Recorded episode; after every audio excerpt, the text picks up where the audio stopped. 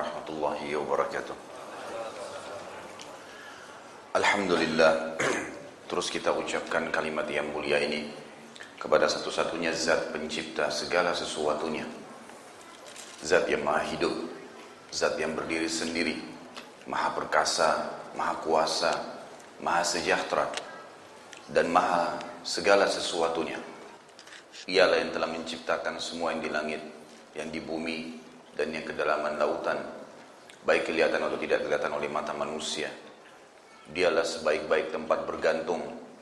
Dan tidak ada sekutu juga partner baginya dalam menciptakan semua itu.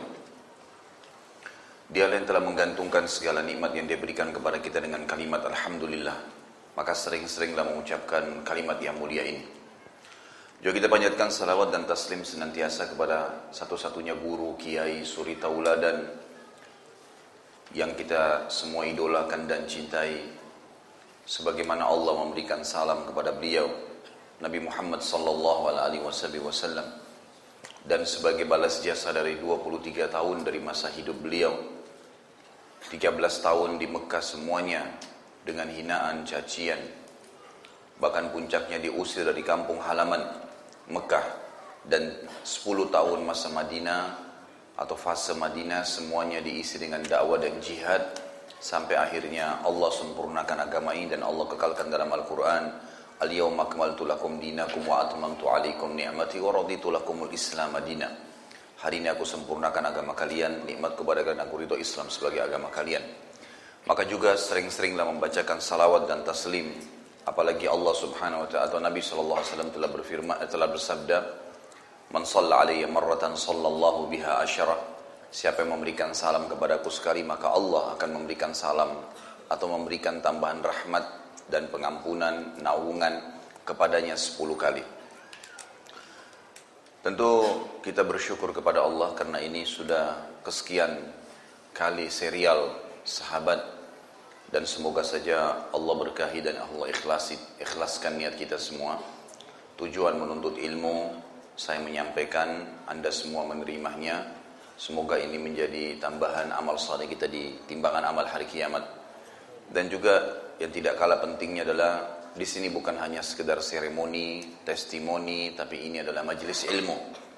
Majelis ilmu tujuannya untuk menumbuhkan atau memunculkan keimanan. Karena iman ini satu-satunya, ya, satu-satunya yang bisa mengubah seseorang yang lemah menjadi kuat Orang yang penakut menjadi pemberani. Orang yang pelit bisa jadi dermawan. Orang yang buruk bisa jadi baik. Bahkan orang yang miskin bisa menjadi kaya. Ini kata kuncinya. Bila seseorang memiliki iman, segala sesuatunya akan mudah baginya. Dan tangga untuk sampai kepada iman adalah ilmu. Maka majelis ilmu seperti inilah yang akan mendongkrak iman setiap muslim dan muslimah. Makanya saya sarankan ikhwan dan akhwat sekalian agar jangan pernah meninggalkan majelis ilmu. Sehari tetap harus ada mendengarkan tausiah, membaca Al-Quran, membaca hadis Nabi Sallallahu Alaihi Wasallam sehingga imannya terus terjaga dan bertambah. Pagi ini bahasan kita tentang seorang tokoh yang luar biasa, Sa'ad bin Abi Waqqas radhiyallahu anhu. Sa'ad bin Abi Waqqas setiap kali saya buka lembaran tentang kisah beliau saya takjub sekali. Sebagaimana memang selalu takjub membaca kisah para sahabat yang lain. Saya terus terang tidak bisa menangkap bagaimana bisa generasi muda kita hilang dan tidak baca tentang kisah-kisah tokoh-tokoh orang seperti ini. Tokoh yang luar biasa, memimpin dunia, memimpin pasukan, orangnya kaya raya, sempurna secara fisik, tidak ada sesuatu yang diidolakan oleh manusia sekarang kecuali di figur-figur sahabat ini semuanya ada. Tetapi mereka menonjol dari sisi keimanannya dan keyakinannya kepada Allah. Setiap kita buka lembarannya dari pertama masuk Islam sampai akhir meninggal semuanya diisi dengan keyakinan yang sangat luar biasa. Dan ternyata memang saya mengambil sebuah kesimpulan kekuatan orang Islam memang di keyakinannya. Jadi bukan atau kekuatan manusia secara umum ya kalau seseorang ingin meloncati sebuah tempat, walaupun besar, kalau dia yakin dia bisa, insya Allah dia berhasil. Atau dengan keyakinan tersebut, dia yakin meminum obat akan sembuh dengan izin Allah, tentu saja dia akan sembuh. Semua diikuti dengan keyakinan. Kalau orang ragu, bimbang, maka tidak bisa keluar potensi yang ada dalam dirinya. Dan subhanallah ini asas agama kita. Meyakini kita tahu keenam rukun iman kita semuanya masalah keyakinan. Dan dengan itulah para sahabat Nabi, para orang-orang soleh sebelum kita, dan sebelumnya lagi para nabi-nabi membangun kehidupan mereka. Kita akan temukan nanti dalam kehidupan tokoh kita ini Sa'ad bin Abi Waqqas anhu sesuatu yang luar biasa. Ya. Bagaimana jiwa yang menonjol dari beliau adalah jiwa patriot ya, jiwa kepatriotan yang sangat luar biasa. Ya, jadi beliau memang seorang pejuang yang tidak akan pernah takut mati karena dia tahu mati sebuah pintu untuk mendapatkan apa yang telah Allah yang dia yakini sebagai Tuhannya untuk didapatkan. Jadi pintu yang untuk masuk. Tanpa mati tidak akan mungkin mendapatkan apa yang selama ini dijanjikan oleh Allah subhanahu wa ta'ala. Kita mulai seperti biasa, nama beliau Sa'ad bin Malik Az-Zuhri, sering disebut juga dengan Sa'ad bin Abi Waqqas. Ya, jadi sebenarnya beliau Sa'ad bin Malik, namanya lebih tepat Sa'ad bin Malik. Dilahirkan di kota Mekah tentu, dan beliau berasal dari suku Zuhri, Ibunya bernama Hamna binti Sofyan bin Umayyah bin Umayyah al-Akbar Ibn Abdul Syams Ibn Abdul Manaf. Sementara ayahnya bernama Malik Ibn Wahib bin Abdul Manaf bin Zuhra bin Kilab bin Murrah. Dan Malik ini ayahnya Sa'ad bin Abi Waqqas sepupu dengan Aminah, ibu Nabi Muhammad sallallahu alaihi wasallam. Makanya Nabi SAW sering menyebutkan atau pernah menyebutkan pada saat saat bin Abi Waqqas sedang lewat di hadapan para sahabat, maka beliau mengatakan, "Hadza khali falyurini imra'un khala." Ini paman saya nih dari ibu saya, dari ayah saya maksudnya, ya, dari ibunya. Dari ini pak ini paman saya dari ibu saya. Karena Malik ayahnya saat sepupu dengan ibunya Nabi Shallallahu Alaihi Wasallam. Maka boleh mengatakan inilah paman saya dari ibu saya. Maka siapa pun yang mau memperkenalkan tentang paman dari ibunya, maka sampaikanlah kepadaku.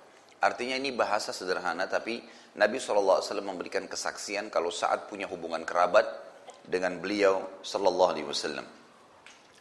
Beliau masuk Islam di tangan Abu Bakar dan pada saat itu umurnya 17 tahun. Waktu masuk Islam umurnya 17 tahun. Dan ada yang kisah, ada kisah unik dari masuk Islamnya saat ini. Ada dua hal. Yang pertama, beliau mimpi. Beliau sempat mimpi sebelum mengucapkan syahadat. Beliau mengatakan, aku bermimpi, aku aku berada di sebuah kegelapan yang saling tindih menindih. Gelap sekali. Setiap saya membuka mata, berusaha lebih membuka mata lagi, lebih gelap keadaannya. Kegelapan yang luar biasa. Dalam kondisi saya ketakutan pada saat itu karena gelapnya, maka tiba-tiba saya melihat ada cahaya rembulan yang sangat terang. Dan saya mengikuti rembulan itu. Makin saya ikutin maka makin terang jalan saya. Akhirnya pada saat saya sudah dekat dengan rembulan tersebut, saya menemukan ada tiga orang yang sudah mendahului saya tiba di rembulan itu.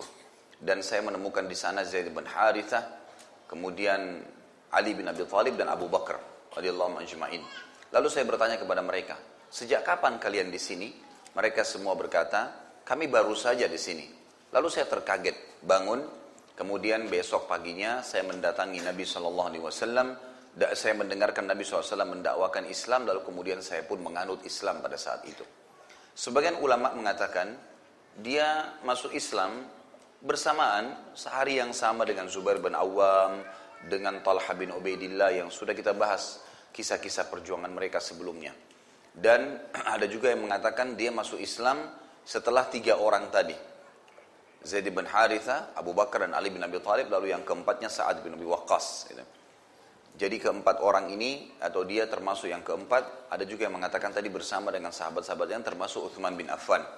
Karena ada statement yang disampaikan oleh Sa'ad bin Abi Waqqas yang mengatakan, Aku sempat menjadi sepertiga Islam di tujuh hari pertama. Nabi SAW mendakwakan Islamnya.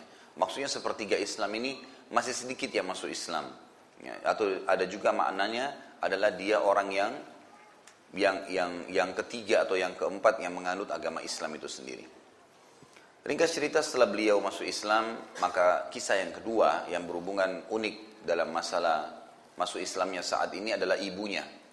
Dia sangat bakti dengan ibunya, luar biasa dengan ibunya. Dari masa jahiliyah dulu, dan ibunya sangat sayang dengan Sa'ad. Setelah dia masuk Islam, ibunya mengatakan, wahai Sa'ad, agama apa yang kau anut ini? Kata Sa'ad, Islam. Ini mengajak kepada agama Tauhid menyembah Allah yang menciptakan semua termasuk berhala-berhala ini. Maka saya berharap ibu pun bisa ikut dengan saya. Kata ibunya, wahai Sa'ad, yang kau ambil ini adalah agama baru. Tidak pernah ayah-ayah dan kakek-kakek kita menyampaikannya. Tidak mungkin mereka semua tidak tahu tentang agama seperti ini. Maka saya mau kau keluar dari agama ini. Kata Sa'ad, tidak mungkin wahai ibuku. Di umur 17 tahun ya. Maka kata ibunya, kalau kau tidak mau meninggalkan agama baru ini, maka saya akan boikot makan. Saya nggak mau makan, saya nggak mau minum. Sampai kamu meninggalkan agama itu. Dan biar nanti kalaupun saya mati, orang-orang akan mengatakan saat membunuh ibunya. Dan itu satu hal yang aib sekali, gitu kan. Maka saat pun diam, dia tidak pedulikan. Maksudnya dia tidak, dia pertimbangkan masalah ibunya nanti ini mau makan atau tidak. Dia berusaha menggunakan cara lain dengan merayunya nantinya. Tapi ternyata betul, satu hari, satu malam, ibunya nggak makan. Hari kedua sudah lemas kelihatan. Kemudian ibunya pun kelihatan lemas, mau dikasih air oleh saat nggak mau, mau dikasih makan nggak mau, lalu saat dekatin sambil berkata membisikkan ibunya kalimat yang luar biasa. Di umur 17 tahun orang baru masuk Islam berapa hari ini? Inilah yang saya bilang tadi asas keyakinan tuh. Maka kata saat wahai ibuku, kalau seandainya engkau memiliki seribu nyawa, bukan satu, seribu nyawa, dan satu persatu hilang gara-gara kamu gak makan dan minum untuk mengeluarkan saya dari agama ini, saya tidak akan keluar. Percuma aja. Biar biar anda melakukan ini sampai seribu nyawa ya, ada ada cadangan, tetap saya tidak akan tinggalkan. Lalu saat pun berdiri dan meninggalkan ibunya. Bukan niat durhaka ya, tapi menunjukkan bahwasanya Islam lebih dipilih daripada kekufuran walaupun orang tuanya. Maka setelah melihat keseriusan saat ibunya pun akhirnya makan dan minum dan tidak jadi untuk melakukan apa yang dia inginkan tadi. Dan turunan firman Allah subhanahu wa ta'ala untuk saat pada saat itu. Surah Al-Ankabut ayat 8. Ini yang turun ayatnya untuk saat radhiyallahu anhu. Allah berfirman, "A'udzu billahi minasyaitonir rajim wa in jahadaka litusyrika bi ma laisa laka bihi ilm fala tuti'huma." Yang artinya, kalau seandainya kedua orang tuamu memaksamu untuk mempersekutukan aku, kata Allah, dengan sesuatu yang engkau tidak mempunyai ilmu tentang itu, maka janganlah engkau patuh kepada keduanya. Jadi ini awal kisah masuk Islamnya saat.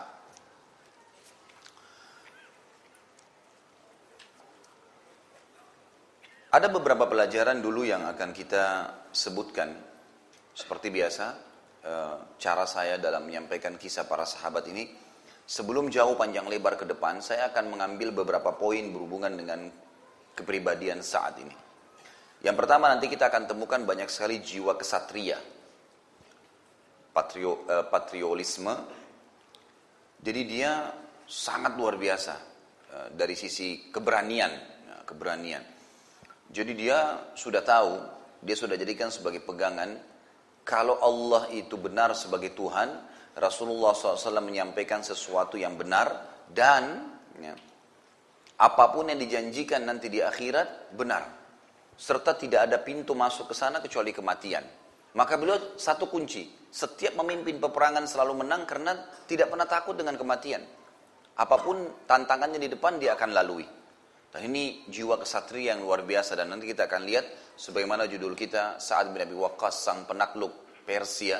Wilayah Persia semuanya takluk di tangan Sa'ad radhiyallahu anhu. Dan ini wilayah Persia masuk dalamnya Rusia, Iran, Irak, Afghanistan. Dan dengan terbukanya itu maka seluruh dakwah sampai ke kita di Indonesia di Asia Tenggara juga sampai setelah itu di zaman Uthman bin Affan. Karena banyak dai-dai yang menyebar dari wilayah-wilayah ini. Dan kita tahu dari wilayah Persia inilah lahir enam ulama hadis kita. Bukhari, Muslim, Abu Dawud, Tirmidzi, Nasai, Ibnu Majah. Ya. Ini dan uh, ini dan Abu Dawud ini semuanya dari wilayah Persia. ya, dari wilayah Persia yang memang pada saat itu ekspansi Islam dilakukan oleh Umar bin Khattab yang dipimpin oleh Sa'ad bin Abi Waqqas radhiyallahu anhu.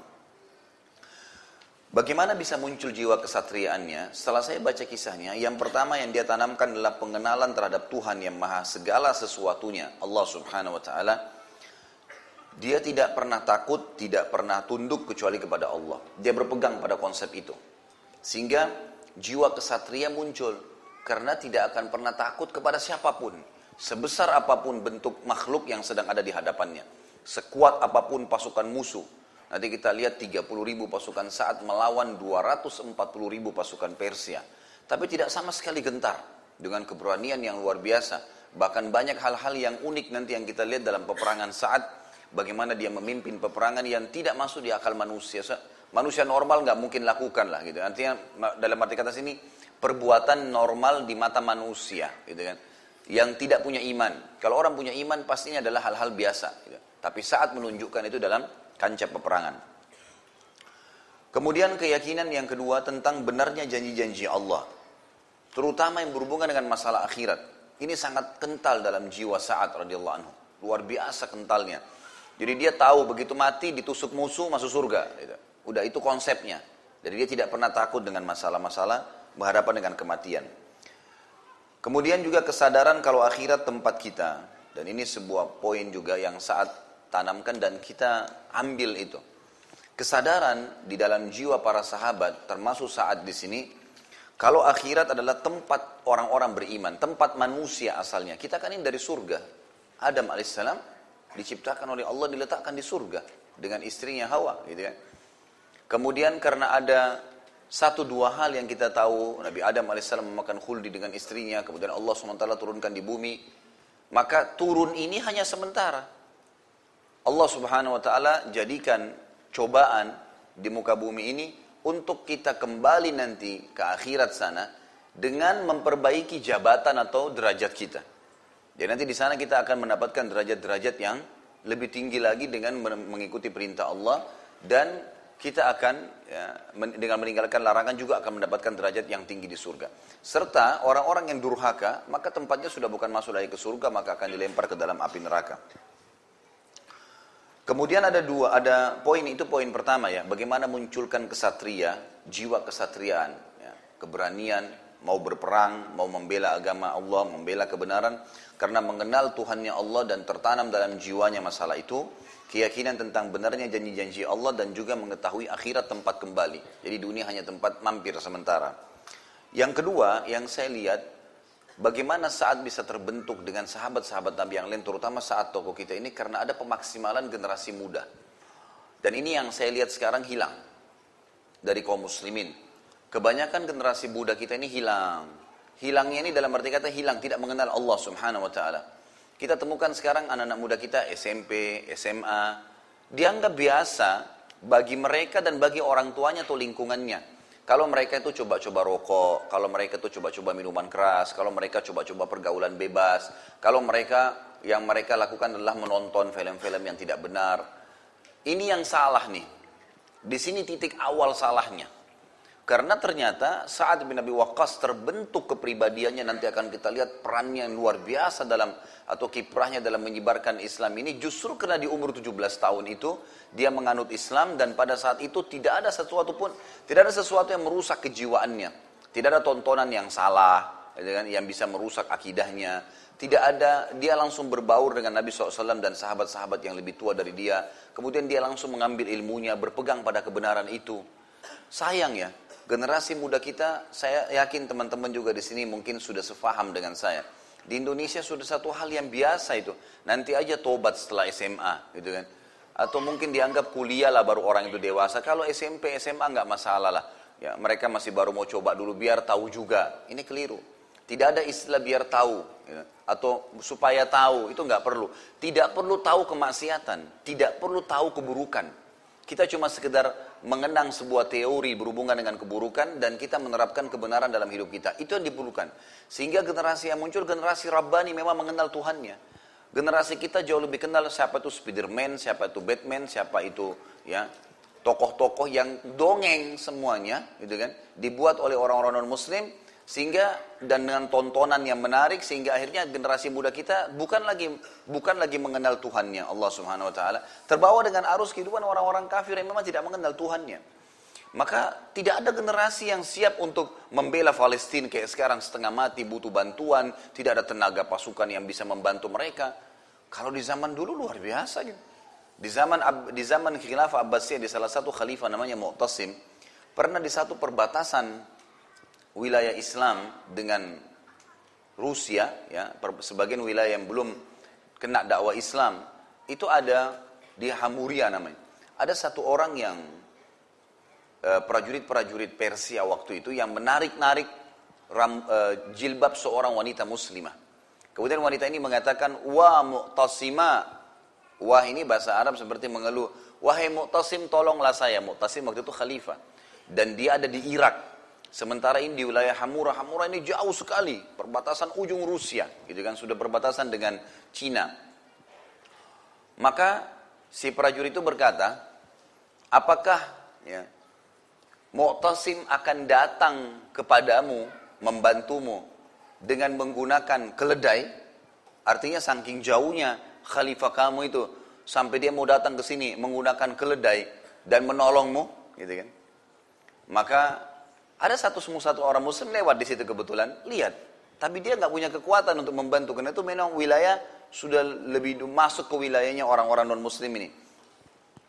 Maka dia pun menggunakan keledainya, si laki-laki ini muslim, pergi ke Irak. Perjalanan mungkin seminggu atau sepuluh hari. Sampai tiba di istana khalifah. Dan zaman dulu khalifah membuka pintu untuk memasukkan orang-orang gitu. Masuklah, dia ke dalam lalu dia mengatakan, wahai mu'tasim, wahai amir mu'minin, ada berita yang saya ingin sampaikan. Kata dia apa? Dia bilang, saya baru datang dari wilayah Hamura jauh sekali. Perbatasan wilayah muslimin, wilayah anda dengan orang-orang non-muslim, orang kafirin. Dan saya temukan di sana ada seorang wanita muslimah yang ditarik jilbabnya, ditarik jilbabnya saja. Cuma ditarik, kemudian perempuan itu pergi, nggak diganggu, nggak diperkosa, nggak diapa. Tapi dia sempat mengatakan, wah mu'tasimah, wahai mu'tasim, tolong saya. Lalu apa yang terjadi? Kata prajurit-prajurit kafir itu, apakah kau memanggil rajamu Mu'tasim dan Mu'tasim akan datang menggunakan keledai untuk membantumu? Jadi diolok gitu. Mu'tasim pada saat itu tahu si muslim ini, dia cari informasi dari orang-orang. Kalau orang ini memang seorang muslim, ada orang-orang di pejabat-pejabatnya dia di kerajaan ditanya, siapa orang ini? Dipastikan dari suku ini, dari suku ini, orang ini ketahuan memang orangnya jujur. Maka Mu'tasim mengatakan, siapkan semua pasukan Siapkan semua kekuatan.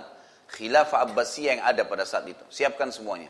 Dan saya akan memimpin sendiri pasukan untuk menuju ke Hamura. Dan siapkan buat saya keledai. Saya akan tunggangi keledai seperti yang mereka katakan. Gitu kan. Dan sebelumnya dikirim surat, kata Mu'tasim tulis, kirim surat kepada raja kerajaan, rajanya mereka. Telah sampai berita ke kuping saya, bahwasanya salah satu prajuritmu mengatakan mengganggu seorang wanita muslimah di perbatasanku denganmu. Dan dia berkata pada saat wanita itu minta tolong memanggil nama saya apakah Mutosim akan datang dengan keledai? Maka pastikan saya akan datang sekarang dengan pasukan yang jumlahnya awalnya di tempat kamu ujungnya di tempat saya. Jadi saking banyaknya Mutosim datang sampai ke wilayah sana Hamura dan pada saat itu musim salju dingin sekali Orang-orang banyak memberikan saran, wahai Mu'tasim, tidak usah masuk ke sana, tunggu aja musim semi, lebih mudah pasukan berperang. Kata Mu'tasim, tidak mungkin saya membiarkan Islam dihina. Dan Mu'tasim waktu itu umurnya belum sampai 30 tahun. Masih sangat muda memimpin jadi khalifah. Lalu kemudian yang terjadi, datang ke benteng sana, orang-orang pada lihat pasukan muslimin datang, mereka ketakutan. Dan Mu'tasim mengatakan, kita tunggu sampai jebol temboknya ini, baru kita selesai. Ya. Masukkan Islam mereka, kalau enggak kita perangin. Maka menunggu pun mereka mengatakan oh musim salju muslimin tidak bisa menyerang. Ternyata Mu'tasim memberikan motivasi kepada pasukannya untuk menunggu sampai enam bulan di depan benteng tersebut dan akhirnya Allah Subhanahu wa taala memenangkan dan Allah Subhanahu wa taala memberikan kemenangan. Tapi kita lihat bagaimana sih sebenarnya kiprah generasi muda muslim di awal-awal Islam itu e, mereka yang tidak terkontaminasi pemahamannya, akidahnya ya atau alam khayalannya kepada hal-hal yang merusak, menjauhkan dia dari agama Islam. Itu merusak sekali teman-teman sekalian. Wallahi menonton Superman, Spiderman merusak akhlak, merusak merusak keyakinan, merusak khayalan antum. Merusak itu.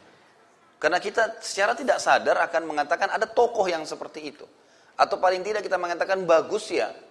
Dan pasti dengan tontonan yang menarik, apakah bisa ya atau jiwa kita masih bisa menerima untuk membaca kitab atau buku yang tidak ada gambar sama sekali setelah melihat tontonan seperti itu? Pastilah generasi mudanya tidak akan mau karena itu sudah menarik, gitu kan? Sementara kita tidak mungkin menggambarkan Sa'ad bin Abi Waqqas, Muhammad bin Maslama, Abu Bakar, Umar dengan gambar orang yang bisa mencontohkannya gitu kan itu masih ulama lebih cenderung mengatakan sulit karena jangan sampai nanti orang yang dijadikan sebagai artisnya ternyata orang ahli maksiat dan tidak setara dengan sahabat. Tapi ternyata ya dengan tidak dengan itu pun kita bisa asal jangan ikut-ikutan. Memang tidak bisa. Ini kalau tembok rumah jebol. Udara lagi dingin. Maksud saya di sini adalah sekarang ini media, ya, perusakan-perusakan akhlak dan moral yang dilemparkan ke tengah-tengah umat Islam, pergaulan bebas lah, toko-toko khayalan lah yang diangkat. Semuanya itu seperti rumah kita. Kita orang Islam ini, semua kaum muslimin Islamnya seperti sebuah rumah, lagi jebol nih, lagi diserang. Jebol temboknya. Ada tembok yang jebol dan udaranya dingin, masuk udara itu. Ada dua cara. Cara yang pertama adalah kita berselimut. Melindungi diri kita dari dingin itu. Ini bisa terjadi dan ini yang sekarang umat Islam lakukan.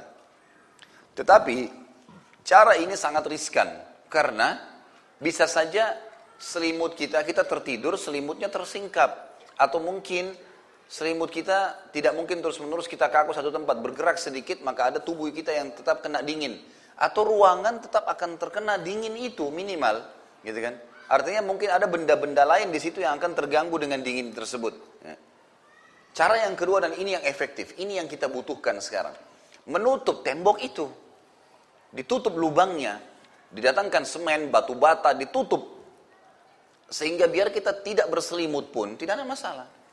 Maksud saya begini, memang media-media sekarang teman-teman sekalian harus ditutup, nggak boleh ditonton. Memang nggak bisa. Tutup itu. Karena kalau antum bilang, oh nggak apa-apa, saya cuma sekedar mau lihat beritanya. Seperti orang pakai selimut tadi. Kira-kira antum bisa tergelincir nggak? Masih bisa setelah itu ternyata masuk sinetron, ternyata masuk ini, ternyata masuk itu, ternyata masuk iklan, masih ada. Memang harus ditutup, nggak bisa. Karena kalau kita buka akan ada kenikmatannya memang. Maka seperti tadi kasusnya, pasti akan tercoreng keimanan kita. Makin kental hubungan seorang hamba dengan Allah Azza wa makin kental ibadahnya, makin fokus dia terus ibadah kepada Allah, maka makin kuat hubungannya dengan Allah dan memang nanti akan akan dek, makin dekat dengan akhirat, makin mudah untuk memunculkan jiwa kesatria dalam membela agama, makin yakin dengan kebenaran ini. Memang begitu. Makanya orang-orang non-muslim tahu tuh, dia cekokin di tengah-tengah umat Islam masalah-masalah seperti ini. Kembangkan hal-hal yang berbau syahwat, kembangkan hal-hal yang melakukan, oh ini masa muda, istilah-istilah, oh ini modern, gitu kan. Lalu kemudian kalau orang dekat dengan agama, oh itu garis kelas, gitu kan? Itu teroris, itu begini, itu begitu. Jadi itu kampungan, itu klasik, kolot benar sih dan seterusnya, beragam macam istilah. Maka ini harus kita perbaiki nih, karena memang generasi muda ini kapan salah, maka akan salah, semuanya salah. Saya melihat kalau di Madinah misal contoh, ada beberapa teman-teman saya, Masya Allah anak-anaknya itu kalau ketemu satu sama yang lain, yang paling pertama dia tanya temannya, anaknya umur 5 tahun, 6 tahun, sudah selesai belum hafal Qur'annya? Pertanyaan pertamanya itu. Anak kamu siapa namanya? Oh Ahmad. Sudah selesai hafal Qur'annya? Oh belum, baru 17 juz. Yang satu, kamu berapa? Oh saya baru 20 juz. Begitu pembicaranya. Anak 5-6 tahun tuh. Itu sudah biasa. Gitu kan. Saya kaget kemarin ada seorang anak kelas 6 SD di Jeddah itu diwawancarain dan dia lagi ada di perpustakaan ayahnya, dia menghafal, menghafal ya 30 juz Al-Quran dan 9 buku hadis. Hafal, kelas 6 SD. Diwawancarain oleh orang tersebut, kamu bagaimana caranya hafal? Dia bilang, saya setiap pulang sekolah, saya duduk di perpustakaan. Saya nggak keluar-keluar, ikutin ayah saya. Karena ayah saya selalu baca buku, saya pun ikut baca buku. Dan ayah saya tuntun saya untuk hafal. Jadi ternyata potensi anak muda ini beda dengan orang yang sudah tua. Dia mau tahu semuanya, gitu kan? Dia mau tahu apa saja dan itu tergerak dengan gira, dengan semangat yang besar. Jadi mungkin hal-hal yang mustahil bagi kita, tidak mustahil bagi anak-anak yang masih SD, masih SMP, semangatnya untuk ingin tahu. Bayangkan kalau ini dialihkan ke hal-hal yang lain yang negatif, maka berbahaya sekali, gitu kan? Apalagi kalau bertemu antara potensi yang lagi berpuncaknya, lagi semangat yang besar dengan dengan mengkhayal, muncullah pemikiran-pemikiran yang buruk. Kita tahu dalam Al-Quran ada kisah Ashabul Kahfi, kisah anak-anak muda disebutkan sebagian uh, athar menyebutkan di bawah 25 tahun umur-umur mereka. Karena mereka beriman kepada Allah berpegang pada keyakinannya maka Allah pun selamatkan mereka di gua gitu kan? Kita tahu hadis Nabi Shallallahu Alaihi Wasallam tujuh orang yang dinaungi Allah Subhanahu Wa Taala salah satunya anak muda gitu kan? Yang tumbuh dalam ketaatan Allah Subhanahu Wa Taala. Jadi memang ini generasi muda ini harus luar biasa. Jangan ikhwah dan akhwat sekalian garis bawahi kalimat ini. Jangan keburukan-keburukan yang dulu menimpa kita karena kita dulu suka pernah mencuri mangganya tetangga atau pernah memukul anak tetangga atau pernah mencuri masuk ke toko orang. Saya sering soalnya dengar cerita seperti itu ya. Kemudian kesannya kalau anaknya melakukan, oh iya saya juga dulu pernah lakukan. Artinya nggak apa-apa lah. Gitu. Ini satu hal yang negatif. Mestinya apa yang sudah mengganggu kita dulu yang salah, sekarang kita sudah tahu jangan, gitu kan? Jangan wariskan keburukan kepada anak-anak. Biarkan mereka tumbuh menjadi generasi yang memang mengenal Tuhannya. Karena ini satu-satunya cara sebenarnya untuk mengembalikan kejayaan Islam. Karena generasi muda dimaksimalkan. Kemudian juga pelajaran nanti bagaimana di dalam Islam memberikan kepemimpinan itu diberikan kepada orang yang berhak untuk memimpin walaupun mudah. Karena kita lihat Nabi Muhammad SAW memberikan kepemimpinan-kepemimpinan itu sangat luar biasa. Seperti misalnya Usama bin Zaid. Waktu diberikan pemimpinan pasukan memerangi Musailam al-Kadzab. Orang yang mengaku sebagai Nabi Jazirah Arab. Pasukan Usama bin Zaid. Di dalam pasukan itu ada Abu Bakar, ada Umar, ada Uthman, ada Ali, ada sahabat-sahabat Nabi yang mulia. Tapi Usama bin Zaid dengan umur 17 tahun, itu ditunjuk jadi pemimpin perang. Pemimpin perang artinya dia bilang perang-perang, dia bilang pulang-pulang, wajib dipatuhi. 17 tahun. Sekarang kalau kita lihat, jangankan anak-anak muda diberikan kesempatan memberikan saran dan masukan. Kalau duduk saja sama orang tuanya, sudahlah kamu pergi aja sana sama anak-anak. Kan? Kesannya jangan bergabung di sini. Padahal bisa saja saran-sarannya bagus, gitu kan? Mungkin malah dia tumbuh karena mendengarkan musyawarah-musyawarah yang terjadi, maka jadi baik. Nabi Sulaiman alaihissalam pada saat umurnya mencapai sekitar 18 tahun, ya, sempat ada dua orang ibu bertikai di kerajaan ayahnya Daud alaihissalam. Datanglah dua orang ibu, yang satu bikin bayi, yang satu datang ibu di sebelahnya menangis. Lalu kata Nabi Daud alaihissalam, kenapa? Ada apa dengan kalian? Kata ibu yang gendong bayi, ibu ini menuduh bahwasanya ini anaknya dia mengklaim anaknya.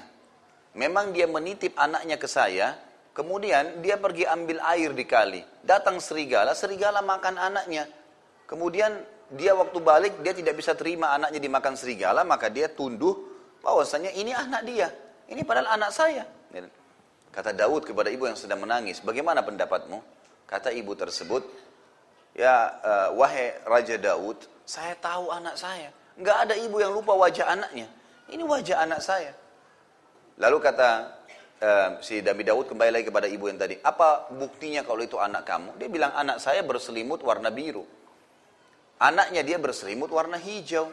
Ini selimutnya warna biru. Nabi Daud tanya lagi kepada ibu yang tadi yang satu yang sedang nangis, benarkah? Dia bilang benar. Tapi wajahnya ini wajah anak saya. Intinya adalah ribut mereka berdua. Nabi Daud alaihissalam sempat hampir mengambil keputusan waktu itu sebagai raja, sebagai nabi, ijtihad pribadi mau mengatakan memberikan anak itu kepada ibu yang sedang menggendong. Karena dia sedang gendong betul selimutnya warna biru ya. Yang satu tidak punya saksi nggak ada saksi. Maka Sulaiman alaihissalam di umur 18 tahun sempat angkat tangan mengatakan sebentar ayah. Bolehkah saya terlibat di dalam keputusan sebelum anda ambil keputusan dalam perkara ini? Kata Nabi Daud silahkan. Belum jadi nabi masih 18 tahun maka Daud, eh, maka Sulaiman alaihissalam meminta kepada salah satu pengawal pedang, berikan saya pedangmu. Diberikan pedang. Lalu kata Nabi Sulaiman alaihissalam, bisakah saya minta, saya pegang anakmu sebentar wahai ibu, kepada ibu yang si tadi yang menggendong bayi. Dia bilang silakan, dipeganglah bayi tersebut. Lalu kata Sulaiman begini saja, daripada kalian berdua bertikai, maka saya akan potong dua bayi ini. Diangkat pedang. Saya akan potong dua bayi ini dan saya bagi dua daripada kalian ribut, gitu kan? Maka ibu yang tadi menggendong bayi itu mengatakan, baiklah, kalau memang itu keputusan anda wahai ya raja, dianggap raja juga Sulaiman alaihissalam. Terus tiba-tiba ibu yang satu ternyata sudah di dekat kaki Nabi Sulaiman dan menangis mengatakan jangan wahai raja, berikanlah anak itu kepada dia. Tidak usah dipotong dua. Artinya kasih aja kepada ibu tadi. Maka Sulaiman pun berkata, baiklah. Lalu dia menghadap kepada, dia tidak jadi potong anak itu, lalu kemudian dia hadap kepada ayah, dia mengatakan, sekarang saatnya raja mengambil keputusan. Nabi Daud sudah tangkap apa yang Nabi Sulaiman maksudkan. Umur 18 tahun bisa memecahkan sebuah perkara rumit seperti ini. Gak ada saksi, ini memperebutkan anak, bukan memperebutkan sebuah benda. Maka yang terjadi pada saat itu apa? Sulaiman alis, uh, Nabi Daud alaihissalam mengatakan saya memutuskan bayi ini diberikan kepada ibu itu, ibu yang tadi tidak pegang bayi. Semua orang bingung, pejabat-pejabat kerajaan semua bingung. Kok bisa, wahai Nabiullah, anda memberikan keputusan. Ibu yang tadi juga yang gendong bayi mengatakan, kok bisa, bayi saya dikasih kepada dia. Kata Daud, seorang ibu tidak akan pernah mau membiarkan anaknya dibunuh. Ya. Sudah jelas ini ibunya sebenarnya, karena dia tidak mungkin waktu mau dipotong dia bilang kasih aja ke dia, nggak usah dipotong. Tidak mungkin anaknya dia mau biarkan dipotong. Yang satu bilang tidak apa-apa dipotong. Ternyata setelah itu Nabi Daud alaihissalam pun akhirnya membongkar kasus dan ibu yang tadi Daud sudah Daud mengatakan kepada ibu tadi yang gendong bayi, sebelum saya hukum kamu ada sesuatu yang kau mau ceritakan? Maka ibu pun akhirnya menangis mengatakan memang benar sebenarnya uh, keadilan ada di tangan Allah dan pastilah ya, uh, Allah akan memberikan keadilan itu. Memang anak saya yang dimakan serigala cuma saya tidak bisa terima maka saya ganti selimut ibu itu agar dia agar saya tidak kehilangan anak dan dia yang kehilangan anak. Tapi kiprah di sini Nabi Daud alaihissalam yang diberikan kesempatan memberikan saran. Gitu kan. Jadi anak-anak muda ini sudah harus ya dicetak, dikader untuk jauh dari hal-hal yang buruk ini. Jadi tidak ada lagi kesan oh 17 tahun itu memang saatnya untuk menikmati atau sekarang masih muda, oh nanti gampang taubat dan seterusnya ini sudah tidak boleh ada kalau mau melahirkan generasi-generasi Rabbani. Baik, saya akan masuk, uh, tentu saat bin Abi Waqqas punya beberapa orang istri yang berlalu dalam hidup beliau, dan beliau yang saya dapat berita atau informasi adalah memiliki kurang lebih 36 orang anak, gitu kan. Dan yang menonjol sekali adalah Ishak, Mus'ab, ada Aisyah, ada tiga orang ini yang sering atau masih ada disebutkan nama-nama mereka di dalam hadis atau di dalam kisah-kisah ya, di dalam kisah-kisah. Dan beliau diberikan julukan Abu Ishak karena anaknya yang pertama bernama Ishak. Kita masuk ke manakib. Manakib itu kelebihan. Ya, apa sih kelebihan-kelebihan beliau secara pribadi yang akhirnya menonjol dan itu menjadi bagian hal yang harus diketahui di kaum muslimin. Yang pertama beliau termasuk 10 orang pertama masuk Islam dan ini sebuah kelebihan tersendiri. Ya, karena memang orang yang pertama masuk Islam itu adalah orang-orang yang menjadi pentolan-pentolan Islam tentunya ya. Karena mereka akhirnya menyebarkan Islam ke mana-mana. Yang kedua, beliau termasuk 10 orang yang dijamin masuk surga. Sebagaimana hadis yang hampir setiap bulan kalau tablik akbar kita sebutkan. Nabi SAW benar menyebutkan dalam hadis sahih Abu Bakar di surga, Umar di surga, Uthman di surga, Ali di surga, Talha di surga, Zubair di surga. Kemudian beliau mengatakan Abdurrahman di surga dan Sa'ad di surga. Sa'ad bin Abi Waqqas disebutkan satu dari sepuluh yang dijamin masuk surga itu. Kemudian turun firman Allah surah Al-Ankabut. Ini kelebihan yang ketiga. Tadi surah Al-Ankabut ayat 8. Waktu ibunya boikot mogok makan, maka kemudian dia tidak patuhi dengan yang dia mengatakan ibu kalau kau punya seribu nyawa pun aku tidak akan pernah meninggalkan agama ini. Maka turun surah Al-Ankabut kepada beliau. Kemudian yang keempat beliau paman Nabi Muhammad SAW terhitung punya kerabat. Sebagaimana tadi sudah saya sebutkan juga hadisnya. Waktu beliau sedang lewat kata Nabi SAW, Hada khali faliyurini imru'un khalah. Ya, ini adalah paman saya dari ibu saya, maka boleh siapa saja mau memperkenalkan pamannya kepada saya. Kemudian yang kelima adalah beliau orang yang mendapatkan doa Nabi Muhammad SAW. Jadi di sini ada uh, dua hal yang menonjol dari doa Nabi SAW kepada saat. Yang pertama itu kesembuhannya. Jadi waktu di Mekah beliau sempat sakit, ya, sakit parah dan orang-orang berpikir dia akan meninggal dunia. Ini waktu masih sebelum hijrah ke Madinah masih tinggal di Mekah. Dan keluarlah hadis Bukhari tentang wasiat meninggalkan harta buat anak. Waktu itu kebetulan dia punya anak eh, satu baru satu di Mekah dan perempuan dan saat memiliki kekayaan. Ya. Maka saat sempat berkata ya Rasulullah, saya memiliki seorang anak wanita dan saya memiliki harta yang banyak. Bolehkah saya mewasiatkan seluruh harta saya? Kata Nabi SAW, tidak boleh wahai Sa'ad. Bolehkah saya mewasiatkan setengah harta saya? Kata Nabi SAW, tidak boleh wahai Sa'ad. Bolehkah saya mewasiatkan sepertiga dari harta saya? Kata Nabi SAW, sepertiga dan sepertiga juga cukup banyak. Maksudnya diwasiatkan sini, kalau orang mau meninggal, seseorang dari kita mau meninggal, kemudian dia misalnya ingin menulis wasiat, dia bilang, seluruh harta saya untuk wakaf misalnya, atau untuk jihad, itu nggak boleh. Tidak boleh seluruhnya. Yang boleh diwasiatkan, itu hanya sepertiga harta. Kan itu. Yang lainnya harus dibagi untuk ahli waris, gitu kan. Dibagi ahli waris, dipakai bayar utang. Jadi kalau wasiat, beda kalau antum masih hidup. Kalau antum masih hidup, kita masih hidup punya satu miliar misalnya, lalu kita mau pakai semuanya untuk jihad, kita mau pakai untuk bangun lembaga-lembaga Islam, masjid, itu nggak ada masalah. Kalau masih hidup. Tapi kalau wasiat adalah sesuatu yang ditulis yang dijalankan oleh ahli waris setelah meninggal. Karena ada hak jenazah, ya, ada empat hak jenazah mutlak. Yang pertama harus segera dimandikan, dikafani dan dikuburkan. Kata Nabi SAW, ikramul mayyid dafnu. Penghormatan terhadap jenazah harus segera ya dimakamkan. Kemudian yang kedua adalah dibayarkan utangnya. Yang ketiga dijalankan wasiatnya, yang keempat dibagikan warisannya, gitu kan. Jadi di sini termasuk wasiat apa yang dia tulis. Nah wasiat terhadap harta tidak boleh lebih daripada sepertiga, tidak boleh lebih daripada sepertiga. Ya. Selebihnya masih harus dibagi kepada ahli waris. Nah hadis ini keluar daripada perilaku saat yang akhirnya Nabi SAW waktu itu merasa gembira sekali dengan saat bagaimana dia mau dengan semangat imannya mensodok, mewasiatkan seluruh hartanya. Jadi ahli warisnya nggak ada yang dikasih sama dia. Istri anaknya dia nggak kasih untuk jalan Allah semua. Maka Nabi SAW pun mendoakan agar saat diberikan kesembuhan. Kata Nabi SAW dalam hadis sahih, Ya Allah sembuhkanlah saat dan sempurnakanlah hijrahnya. Maksudnya mudah-mudahan dia bisa ikut ke Madinah. Maka akhirnya Allah Subhanahu Wa Taala menyembuhkan saat pada saat itu dan tidak ya, apa namanya tidak meninggal. Allah Subhanahu wa taala sembuhkan dia. Kemudian yang kedua adalah Nabi SAW berkata, Ya Allah, selalulah ijabah doanya saat. Jadi salah satu yang menonjol dari saat ini, di kalangan sahabat dikenal orang yang mustajab doa. Bahkan para sahabat sangat takut kalau punya masalah dengan saat. Karena apa saja dia bilang, ya Allah lakukan ini, tiba-tiba langsung terjadi. Jadi doanya mustajab. Tidak pernah doanya saat tidak dijawab oleh Allah. Dan ini sebagian ulama mengatakan karena keyakinan saat yang luar biasa kepada Allah. Dan dia sudah masuk Islam dari dia masih muda sehingga amal solehnya cukup banyak. Di antaranya adalah kisah tentang Usama bin Qatada. Ini ada satu orang dari suku Abs di Irak. Tentu ini saya tarik kisah yang ke depan. Saya coba susun uh, kerangka fikirnya untuk ditangkap supaya sistematis saja ya. Ini kisah sebenarnya nanti setelah saat bebaskan negeri Persia, kemudian dia dinobatkan menjadi gubernur oleh Umar bin Khattab, ada orang-orang dari suku Abs namanya, suku yang baru masuk Islam pada saat itu, gitu kan.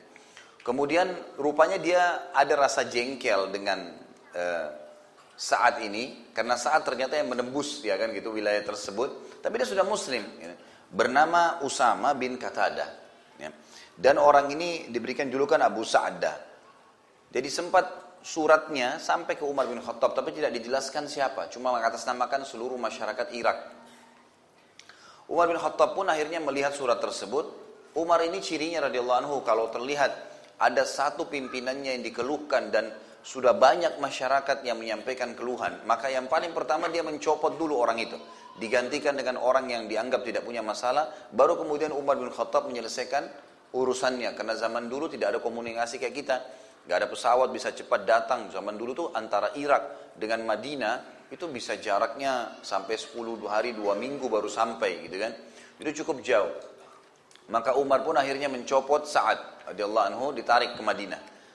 Lalu keluhannya di situ adalah sesungguhnya wahai Amir Mu'minin saat ini tidak memperbaiki sholatnya.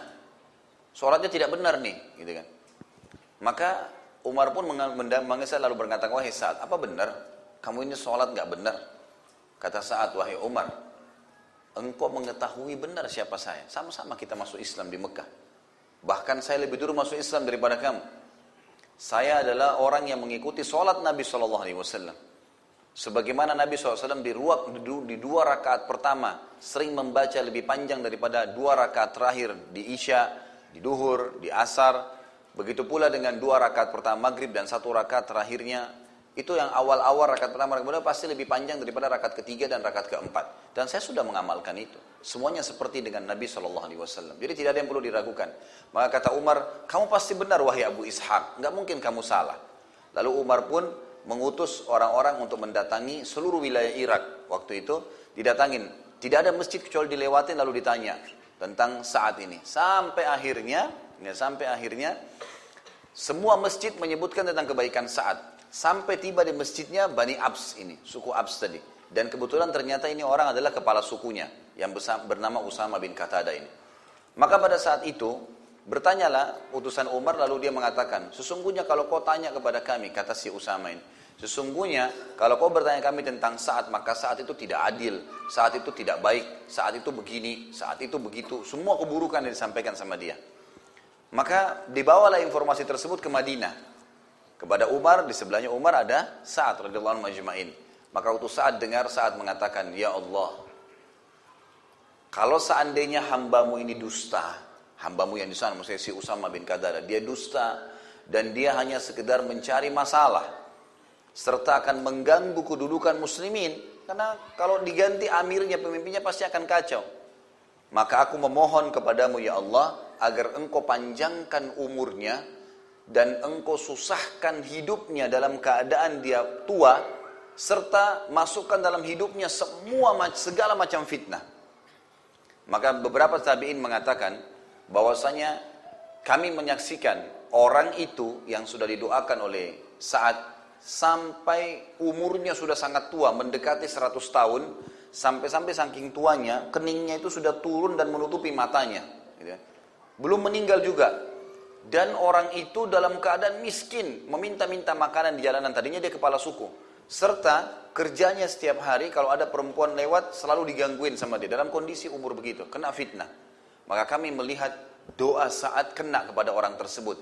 Dan orang itu sering kali mengucapkan kata-kata, saya telah kena doanya saat, saya telah kena doanya saat. Ini salah satu riwayat yang menjelaskan tentang doa dia yang mustajab. Pernah juga satu kali saat radhiyallahu anhu waktu sudah pindah ke Madinah dari Persia, uh, kemudian Umar bin Khattab sempat tawarkan waktu itu, apakah kamu kembali jadi gubernur di Irak? Dia bilang tidak. Saya tidak akan pernah kembali ke wilayah yang sudah ada orang menyebarkan fitnah tentang saya. Saya lebih suka dengan Madinah. Walaupun tadi Persia ini semua takluk di tangan dia sebagaimana kisahnya akan kita sampaikan nanti. Maka Umar pun menerima, baiklah kamu silahkan di sini. Setelah itu sempat gubernur Madinah yang diangkat oleh Umar bin Khattab, ada seseorang yang bernama Marwan ibn Hakam. Marwan ibn Hakam ini, gubernur Madinah, sempat mengucapkan kata-kata begini. Uh, harta-harta yang kami bagikan untuk muslimin ini adalah harta kami. Kami pemiliknya. Ini punya saya dan saya bagikan. Saat itu dengar itu, saat merasa orang ini sudah merasa harta muslimin adalah hartanya dia. Tiba-tiba dia datangin istananya, ya tempat dia, seperti kita kalau sekarang mungkin kantor gubernurannya didatang lalu saat mengatakan, Wahai Marwan, apa kau mau saya berdoa untukmu? Karena sudah ditahu, kalau dia berdoa mustajab. Marwan tiba-tiba dalam riwayat ini dikatakan loncat dari singgasananya mengatakan wahai Abu Ishak tolong jangan berdoa. Memang ini hartanya Allah bukan harta kami gitu. Jadi itu contoh karena orang-orang tahu tersebar berita pada saat itu. Kisah yang lain kisah dia dengan Umar bin Khattab. Umar pun khawatir dengan doanya saat. Jadi ada budaknya saat pernah jalan, kemudian ada angin yang kencang, tersingkap bajunya. Tidak sengaja gitu kan. Waktu tersingkap bajunya ternyata nyantol di sebagian tubuhnya sehingga orang ini tidak tahu kalau auratnya kelihatan. Umar bin Khattab pas lewat, Umar bin Khattab ini kalau lewat, di tangannya selalu ada tongkat. Ya. Jadi tongkat ini sering digunakan untuk mengingatkan orang kalau berbuat salah. Jadi Umar bin Khattab sering memukul, gitu kan kalau mengingatkan seperti kalau habis isya, beliau sering keliling bawa tongkat. Kalau ada orang kumpul-kumpul di jalan ditanya, kenapa kalian kumpul-kumpul? Kalau bukan karena takziah, bukan karena ada orang sakit yang sedang dijenguk, kumpul-kumpul iseng, dipukulin sama Umar, pulang semua. Disuruh, kalian mau di sini duduk nongkrong, buang-buang waktu, akhirnya sholat subuh dan sholat malam kalian terbengkalai, bubar. Jadi orang takut sama Umar pada malam Umar bin Khattab juga kalau lihat kemungkaran langsung dihukum sama dia. Dilihatlah budak ini tersingkap. Lalu Umar bin Khattab mengambil ada kayu kecil, dia pakai tongkatnya, karena dia ini dia tahu ini budak, diambil dipukul. Kenapa kau tersungkap auratmu? Dia bilang, saya tidak tahu, gitu kan. Tapi Umar sempat mukul. Saat sempat lewat, gitu kan. Lalu saat tahu ini budaknya dia. Saat mengatakan, wahai Umar, jangan kau pukul dia. Umar rupanya dalam kondisi pas memukul budak ini, itu sempat saat menahannya dan saat pun dipukul oleh Umar. Gitu kan. Lalu saat mengatakan, baiklah, saat ke samping angkat tangan. Mau berdoa. Lalu Umar Khattab lari ke, ke, mengejar saat lalu memberikan tongkatnya mengatakan hukumlah saya. Ini silakan kisosnya. Saya sudah pukul dia, pukul saya juga. Karena Umar pun khawatir ini kalau berdua berbahaya nih. Mustajab doa. Jadi kasus-kasus seperti ini ada terjadi memang dalam kehidupan beliau. Bahwasanya beliau terkenal orang yang sangat mustajab doa. Sehingga membuat orang-orang khawatir sekali kalau sampai punya masalah dengan uh, apa saat radhiyallahu anhu. Beliau juga kelebihan yang selanjutnya ya, ini manakib yang selanjutnya yang ke uh, enam adalah beliau menjadi penjaga Nabi Muhammad SAW. Ini disebutkan dalam riwayat seperti itu. Disebutkan dalam sebuah riwayat dan riwayat ini tentu kalau antum pengen bukunya di, 4, di halaman 462 uh, eh, di riwayat Imam Bukhari bahwasanya Aisyah berkata radhiyallahu anha pada suatu malam Nabi SAW tidak bisa memejamkan mata maka beliau pun bersabda seandainya ada seorang laki-laki soleh dari sahabatku yang menjagaku malam ini. Aisyah pun berkata radhiyallahu anha, tiba-tiba kami mendengar suara senjata. Maksudnya senjata ini dimaksud sebagian ahli hadis mengatakan adalah suara kuda, kemudian ada orang yang turun, kemudian dia menghenuskan pedangnya. Jadi ada suara keluarnya pedang dari sabuknya. Maka Rasulullah di depan rumah Nabi SAW. Maka Nabi SAW berkata, siapa itu? Kata Sa'ad bin Abi Waqqas, aku ya Rasulullah. Aku datang untuk menjagamu. Maka Rasulullah SAW pun tidur dengan tenang sampai kata Aisyah aku mendengar dengkurannya. Ulama hadis menanggapi hadis ini mengatakan, waktu itu Allah Subhanahu wa taala sebenarnya ingin menyebutkan fadilahnya Sa'ad. Tetapi fadilah ini dengan hikmah ilahiyah, dengan cara ilahi. Maka Nabi SAW dibuat gelisah pada saat itu untuk tidak bisa tidur. Maka beliau pun akhirnya berkata, coba seandainya ada orang saleh dari sahabatku. Berarti ada dua hal di sini. Nabi SAW memuji dia sebagai orang saleh dan memastikan dia adalah sahabat Nabi SAW. Gitu kan? Yang menjagaku malam ini. Dan tidak tahu kenapa saat radhiyallahu anhu bertepatan juga lewat di situ dan sempat mendengarkan kalimat tersebut. Maka dia pun mengatakan, ya Rasulullah, saya akan menjaga anda. Maka Nabi SAW pun merasa tenang dengan saat karena memang kekuatan fisik yang dimiliki dan juga keterampilan perangnya dan juga ya Nabi SAW merasa aman, dia tidak akan mengganggu keluarga dan seterusnya. Seperti itulah gambarannya. Maka akhirnya Nabi SAW tertidur. Ini termasuk juga ya apa namanya fadilah yang dimiliki oleh Sa'ad radhiyallahu anhu. Kalau tadi hadis tentang Nabi SAW mendoakan saat agar diijabah doanya dan akhirnya Allah kabulkan itu hadis sahih riwayat Tirmidzi dan Hakim dan itu bisa dilihat di halaman 463 kalau yang uh, mengikuti uh, apa namanya bukunya ya. Kemudian yang ketujuh, beliau menghadiri semua peperangan Nabi SAW. Tidak tertinggal satupun peperangan kecuali beliau hadiri. Dan beliau punya kiprah di beberapa peperangan seperti misalnya di perang Badar Waktu ditanya di dalam sebuah riwayat, riwayat ini uh, disebutkan oleh Haythami dan Tabarani juga menyebutkan dengan sanad Hasan bahwasanya saat radhiyallahu anhu pernah ditanya, kapankah mulai doa anda mustajab? Kapan buktinya kalau doa anda mulai diijabah oleh Allah Subhanahu Wa Taala? Ini disebutkan dari Amir bin Syu'bi ya berkata saat bin Abi Waqqas ditanya kapan engkau mendapatkan doa yang terkabulkan? Kapan mulai teraplikasi doa Nabi untuk anda itu. Dia menjawab pada perang Badar. Pada saat itu aku melepaskan anak panah dari busurku di depan Nabi SAW ke arah musuh. Kemudian aku sambil berdoa sambil melepaskan busur panah tersebut, ya Allah goncangkanlah kaki-kaki mereka. musuh-musuh itu. Buatlah hati mereka ketakutan dan lakukanlah terhadap mereka. Ya, artinya kalahkanlah mereka, binasakanlah mereka. Maka Nabi SAW mengatakan, Ya Allah, kabulkanlah doa Sa'ad. Maka pada saat itu pun pasukan muslimin mengalami kemenangan. Kemudian di perang Uhud, pada saat Nabi SAW sedang terdesak, sangat terdesak pada saat itu, dan sudah kita sebutkan bagaimana perannya Talha, Abdurrahman ibn Auf, gitu kan sahabat-sahabat Nabi yang mulia yang membela Nabi SAW pada saat Nabi sedang sendiri dan segelintir sahabat saja setelah 43 dari pemanah yang turun dari medan perang dari uh, apa gunung pemanah bukit pemanah sebelum instruksi Nabi SAW datang. Maka salah satu sahabat dari Talha ya dari Ali bin Abi Thalib dari Abdurrahman bin Auf yang ada bersama Nabi SAW adalah Sa'ad. Dan saat ini terkenal sekali ahli panah ya, ahli panah. Dan ini juga satu hal yang harus kita tahu ya, karena Nabi SAW selalu menyebutkan masalah itu. Ajarkan anak kalian memanah, melempar tombak, menunggangi kuda, dan berenang. Semestinya empat hal ini menjadi olahraga yang rutin diketahui oleh kaum muslimin. Dan subhanallah sampai sekarang memanah ini walaupun dengan ada senjata-senjata yang teknologi canggih sekarang, tetap memanah itu adalah hal yang selalu digunakan dalam peperangan, tidak pernah ketinggalan gitu ya. Jadi tidak ada kata telat untuk itu.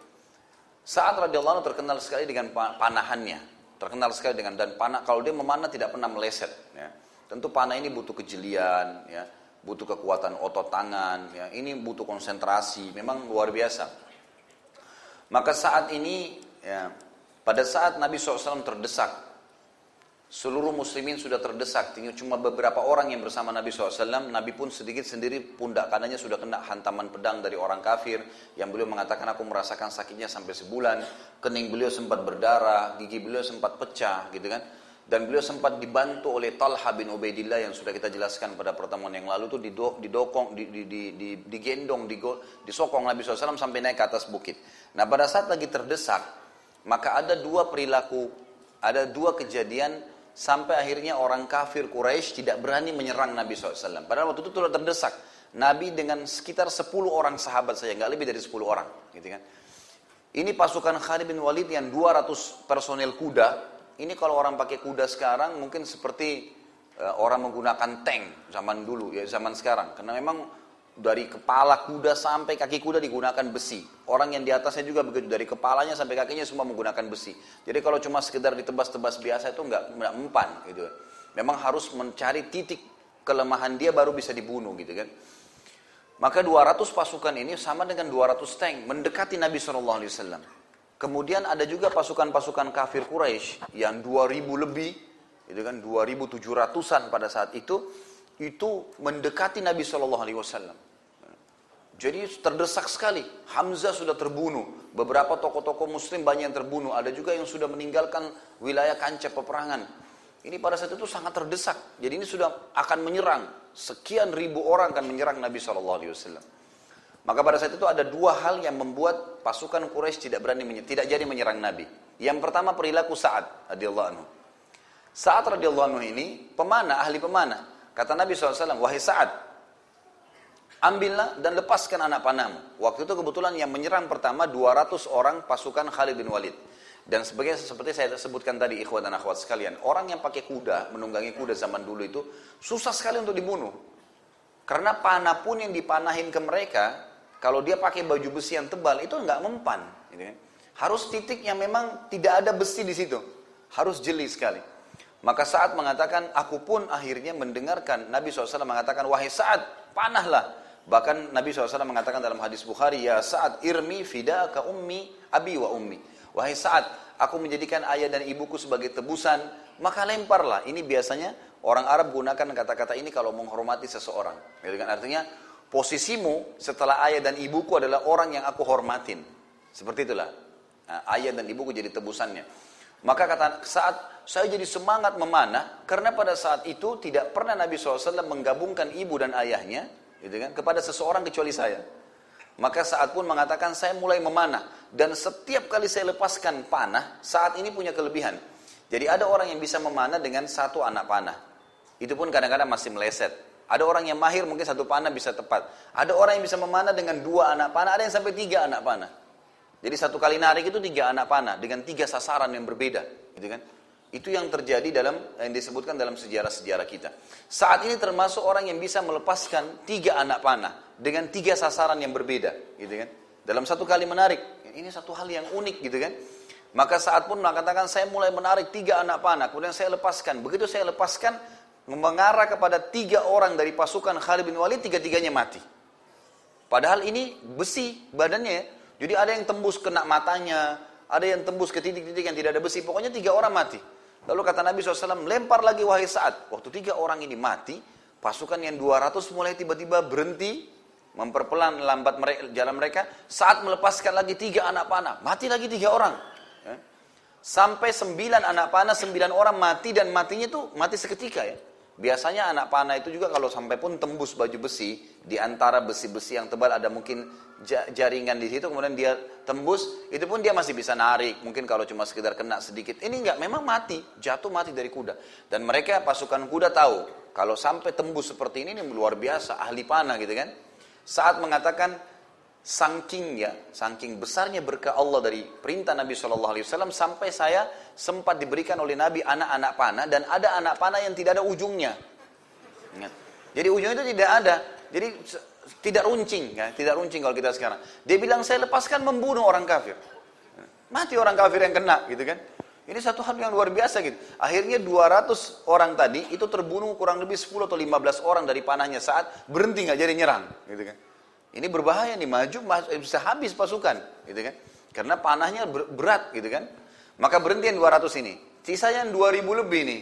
Yang 2000 lebih ini masih ada. Mereka tidak tahu kejadian 200 pasukan ini ada yang terbunuh. Karena mereka dari belakang datang. Ada satu di situ tokoh Quraisy, ya. Kalau saya tidak salah namanya Jubair. Ya. Saya lupa namanya ini Jubair bin Mut'im kalau nggak salah. Tapi yang jelas ada ada satu tokoh Quraisy yang meninggal dan dialah yang keluar hadis Nabi SAW yang berbunyi uh, Sungguh murkahnya Allah memuncak pada seseorang yang dibunuh oleh nabinya. Jadi Nabi SAW ini bisa dikatakan tidak pernah membunuh. Gitu kan? Memang Allah SWT tidak mengizinkan. Karena kalaupun dia membunuh, berarti seseorang itu sudah luar biasa kesalahannya. Waktu itu kebetulan orang ini sering berkata kepada Nabi SAW di Mekah, Wahai Muhammad, kau lihat nggak kuda saya ini, ada kudanya, memang dia ahli perang. Kata Nabi SAW, iya. Kata dia, saya akan membunuhmu dengan kuda ini, hai Muhammad. Kata Nabi SAW, tapi insya Allah saya akan membunuh kau di kudamu. Gitu ya. Nah terjadi itu di perang Uhud. Ini kejadian kedua yang akhirnya membuat orang-orang Quraisy tidak jadi menyerang Nabi SAW. Maka Nabi SAW melihat pasukan 2000 ini akan maju dan yang mem, yang memotivasi dia si Fulan ini, Nabi SAW mengatakan kepada Ali, berikan kepada saya ya tombakmu. Diberikanlah tombak. Lalu Ali radhiyallahu anhu menyebutkan dalam hadis Bukhari, Nabi SAW pun mundur mengambil langkah beberapa langkah ke belakang, kemudian melepaskan anak tombak tersebut yang membuat kami semua terpental karena kuatnya lemparan Nabi SAW. Jadi Ali bin Abi Thalib dan sahabat Nabi di sebelah Nabi itu terlempar, gitu kan? Melempar dan menuju ke orang tersebut. Dan orang itu dari kepala sampai kakinya semuanya besi. Dan subhanallah ada celah itu di leher dia. Di sebelah leher kiri kanannya yang dia taruh masukkan topi besinya, itu antara itu dengan baju pedang, baju perangnya itu ada jeda yang diikat, yang diisi, yang ditaruh dengan semacam karet ya, semacam kain. Itu di situ. Maka tombak Nabi SAW sempat lewat dan merobek dan memberikan luka di situ. Ya, di luka itu. Maka orang ini pun ketakutan, nyusur darah dan dia jatuh dari kudanya. Dia mengatakan Muhammad sudah membunuh saya. Teman-temannya datang mengatakan, kau tidak apa-apa, cuma luka sedikit di leher kamu. Maka dia bilang tidak. Kalau Muhammad datang sekarang meniup saya, saya sudah mati. Gitu ya. Ya, saking takutnya dengan Nabi SAW. Ini tentu antum bisa kembali ke sirah, sudah saya jelaskan di YouTube juga sudah ada. Tapi yang jelas, waktu itu dia pulang ke Mekah dan ternyata lukanya memang membengkak dan dia mati gara-gara perbuatan tersebut. Karena perilaku dari lemparan tombak Nabi SAW membuat musuh orang-orang Quraisy tidak jadi untuk maju. Dan ini termasuk kiprah tadi yang saya sebutkan saat radhiyallahu anhu, di mana beliau uh, apa namanya di e, sempat melempar dan menahan orang-orang Quraisy. Pernah juga dalam satu kejadian di perang yang sama, di dalam riwayat yang lain disebutkan, ini disebutkan oleh Imam Muslim dalam kitab Fadhailus Sahabah, saat berkata, ada seorang musyrik yang memporak-porandakan pasukan kaum muslimin. Maka Nabi SAW bersabda kepadaku, lemparkan anak panahmu wahai saat, ayah dan ibuku sebagai tebusannya Lalu aku mengambil sebuah anak panah yang tidak mempunyai ujung yang tajam. Tidak ada mata anak panahnya. Jadi zaman dulu tuh biasanya ditaruh uh, apa diruncingkan ujungnya. Ini tidak ada sama sekali, tidak ada runcingnya. Maka aku melepaskannya karena perintah Nabi SAW dan sempat mengenai kening laki-laki itu, lalu dia terjatuh. Ya. Pada saat dia terjatuh, ada sesuatu yang terjadi yang unik dan terbuka auratnya keningnya yang kena gitu kan dia mati jatuh auratnya bajunya terbuka gitu. Maka pada saat terbuka auratnya Nabi SAW tertawa sampai gigi geraham beliau terlihat. Artinya ini sesuatu yang unik terjadi di kancah peperangan. Karena tiba-tiba terjadi begitu maka Nabi SAW tersenyum dan tertawa. Dan ini peran saat radhiyallahu anhu di perang Uhud. Juga saat radhiyallahu anhu melihat malaikat di perang Uhud Disebutkan dalam sebuah riwayat yang sahih riwayat Bukhari dalam Kitabul Maghazi dan Imam Muslim juga dalam Kitabul Fadail bahwasanya saat berkata aku melihat Rasulullah SAW di perang Uhud bersama dua orang laki-laki yang berperang membela beliau. Keduanya memakai baju putih, aku tidak melihat keduanya sebelum dan sesudahnya. Maka Al-Hafidh rahimahullah Ibnu Hajar mengatakan Keduanya adalah Jibril dan Mikail sebagaimana dinukil oleh sebagian sahabat-sahabat yang lain.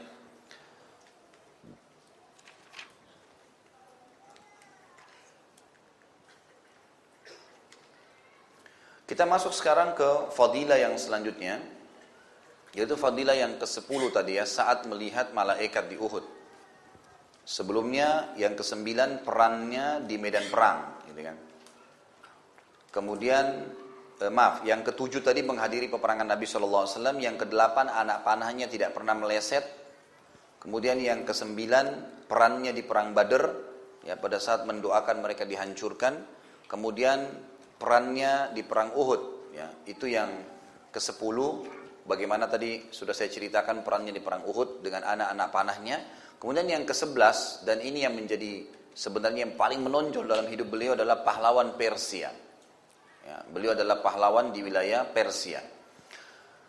Waktu Umar bin Khattab menjadi khalifah di tahun 13 Hijriah, yang paling beliau pertama lakukan adalah melanjutkan sistem yang sudah diperterapkan oleh Abu Bakar dalam pemerintahan setempat, menerapkan Al-Quran dan Sunnah di dalam pemerintahan, kemudian beliau melakukan ekspansi.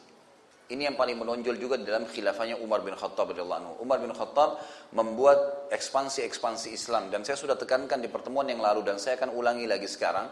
Jihad ini ada dua macam. Ada jihad membela diri seperti teman-teman kita di Palestina sekarang. Pada saat mereka diserang mereka membela diri. Dan yang kedua adalah jihad ekspansi. Nah ini yang hilang dari umat Islam nih. Jadi sebenarnya kita tidak harus tunggu kita diserang baru kita berjihad, tidak. Malah jihad yang menonjol itu adalah jihad ekspansi di zaman Nabi SAW, di zaman para sahabat. Jadi memang pemerintah Islam membentuk pasukan militer yang akan menawarkan Islam kepada wilayah-wilayah kafir. Gitu kan? Kemudian pada saat mereka menolak, maka yang dilakukan adalah membayar jizyah upeti. Ya, kata Allah, hatta yu'tul jizyah ayyadin wahum sagirun. Kepung mereka, kata Allah SWT, tawarkan Islam. Kalau mereka nolak, mereka harus bayar upeti. Hatta yu'tul jizya an yadin wahum salirun.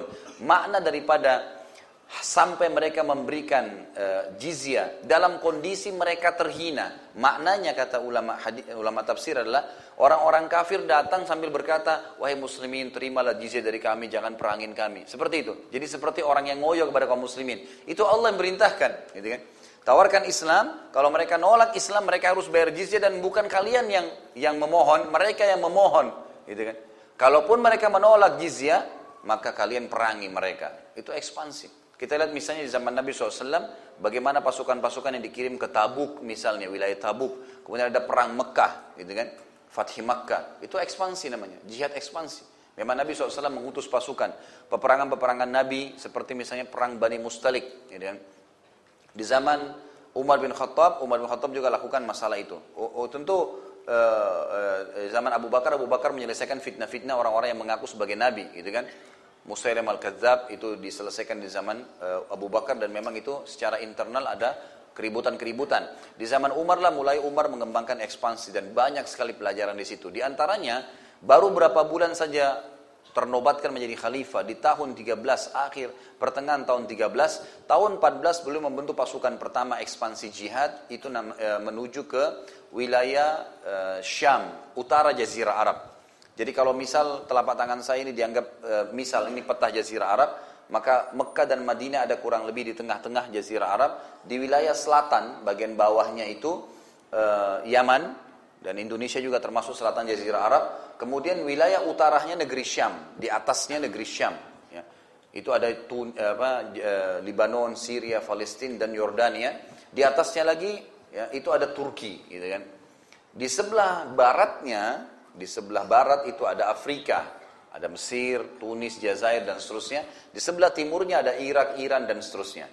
Nah, yang Umar radhiyallahu lakukan adalah Umar mengirim pasukan ekspansi yang paling pertama membuka wilayah uh, utara Jazirah Arab, negeri Syam. Negeri Syam diseranglah dengan pasukan yang pada saat itu kurang lebih jumlahnya pertama itu sekitar 8.000 orang, gitu kan. Dan ada sebuah hadis Nabi SAW berhubungan dengan bab jihad yang berbunyi, uh, tidak akan dikalahkan pasukan umatku bila jumlah mereka mencapai 12 ribu. Jadi ini memang berhubungan dengan bab jihad ya. Jadi kalau sudah terkumpul pasukan jihad 12 ribu tidak akan pernah terkalahkan. Selama mereka tidak bermaksiat kepada Allah subhanahu wa ta'ala. Ini sudah jaminan dari Nabi SAW. Maka sahabat menjaga sekali hadis itu. Mereka selalu menjaga hadis tersebut. Mereka berusaha untuk tidak kurang dari 12 ribu. Kirimlah pasukan ini, 8 ribu tadinya, kurang belum ada, belum cukup pasukan. Maka pada saat itu Umar bin Khattab mengirim empat orang sahabat, di antaranya Mikdad, gitu kan. Kemudian Ka'a'a, ada beberapa sahabat-sahabat Nabi yang memang bagi Umar satu orang ini dianggap seperti kekuatan seribu orang. Gitu. Digabungkanlah di sini. Amr bin As waktu ingin mengekspansi ke Mesir. Jadi setelah negeri Syam ditembus, Palestina, kemudian sampai ke wilayah Asianya Turki, itu berhasil dikalahkan oleh pasukan muslimin yang dikenal dengan perang Yarmuk ya. Perang Yarmuk ini sangat luar biasa karena pasukan muslimin cuma 8000 orang sekian itu mengalahkan pasukan kafir orang-orang e, Bizantium Romawi. Waktu itu kurang lebih kekuatannya sekitar 250 ribu orang. Dan itu ada cerita sendiri tentunya. Saya pernah jelaskan di kisah Umar bin Khattab radhiyallahu di mana pasukan-pasukan atau prajurit Romawi ini saling mengikat tangan satu sama lain dengan rantai agar mereka tidak lari dari kancah peperangan tapi bagaimana perannya Zubair radhiyallahu anhu yang menembus benteng-benteng mereka, mematahkan e, rantai-rantai mereka dan seterusnya. Yang jelas ada kisah sendiri sampai kaum muslimin memenangkan peperangan. Lalu Amr bin As membawa pasukan 8000 menuju ke Mesir, mengekspansi Mesir. Akhirnya jazirah Arab, utara jazirah Arab sudah bebas, diekspansi, Islam masuk di sana. Kemudian wilayah barat juga Mesir terbuka dan seluruh Afrika ini terbuka dan nanti akan tersebar Islam lebih banyak zaman Uthman bin Affan. Sekarang yang kita ingin bahas perannya saat adalah di wilayah timurnya Jazirah Arab. Irak, Iran, Rusia, Afghanistan ini semua wilayah yang sangat luas sekali. Ini dulu negara adik kuasa Persia. Terkenal orang-orang Persia ini dulu sangat kuat, poster tubuh yang besar gitu kan dan mereka penyembah api. Mereka penyembah api. Sebelumnya, sebelum saya ceritakan kisah peperangan ini, pernah Nabi SAW mengutus utusan beliau waktu beliau masih di Mekah itu untuk membawa surat ke Raja Persia dan mengajak dia untuk masuk Islam. Tapi waktu itu sempat dia merasa kenapa kok siapa orang ini berani-beraninya memanggil saya untuk mengikut agamanya di sebuah kota di pedalaman di Mekah di padang pasir. Ada apa di sana? Siapa dia? Gitu kan. Lalu dirobek surat Nabi SAW dan sempat dibunuh utusan Nabi SAW. Maka Nabi SAW mengatakan dia merobek surat saya, Allah akan robek kekayaan, ke ke kekuasaannya. Gitu kan. Jadi ini awal kata ulama, rentetan sejarah hancurnya wilayah Persia. Dari doa Nabi SAW. Kemudian di zaman Umar, Umar pun menjalankan ya untuk mengirim pasukan di tahun 14 Hijriah. Beberapa bulan setelah perang Yarmuk, mengutus tapi waktu itu Umar mengirim surat kepada seluruh suku Arab, seluruh jazirah Arab agar siapa pun yang mau jihad silakan ikut. Sampai akhirnya terkumpullah 30 ribu orang pada saat itu yang siap untuk ikut perang. Ada yang prajurit ahli perang, ada yang orang partisipan. Kita tahu dalam jihad banyak kan orang yang partisipasi saja gitu kan ikut. Nanti di medan perang baru belajar gitu. Yang terjadi pada saat itu mereka Umar bin Khattab memimpin pasukan. keluar sendiri. Di tengah jalan sempat Umar bin Khattab kurang lebih perjalanan ya, eh, setengah hari dari Madinah, beliau sempat eh, mengistirahatkan pasukan lalu beliau bermusyawarah dengan sahabat-sahabat yang mulia, kira-kira bagaimana nih? Apa saya lanjutkan memimpin perang ke Persia dalam kondisi Madinah memang waktu itu dipimpin oleh Ali radhiyallahu anhu Ali bin Abi Thalib memimpin Madinah. Apakah begini kondisinya kita teruskan jalan atau saya lebih baik tinggal di Madinah? Sahabat-sahabat yang lain mengatakan silakan ambil mukminin, pergi saja, ikut saja, nggak ada masalah. Malah itu kemuliaan, anda bisa mati syahid. Karena Umar bin Khattab terkenal pernah mengatakan, Ya Allah, karuniakanlah saya mati syahid. Tapi beliau sempat disebutkan di, di kota Nabi Muhammad SAW. Gitu ya. Maka Abdurrahman bin Auf mengatakan tidak wahai Amir Mu'minin. Saya tidak melihat itu. Saya pribadi melihat Anda lebih baik tinggal di Madinah. Biarkan kami yang melanjutkan perjalanan. Jadi lebih baik begitu. Lalu setelah Abdurrahman ditanya kenapa, alasannya kalau Anda sampai terbunuh, kaum muslimin akan terganggu nanti. Siapa yang kira-kira bisa menggantikan posisi Anda sekarang? Setelah terkenal Umar bin Khattab berhasil mengekspansi Islam ke wilayah utara Jazirah Arab tadi. Sudah menang. Sekarang pasukan ini juga dijanjikan oleh Allah. Lebih dari 12 ribu pasti menang. Maka lebih baik Anda jangan ikut. Tinggal di Madinah. Gitu kan? Anda tetap memimpin kami dari jauh. Dan berikanlah ini kepada salah seorang di antara kami. Lalu Umar pun bermusyawarah. Kira-kira siapa nih yang bisa menggantikan saya? Harus orang yang punya kekuatan yang luar biasa gitu. Ini nggak boleh sembarangan menyerang wilayah Persia. Persia ini terkenal ahli-ahli perang semuanya. Itu kan postur tubuh mereka tinggi besar, memiliki kok tubuh-tubuh yang sangat kokoh gitu. Ya. Maka berkatalah e, setelah musyawarah, musyawarah si fulan tidak bisa, si fulan tidak bisa. Sampai ada satu orang mengatakan, saya sudah dapat orangnya. Tidak mungkin dia salah gitu kan, kata orang ini. Kata Umar siapa? Mereka sahabat mengatakan siapa? Terus dia ulangi lagi, saya sudah dapat orangnya. Ini orang yang paling tepat. Sengaja dia membuat Umar bin Khattab dan sahabat-sahabat yang lain perhatian dengan orang ini gitu. Maka kemudian tiga kali Umar tanya, siapa? Ucapkan orang itu. Maka kata orang tersebut, Sa'ad ibn Abi Waqqas, sang pemanah Nabi SAW. Orang yang memiliki tubuh yang sangat kekar. Karena saat ini terkenal orangnya, postur tubuhnya sangat kekar dan kuat. Dan ahli panah. Dan punya strategi perang gitu. Maka Umar mengatakan, kau benar. Kau benar. Pilihanmu benar. Waktu itu kebetulan saat tidak ikut dalam pasukan. Dia lagi ditugaskan oleh Umar untuk mengumpulkan zakat. Keliling wilayah umat Islam, ngumpulin zakat, bawa ke Madinah gitu kan. Maka kata Umar panggil segera saat. Begitu datang kata Umar, wahai saat, aku telah mengamanahkan kepadamu untuk pembebasan wilayah Persia. Taklukkan mereka dengan izin Allah. Gitu. Saat pun akhirnya menerima ya tawaran tersebut. Ringkas cerita terjadilah pada saat itu penobatannya dia menjadi pimpinan perang. Dan pada saat itu Umar bin Khattab pun memberikan wasiat-wasiat kepadanya. Di antaranya Umar berkata kepada saat, Sesungguhnya aku telah menyerahkan perang Irak kepadamu wahai Sa'ad. Jagalah wasiatku karena engkau akan menghadapi perkara berat yang pahit. Biasakan dirimu dan orang-orangmu yang orang-orang yang bersamamu untuk selalu di atas kebaikan. Mintalah kemenangan kepada Allah dengan kebaikan. Ketahuilah bahwa segala perkara itu memiliki bekal. Bekal kebaikan adalah kesabaran. Bersabarlah atas apa yang menimpahmu. Lalu kata Umar, wahai Sa'ad, ingatlah. Jangan sampai perasaanmu, mengatakan di dalam dirimu ya, ada ter, terbersat ya di dalam dirimu kau adalah paman Nabi Shallallahu Alaihi Wasallam. Kaulah adalah seorang sahabat Nabi. Kau adalah orang yang dijamin masuk surga. Sehingga akhirnya itu akan menutupi semua ketakwaan dalam dirimu. Sehingga akhirnya kamu dikalahkan oleh musuh. Tapi bungkuslah dirimu dengan ketakwaan kepada Allah. Sehingga Allah berikan kemenangan di tanganmu. Wasiat-wasiat Umar bin Khattab terus dilakukan akhirnya sampai pasukan diutus saat pun radhiyallahu anhu membawa pasukannya dan ternyata pilihan Umar bin Khattab tidak keliru. Saat ini bukan orang yang punya pernah pernah belajar di kampus tentang strategi perang, tidak pernah sama sekali. Tapi perhatikan bagaimana saat begitu memimpin pasukan dan sudah jalan, beliau membagi mengatur strategi perang. Yang pertama adalah beliau membagi pasukan 30 ribu ini menjadi enam bagian. Kalau saya gambarkan di tulisan saya, saya coba tangkap dari hadis dari riwayat tentang masalah itu, saya coba gambarkan. Jadi beliau meletakkan di membagi pasukan menjadi enam sisi.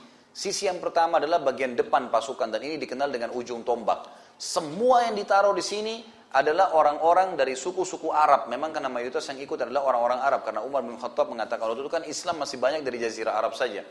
Maka Umar bin Khattab mengatakan, saya akan memerangi raja-raja Ajam dengan raja-raja Arab pada saat itu. Maka dia memilih suku-suku Arab yang pemberani. Memang ada beberapa suku yang luar biasa gitu. Mereka tidak pernah takut mati. Ya. Ditaruhlah di ujung tombak oleh Sa'ad radhiyallahu anhu. Ini pasukan pokoknya begitu pecikan takbir berbunyi mereka sudah langsung menyerang. Mereka memang siap mati. Kemudian ditaruhlah di sisi kanan dan sisi kiri, sayap kanan, sayap kiri, ini pasukan-pasukan pilihan yang juga mereka rata-rata semuanya berkuda dan mereka eh, apa namanya menyerang timbal balik. Jadi yang kanan menyerang, kemudian beberapa saat kiri menyerang. Pada saat kiri bertakbir, yang kanan menyambung dengan takbirnya. Jadi mereka saling tahu kalau ini semuanya masih saling menyerang, masih ada dalam kancah peperangan, kena debu lagi, ya bertebaran dan seterusnya di kancah peperangan. Maka akhirnya ini ini saling mengingatkan nih, sayap kiri dan sayap kanan. Jadi sudah satu ujung tombak, dua kiri kanan, kemudian yang keempat, ya ini kan satu, dua, tiga. Yang keempat itu Umar e, saat meletakkan khusus pasukan cadangan yang berkuda dan yang berjalan kaki itu di sisi bawah sayap kanan pasukan, tapi agak jauh dari ini ini ini pasukannya cadangan. Jadi kapan mereka lihat, kapan nunggu instruksi mereka masuk menyerang juga. Ini nggak ikut berperang dulu. Kemudian yang kelima adalah ekor pasukan dan ekor pasukan ini juga hampir sama dengan pasukan tadi yang untuk cadangan. Mereka jalan, mereka sambil berjalan, mereka tidak berperang menunggu sampai berkecamuk dengan kancah peperangan. Jadi mereka beda dengan sayap kanan sayap kita yang memang memang menyerang, gitu kan, sama ujung tombak. Ini enggak, mereka jalan santai, tapi sementara perang berkecamuk. Mereka sambil melihat musuh, gitu kan. Karena ada wasiat Umar bin Khattab mengatakan, wahai saat jangan kamu mulai menyerang kecuali musuhmu sudah menyerang, agar kau bisa mengetahui kelemahan mereka. Maka pasukan ini jalan. Dan yang terakhir yang keenam adalah pasukan pengintai. Pasukan pengintai ini 10 sampai kurang lebih jumlahnya 30 orang saja. Ahli-ahli kuda yang sangat pemberani mereka keluar dari kancah peperangan jauh. Kemudian mereka keliling sampai ke belakang pasukan musuh. Mereka masuk ke belakang musuh. Jadi mereka ini mengintai, melihat dari belakang, menangkap dan ini orang-orang selain ahli perang mereka juga juru bahasa. Mereka mengerti bahasa Persia. Jadi mereka masuk ke sana, gitu kan, dan mereka mirip menggunakan pakaian-pakaian seperti orang Persia. Jadi mereka mengintai, masuk dari jarak jauh ke belakang. Jadi mereka bisa tahu kalau mereka sudah mengaku kalah kah atau tidaklah. Dan kadang-kadang mereka kalau melihat peluang mereka menyerang juga dari belakang. Seperti itulah. Maka ini pembagian yang luar biasa. Pada saat itu, kata sebagian ahli sejarah, belum pernah ada pemimpin muslim yang punya strategi perang seperti saat. Padahal ini kalau sekarang dianggap strategi perang yang luar biasa. Kalau zaman dulu tidak ada yang tahu gitu. Kemudian yang kedua, beliau bentuk juga di dalam pasukannya itu ada orang-orang yang bertanggung jawab secara administrasi di dalam pasukan perang. Beliau membagi menjadi tiga. Ada yang mengurus peradilan dan fai. Jadi kalau misal ada musuh yang tertangkap jadi tawanan atau ada eh, antara mujahid sama mujahid sempat ribut misalnya, maka ada orang-orang tertentu yang bertugas untuk mengadili itu. Kemudian yang kedua, ada juga tim khusus untuk menasehati dan memberi motivasi pasukan. Itu yang dilakukan. Ini khusus, jadi tugas mereka memberikan motivasi, semangat. Setiap kancah peperangan mereka teriak, mereka melantunkan ayat, mereka bertakbir dengan suara-suara yang keras. Yang ketiga, ada ahli bahasa dan juru tulis. Ini yang menulis tentang apa yang sedang terjadi. Ya, mereka-mereka ini berada di beberapa titik di sekitar kancah peperangan untuk menceritakan. Ini pasukan muslimin sudah mulai maju, pasukan muslimin oh si fulan mati. Dia mendata itu ya semampunya. Kemudian ahli bahasa datang untuk negosiasi dengan orang-orang Persia ini. Ini yang kedua. Kemudian yang ketiga, beliau membersihkan wilayah sekitar sebelum masuk ke peperangan yang besar, beliau mengirim pasukan-pasukan yang memang membersihkan wilayah-wilayah, desa-desa kecil di sekitar situ. Semua ditaklukkan sama Sa'ad radhiyallahu anhu. Sehingga dia mengamankan sekitar lokasi kancah peperangan. Kemudian yang keempat, dan ini yang unik, negosiasi dengan Kisra ya, dan Rustum. Kisra ini Raja Persia, Rustum ini adalah uh, panglima perangnya. Gitu kan. Maka pada saat itu terjadilah negosiasi. Yazdajar, raja mereka pada saat itu, yang dikenal dengan istilah Kisra. Seperti kalau Fir'aun, raja Mesir, gitu kan. Tapi nanti ada Ramsis, nama rajanya. Nah, istilah bagi raja besarnya Persia namanya Kisra. Tapi nama individunya Yazdajar. Yazdajar ini raja Dan dia dengar kalau pasukan muslimin sudah mulai masuk dengan 30 ribu orang, sudah masuk di wilayah perbatasan. Beberapa perkampungannya sudah berhasil ditaklukkan. Maka Yazdajar minta, mau negosiasi, tanya. Terjadilah dialog yang unik nih. Yazdajar begitu melihat mereka bertanya. Diutuslah oleh saat beberapa orang. Saat juga ini orang yang jeli memilih orang-orang yang akan mendampingi eh, atau mewakili kaum muslimin. Diutuslah seseorang yang bernama Asim dan juga diikuti oleh Qais bin Zurara radhiyallahu anhu ini sahabat-sahabat Nabi semua ya. Maka sempat begitu ketemu dengan Kisra, kata Kisra, apa yang membuat kalian datang ke wilayah kami? Membawa pasukan kalian ke sini. Kata Asim, kami datang ke sini untuk menegakkan hukum Allah dan di sini keluarlah sebuah hukum syar'i berhubungan dengan jihad. Dia mengatakan kami datang ke sini untuk menerapkan hukum Allah pencipta langit dan bumi. Kami akan datang menawarkan kepada kalian hukum Allah. Kalau kalian menerima hukum Allah itu, agama Allah itu, kami tinggalkan kalian dengan kerajaan kalian. Dan kami cuma meninggalkan kitabullah dan sunnah nabinya. Itu saja. Artinya kami tidak akan ganggu. Yazdajar kau tidak akan jatuh dari jabatanmu. Karena memang begitu dalam Islam. Pemimpin perusahaan pun kalau masuk Islam tetap dia dengan perusahaannya. Raja negara tetap jadi raja, gitu kan? Presiden tetap jadi presiden, tidak ada hubungannya.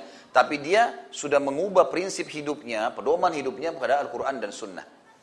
Maka ini prinsip dasar dalam jihad. Jadi kami datang untuk itu. Kalau kalian menerima, maka kami biarkan kalian dan kami tinggalkan kalian dengan kitabullah dan sunnahnya. Kata Yazdajar, kalau kami menolak, kata si Asim, kalian harus membayar jizyah dan dalam terjemahan, karena waktu itu pakai bahasa Persia, ada penerjemahan yang bahasa Arab. Kata Asim, kau bayar jizya hatta yu'tul jizya. Ansagir, ansagir, uh, hatta yu'tul jizya. Uh, an yadin wahum sagirun. Gitu kan. Nah ternyata kata-kata sagirun waktu itu dalam ahli sejarah, ahli sejarah mengatakan, orang Persia penerjemah ini nggak bisa terjemahkan. Dia nggak tahu tuh sagirun apa. Gitu. Mau diterjemahkan kecil, nggak tepat. Karena bahasa Arabnya kecil, sagir. Ternyata soal ini punya makna, ya, artinya terhina gitu kan. Maka Yazdajar tanya, coba tanya ke dia, apa artinya itu? Suruh bayar upeti tapi sogir, gitu kan.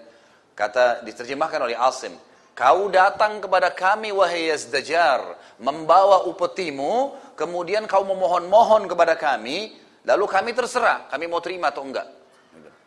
Ini Yazdajar waktu itu adalah raja adik kuasa wilayahnya terluas di seluruh dunia dia paling berkuasa, gitu kan? Ada orang dari Arab Badui datang ngancam dia seperti itu. Ya Zajar sempat marah. Ya. Lalu dia mengatakan kalau kami menolak, kata Asim, kepalamu akan melayang dengan pedang-pedang kami, gitu kan? Kalimat yang tidak pernah ya Zajar dapat ancaman seperti itu. Sementara lawannya saja wilayah Rumawi yang waktu itu yang menguasai setengah dunia yang tersisa, Persia menguasai setengah yang lainnya, tidak pernah berani menulis ataupun berkata itu kepada Yazdajar, karena Yazdajar raja yang sangat kuat. Dalam beberapa e, buku juga disebutkan, dalam beberapa referensi disebutkan, Yazdajar ini orangnya tinggi besar, ya orang-orang Persia tinggi besar. Dia kalau berdiri itu mendekati pohon-pohon yang ada di sekitar istanahnya. Itu orangnya besar, sering digambarkan begitu. Maka Yazdajar ini pun marah sambil mengatakan kalau bukan karena utusan tidak dibunuh, saya akan bunuh kalian. Gitu kan. Lalu kata Yazdajar, terjemahkan ke orang-orang Arab ini. Terjemahkanlah oleh terjemahnya. Dia bilang, kata-katanya begini, dia menghina. Dia bilang, saya tidak pernah menemukan di muka bumi kaum yang lebih hina, miskin, dan bodoh seperti kalian. Orang-orang Arab maksudnya, gitu kan. Kami menyuruh pemimpin wilayah terendah kami kalau ada wilayah kami di pelosok-pelosok yang kami anggap tidak perlu, kami menyuruh pemimpin-pemimpin wilayah kami yang terendah itu untuk mengatasi dan mengurusi masalah-masalah kalian. Dari dulu orang-orang Arab butuh bantuan dikasih saja oleh Persia ini. Jadi tidak pernah berpikir untuk datang menyeranglah. Kalau kedatangan kalian kepada kami karena kalian gurur, gurur ini percaya diri yang berlebihan. Gitu. Maka kalian salah tempat. Dan kalau kalian karena kelaparan, maka kami berikan kalian makanan. Dan menunjuk salah satu dari kalian untuk menjadi raja kalian, lalu kemudian kami berikan kepada kalian pakaian, makanan, sudahlah, pulang aja. Gitu. Seperti itu bahasanya. Jadi menghina sekali gitu kan. Maka Qais bin Zurar radhiyallahu sahabat Nabi nggak bisa tahan. Penghinaan ini luar biasa gitu. Maka dia mengatakan, "Wahai Yazdajar, apa yang kau ucapkan tadi Benar, kami adalah kaum yang sangat terhina. Kami kaum yang sangat rendah. Sebelum diutusnya Nabi Allah kepada kami. Tapi sekarang setelah Nabi Allah datang, Allah muliakan kami dengan agamanya. Kami mulia hidup di atas ajarannya. Dan kami akan menerapkan agama ini. Sampai kami mati atau kalian yang mati. Dijawab seperti itu. Maka Yazdajar waktu itu sempat mengusir mereka. Sambil berkata, kalau begitu ambil tanah, disuruh ambil tanah. Satu orang pengawalnya ambil tanah. Letakkan tanah itu di kepala salah satu orang yang dianggap paling mulia di antara mereka yang hadir. Asim radhiyallahu anhu sahabat Nabi berkata, Asim bin Amr ya, dia bilang, sudah kalau gitu letakkan di kepala saya saja. Karena saya orang yang paling mulia di antara mereka nih. Maka orang Yazdajar pun taruh tanah di atas kepalanya. Sebenarnya Yazdajar niatnya menghina gitu kan. Maka pulanglah mereka ini. Asim, eh, Qais, eh, Asim tadi bin Amr radhiyallahu anhu ini pulang menuju ke Sa'ad lalu berkata, "Wahai Sa'ad, berita gembira. Yazdajar sudah menyerahkan tanahnya kepada saya." Ini buktinya. Dia kasih tanah. Jadi sebenarnya tadi penghinaan, tapi oleh Asim dianggap itu adalah satu hal dia sudah menyerahkan tanahnya, gitu kan. Tapi saat faham maksudnya. Lalu kemudian Yazdajar ini penasaran. Dia kirim surat, dia sampaikan kepada Rustum. Rustum ini panglima perangnya dia. Rustum ini ahli perang, bertahun-tahun, sudah puluhan tahun, itu selalu memenangkan peperangan melawan Rum. Pasukan yang sangat kuat pada saat itu. Lalu dia tahu strategi dan dia tahu orang perang. Orang yang perang itu su sangat sulit dikalahkan kalau penuh dengan semangat. Rustum mempelajari pribadi-pribadi orang-orang muslim ini, itu penuh dengan semangat perang. Memang mau mengalahkan. Dan ini pasukan yang sulit untuk dikalahkan. Rustum awalnya sempat mengatakan, Coba kita berikanlah waktu buat mereka. Satu bulan saat nunggu, tidak datang pasukan Rustum. Saat ini belum dapat instruksi dari Umar, kan Umar bilang, jangan serang sampai mereka menyerang. Itu instruksinya. Satu bulan saat nunggu, nggak datang-datang, gitu kan? Lalu saat pun menerima surat dari Rustum, minta kirim orang kepada saya. Saat kirim Mughirah bin Syu'bah radhiyallahu anhu, sahabat Nabi yang mulia, Mughirah datang. Negosiasi, Rustum mau tahu nih, apakah semua orang muslim sama, tawarkan Islam, atau tidak jizya, kalau tidak perang. Sama nggak semua prinsipnya? Datang Al-Mughirah sama aja. Gitu kan? Rustum penasaran, dikirim pulang. Baiklah, utus kepada kami orang lain lagi, seminggu kemudian. Dan perlu teman-teman tahu ya, peperangan antara muslimin saat melawan Rustum nanti ini terjadi setelah empat bulan. Ya, jadi sengaja Rustum tunda-tunda nih, supaya semangat perangnya kaum muslimin hilang dulu gitu kan. Maka pada saat itu dikirimlah satu sahabat Nabi yang unik. Ini yang saya ingin beratkan kisahnya. Rubi'i Ibn Amir radhiyallahu Ini sahabat, saya kalau baca ceritanya luar biasa gitu. Sahabat ini, Rubi'i ini adalah orang Badui dari padang pasir. Ciri-cirinya begini, disebutkan ciri-cirinya. Rubu ini seorang Badui yang mengenakan baju dari kain yang kasar, tidak punya baju besi, nggak ada baju besinya. Senjatanya sederhana, orangnya pendek, kudanya kecil. Imamahnya yang dia pakai di kepalanya tali lilitan yang digunakan untuk tali ikat unta atau ikat ikat keledainya. Dia pakai keledai bukan pakai kuda ya. ya. Kemudian dikatakan rambutnya ikal panjang gitu kan, keriting. Jadi orang Arab Badui asli gitu.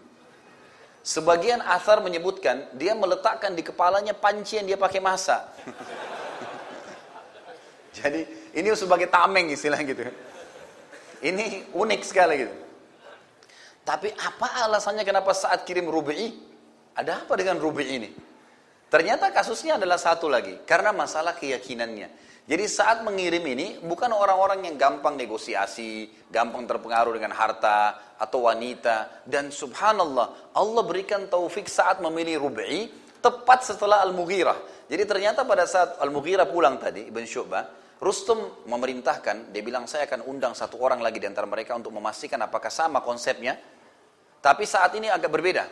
Semua pasukan, semua dayang-dayang harus pakai baju yang paling mewah yang warnanya keemas-emasan. Bahkan ada riwayat mengatakan pakai emas. Semua singgasana, ada singgasana khusus Rustum ini emas semua. Kuda yang dia pakai untuk mengantarnya ke singgasana, lapisan pelananya emas. Semuanya serba emas. karpet ditebar dari pintu gerbang sampai ke pintu masuk, gitu kan? Semua emas. Diletakkan dayang-dayang yang paling cantik. Semuanya begitu. Lalu setelah selesai persiapan ini, ini memakan waktu sekitar 10 hari untuk menyelesaikannya. Maka Rusum kirim surat lagi kepada saat, kirim kepada saya satu orang lagi. Saat mengirim Rubai. Datanglah Rubai ini, orangnya pendek, dikeledai, bajunya biasa, ya, kepalanya diikat dengan tali ke kangannya tadi, pegang tombak, gitu kan, jalan. Begitu Rubai tiba, pengawal-pengawal Rusum tidak percaya, ini utusannya gitu. Artinya ini utusan itu pasti kalaupun diserang dia siap melawan segala gitu. Kata mereka begitu Rubi datang, ditanya, kau utusan? Dia bilang, iya, saya utusan. Kata mereka pertama kali adalah, kau harus sujud dulu ruku atau sujud, tundukkan kepala kamu kepada Rustum sebelum masuk ke istana. Semua orang masuk ke istana ini harus ruku.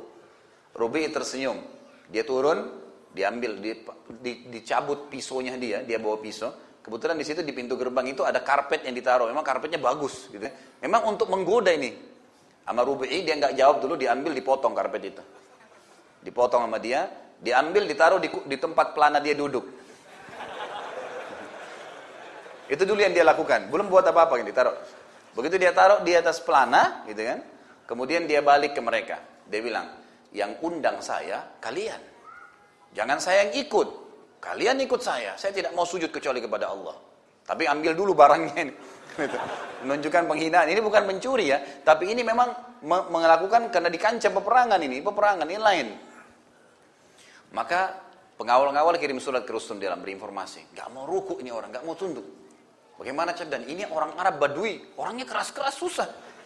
Mau disuruh bagaimana kalau kita bunuh nggak berhasil targetnya. Karena target kan mau diperlihatkan di dalam, dayang-dayang emas segala. Mau digoda nih ceritanya gitu.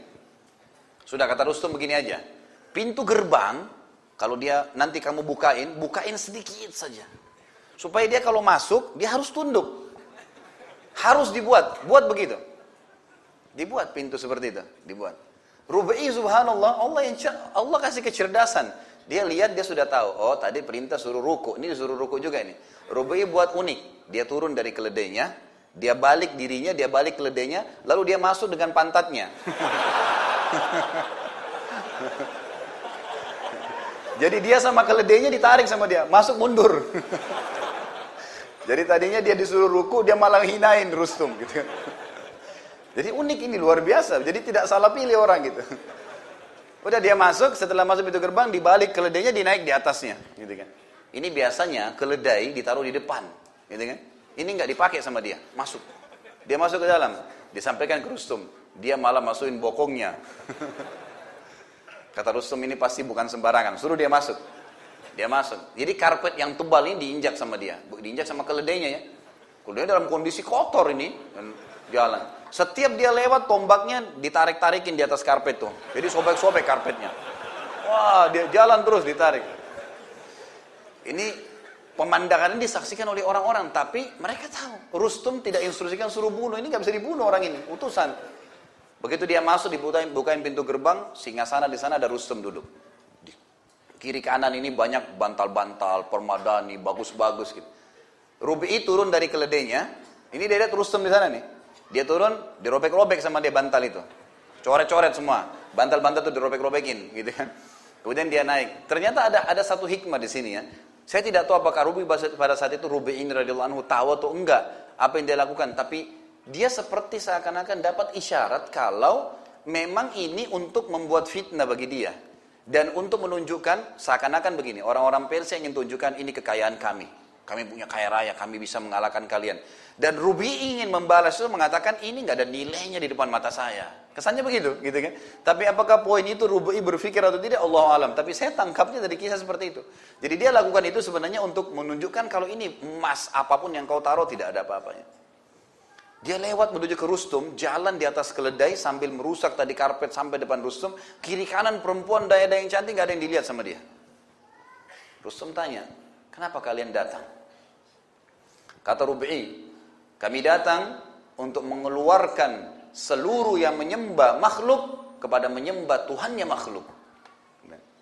Kami datang untuk membawa agama Allah sampai ke seluruh pelosok bumi ini. Gitu kan, kata Rubi. Lalu kata Rustum, kalau kami menolak, kalau kami tidak mau. Sebentar, lalu Rubi mengatakan, dan kalau kalian mengikuti ajaran itu, kami tinggalkan buat kalian kitabullah dan sunnah nabinya. Sudah selesai, tinggal berhukum dengan itu saja. Gitu kan. Maka kata Rustum, kalau kami menolak, kata Rubi, kalau kalian menolak, kalian harus membayar kepada kami upeti, datang sambil merangkak ke hadapan kami. Kata Rustum, kalau kami menolak, kepalamu akan saya penggal. Gitu kan? Kata Rubi, dengan tegas. Lalu kata Rustum, kau ini siapa sebenarnya? Kau ini pimpinan mereka, gitu kan? Artinya kok bisa keputusan kau yang tentukan, gitu kan? Kata Rubi, bukan. Saya salah satu dari pasukan muslimin. Tapi umat Islam seperti satu jasad. Satu kasih keputusan, semua ikutin. Semua begitu. Ya begitu. Satu berikan keamanan, yang lain semua ikut. Maka saya bagian dari muslimin, gitu kan? Kata Rustum, baiklah, beri kami waktu untuk berpikir. Gitu. Kasih kami waktu berpikir. Kata Rubi, sehari atau dua hari, gitu kan?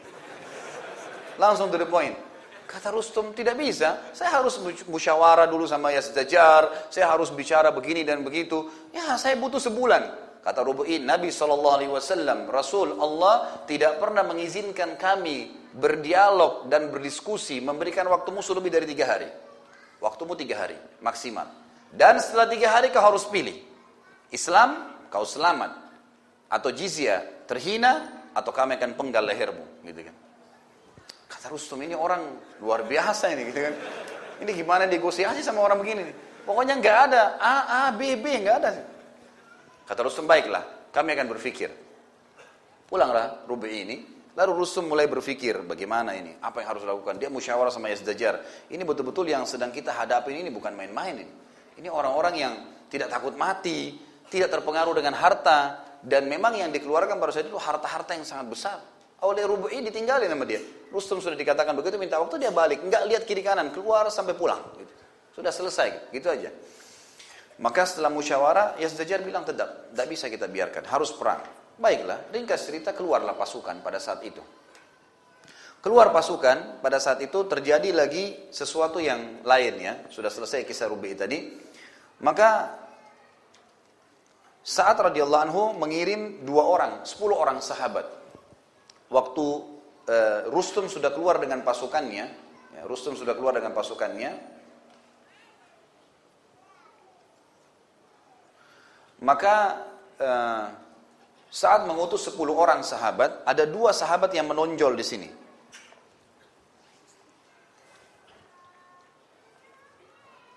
Sahabat ini bernama Amr bin Karibit bin Zubayd bin Zubaidi ya, dan Tulaiha bin Khuwailid al-Uzdi. Dua sahabat ini juga punya kisah unik nih berhubungan dengan masalah tadi. Ini masih berhubungan dengan masalah negosiasi atau peperangan ya. Maka pada saat itu pun 10 orang ini pergi. Rupanya Rustum mengatakan menerima instruksi dari Yazdajar, kita harus kerahkan pasukan kita yang terkuat. Yang selama ini belum pernah dikerahkan sebanyak itu, 240 ribu orang. 240 ribu orang ini dibagi menjadi tiga bagian. Bagian ujung tombak terdiri dari 70 ribu orang, bagian jantung dari pasukan tengah itu 100 ribu orang dengan ekor pasukan 70 ribu orang. Jadi 70 ribu ujung ekor sama ujung tombak 70 ribu 140. Tambah 100 ribu di tengah-tengah berarti 240 ribu. Kita bayangkan kalau 240 ribu pasukan lagi jalan. Suara kakinya aja sudah ribut gitu kan. Maka yang terjadi pada saat itu jalanlah.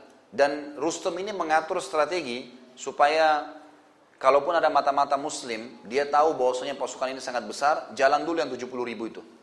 Setelah perjalanan dua hari, baru keluar yang 100 ribu. Setelah perjalanan dua hari, baru keluar lagi yang 70 ribu. Jadi pasukan ini sangat besar jalan. Pada saat itu, 10 orang ini diutus oleh Sa'ad. Coba ngintai. Ini kok setelah Rubi'i pulang tidak ada lagi berita. Kira-kira seperti apa nih? Diutuslah 10 orang. 10 orang ini memang pemberani. Terutama dua orang ini.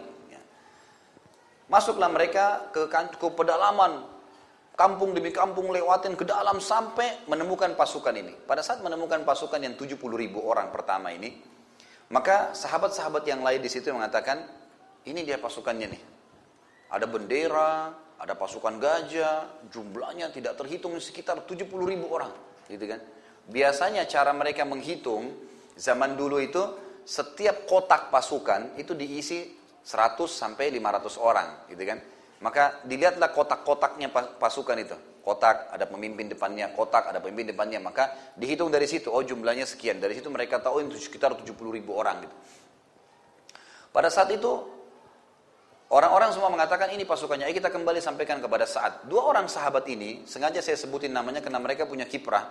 Si Amr bin uh, Karib tadi dengan Tulaiha bin Khuwailid. Dua orang ini bilang bukan. Ini bukan inti pasukan, ini cuma ujung tombaknya, pasukan depannya saja. Kata yang delapan orang, pastilah ini. Dia bilang enggak. Kalau kalian mau pulang silahkan, kalian pulang aja. Pulanglah delapan orang ini. Perlu juga kita garis bawahi, dua orang ini adalah dua kepala suku dari Yaman. Dan dua orang ini dulu di zaman jahiliyah, kalau orang-orang Quraisy pun butuh bantuan segala, sering minta tolong. Dan kalau dua orang ini sudah datang di pasukan Quraisy, pasukan Quraisy sudah merasa tenang karena satu orang dianggap seperti kekuatan seribu. Beraninya luar biasa. Ya, jadi kekuatannya luar biasa, kekuatan hatinya sangat luar. Yang terjadi adalah pada saat itu dua orang ini jalan, Amr dan si Tulaiha jalan. Jalan, perjalanan dua hari, ditemukanlah seratus ribu itu. Pasukan yang kedua. Kata Amr kepada Tulaiha, wahai Tulaiha, ini kira-kira pasukannya? Kata Tulaiha, bukan. Ini masih jantungnya nih. Masih ada pasti. Karena Tulaiha, kepala suku sering ikut berperang, tahu dia. Kan ini bukan, ini masih jantung pasukan. Karena standar hampir semua sama pakaiannya. Ini sekitar seratus ribu orang. Ini berarti jumlahnya, ini pasukan jantung. Kata Amr apa yang kita lakukan? Kata Tuleha masuk lagi. Kita cari ujungnya, ekornya di mana, gitu kan? Karena di situ biasa pimpinannya. Jalanlah mereka perjalanan dua hari lagi sampai mendekati Madain. Nah Madain ini teman-teman sekalian adalah ibu kotanya eh, apa namanya Kisra pada saat itu. Ya, sangat terkenal memiliki istana putih. Nanti akan kita punya bahasan sebentar berhubungan dengan masalah itu. Maka yang terjadi, kata Amr, ayolah kepada Tulaiha, jalan. Jalan sampai dua hari menemukan 70 ribu lagi pasukan. 70 ribu pasukan yang terakhir yang ditemukan ini, ternyata di situ memang ada e, sana, ya, ada Rustum yang lagi duduk di atasnya, di bawah ada pasukan gajah dan ada gajah-gajah yang berwarna putih ini biasa gajah-gajah pilihan gitu kan. Ini pimpinan-pimpinan gajah. Maka kata Amr, apakah ini e, ekornya? Kata Tulaiha, iya. Kata Amr, kalau gitu ayo kita pulang. Sampaikan aja kepada saat Berarti jumlah mereka 240 ribu. Kata Tulaiha, wahai Amr, sudah sejauh ini kita jalan. Enam hari perjalanan terus kau mau pulang kosong? Kata Amr, kau mau apa? Kata Tulaiha, serang. Ini pelajaran ya. Dua orang mau nyerang 70 ribu. Ini kisah nyata hadis sahih. Riwayat sahih menyebutkan. Maka kata si Amr, wahai Tulaiha, kau sadar kita dua orang lawan 70 ribu? Kata Tulaiha, iya. Apa yang kau takutkan? Gitu kan? Kalau kau memang tidak mau menyerang mereka berarti kau pengecut. Percuma jadi kepala suku, gitu kan? Begitu. Kata Amr bukan masalah pengecut, 70 ribu. Dan kita ini butuh informasi yang kita sampaikan kepada saat. Gitu kan? Kau tahu saya bukan pengecut, tapi kalau kita nyerang kita terbunuh, berarti yang diinginkan oleh pimpinan kita tidak dapat, gitu kan? Kata Tulaiha, kita tidak akan terbunuh kecuali ajal sudah datang. Kalau kau tidak mau ikut, tunggu di sini, gitu kan? Ini Tulaiha radhiallahu luar biasa. Beliau takbir sendirian dan kebetulan waktu itu kebetulan sekali memang e, pasukan yang 70 ribu ini sudah jalan selama perjalanan dua hari juga dari wilayahnya dia dan lagi istirahat, lagi tebar kema, buka kema, pas sudah malam. Situlaiha sama Amr sholat maghrib isya, dia masuk. Kemudian dia datang sendirian, dia serang, si Amr nunggu. Dia serang, kemudian dia datang ke kemah-kemah mereka, memutusin tali-tali kemah mereka gitu kan? Semua yang didapat ditebasin sambil takbir. Allah Akbar Allah Akbar. Satu orang. Karena suara takbir yang sering diucapin sama dia banyak ya sering terulang maka orang pikir ini pasukan sedang menyerang. Maka dia putusin semua tali-tali tali-tali sampai tiba di kemahnya Rustum. Gitu kan? Pimpinan mereka. Dia tebas talinya kemudian diambil kudanya Rustum. Kuda yang paling bagus pimpinannya diambil kemudian dia bawa pulang dia keluar, ini sudah kacau di pasukan. Dipikir pasti banyak prajurit yang sedang menyerang muslimin. Padahal cuma satu orang. Ini udah kacau, kemah-kemahnya semua sudah runtuh. Obornya diambil, dilemparin, terbakar obor itu. Jadi dia satu orang bikin kacau. Kemudian dia keluar, dia datang kepada Amr sambil senyum. Nih, saya sudah dapat ghanimah. Kemudian dua-duanya pulang gitu. Amr sempat kagum pada saat tapi Amr tidak ikut ya gitu. Pulanglah dia lalu diperdengarkan kepada Sa'ad. Saat mengatakan bagus yang kamu lakukan. Artinya saat memberikan motivasi. Itu yang namanya prajurit gitu. Mestinya nyerang, jangan takut gitu kan. Ya, ini termasuk kisah yang unik yang terjadi pada saat itu sebelum terjadi kancap terjadi peperangan. Baik, saya pindah dulu ke strategi setelahnya. Ya. Pada saat tadi saya bilang ada strategi pembersihan, poin ketiga pembersihan wilayah terdekat, yang keempat negosiasi dengan Kisra dan Rustum sudah saya ceritakan. Kemudian yang kelima, pada saat pasukan Rustum sudah mulai datang, gitu kan, sudah mulai berhadapan yang 70 ribu sudah datang, kemudian menunggu datang yang 100 ribu, kemudian menunggu datang yang 70 ribu. Dan saat tetap berpegang pada instruksi, dan ini penting sekali, memegang instruksi pemimpin. Kata Umar, jangan serang sampai mereka menyerang, gitu kan? Karena di sini kalau saat buru-buru menyerang, 70 ribu pertama misal dianggap pasukan, kemudian nanti datang pasukan yang 100 ribu, nanti malah jadi masalah, gitu kan? Sampai kau nanti mengetahui aib dan kekurangan serta kelemahan pasukan musuhmu. Maka ditunggulah. Rustum juga tidak mau buru-buru menyerang, gitu kan? Masih mau menunggu lihat keadaan. Ringkas cerita pada saat pasukan sudah bertemu, saat radhiyallahu anhu dengan hikmah Allah Subhanahu wa taala kena penyakit kulit waktu itu tiba-tiba dengan hikmah Allah di tubuhnya muncul bisul-bisul dan bisul ini mengeluarkan banyak sekali nanah dan darah kesakitan. Saking luar biasa memenuhi tubuhnya yang tidak ada di tubuhnya cuma bagian dadahnya saja gitu kan. Jadi dia cuma bisa berdiri atau tengkurap. Dia nggak bisa yang lain.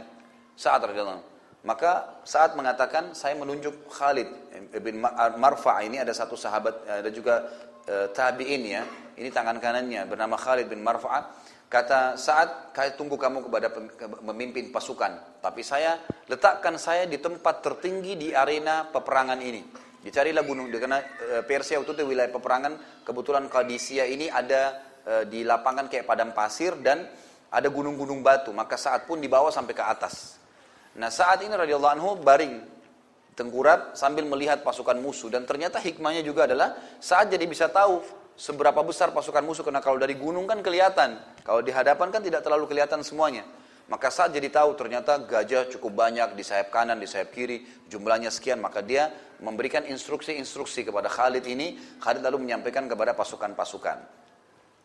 Maka yang saat lakukan yang pertama adalah dia membagi dulu pasukannya setiap 10 prajurit, 30 ribu orangnya, 10 prajurit ada satu pimpinan. Setiap 10 pimpinan. Kemudian seti, ini ini ini ini ini diistilahkan dengan arif, arif ya.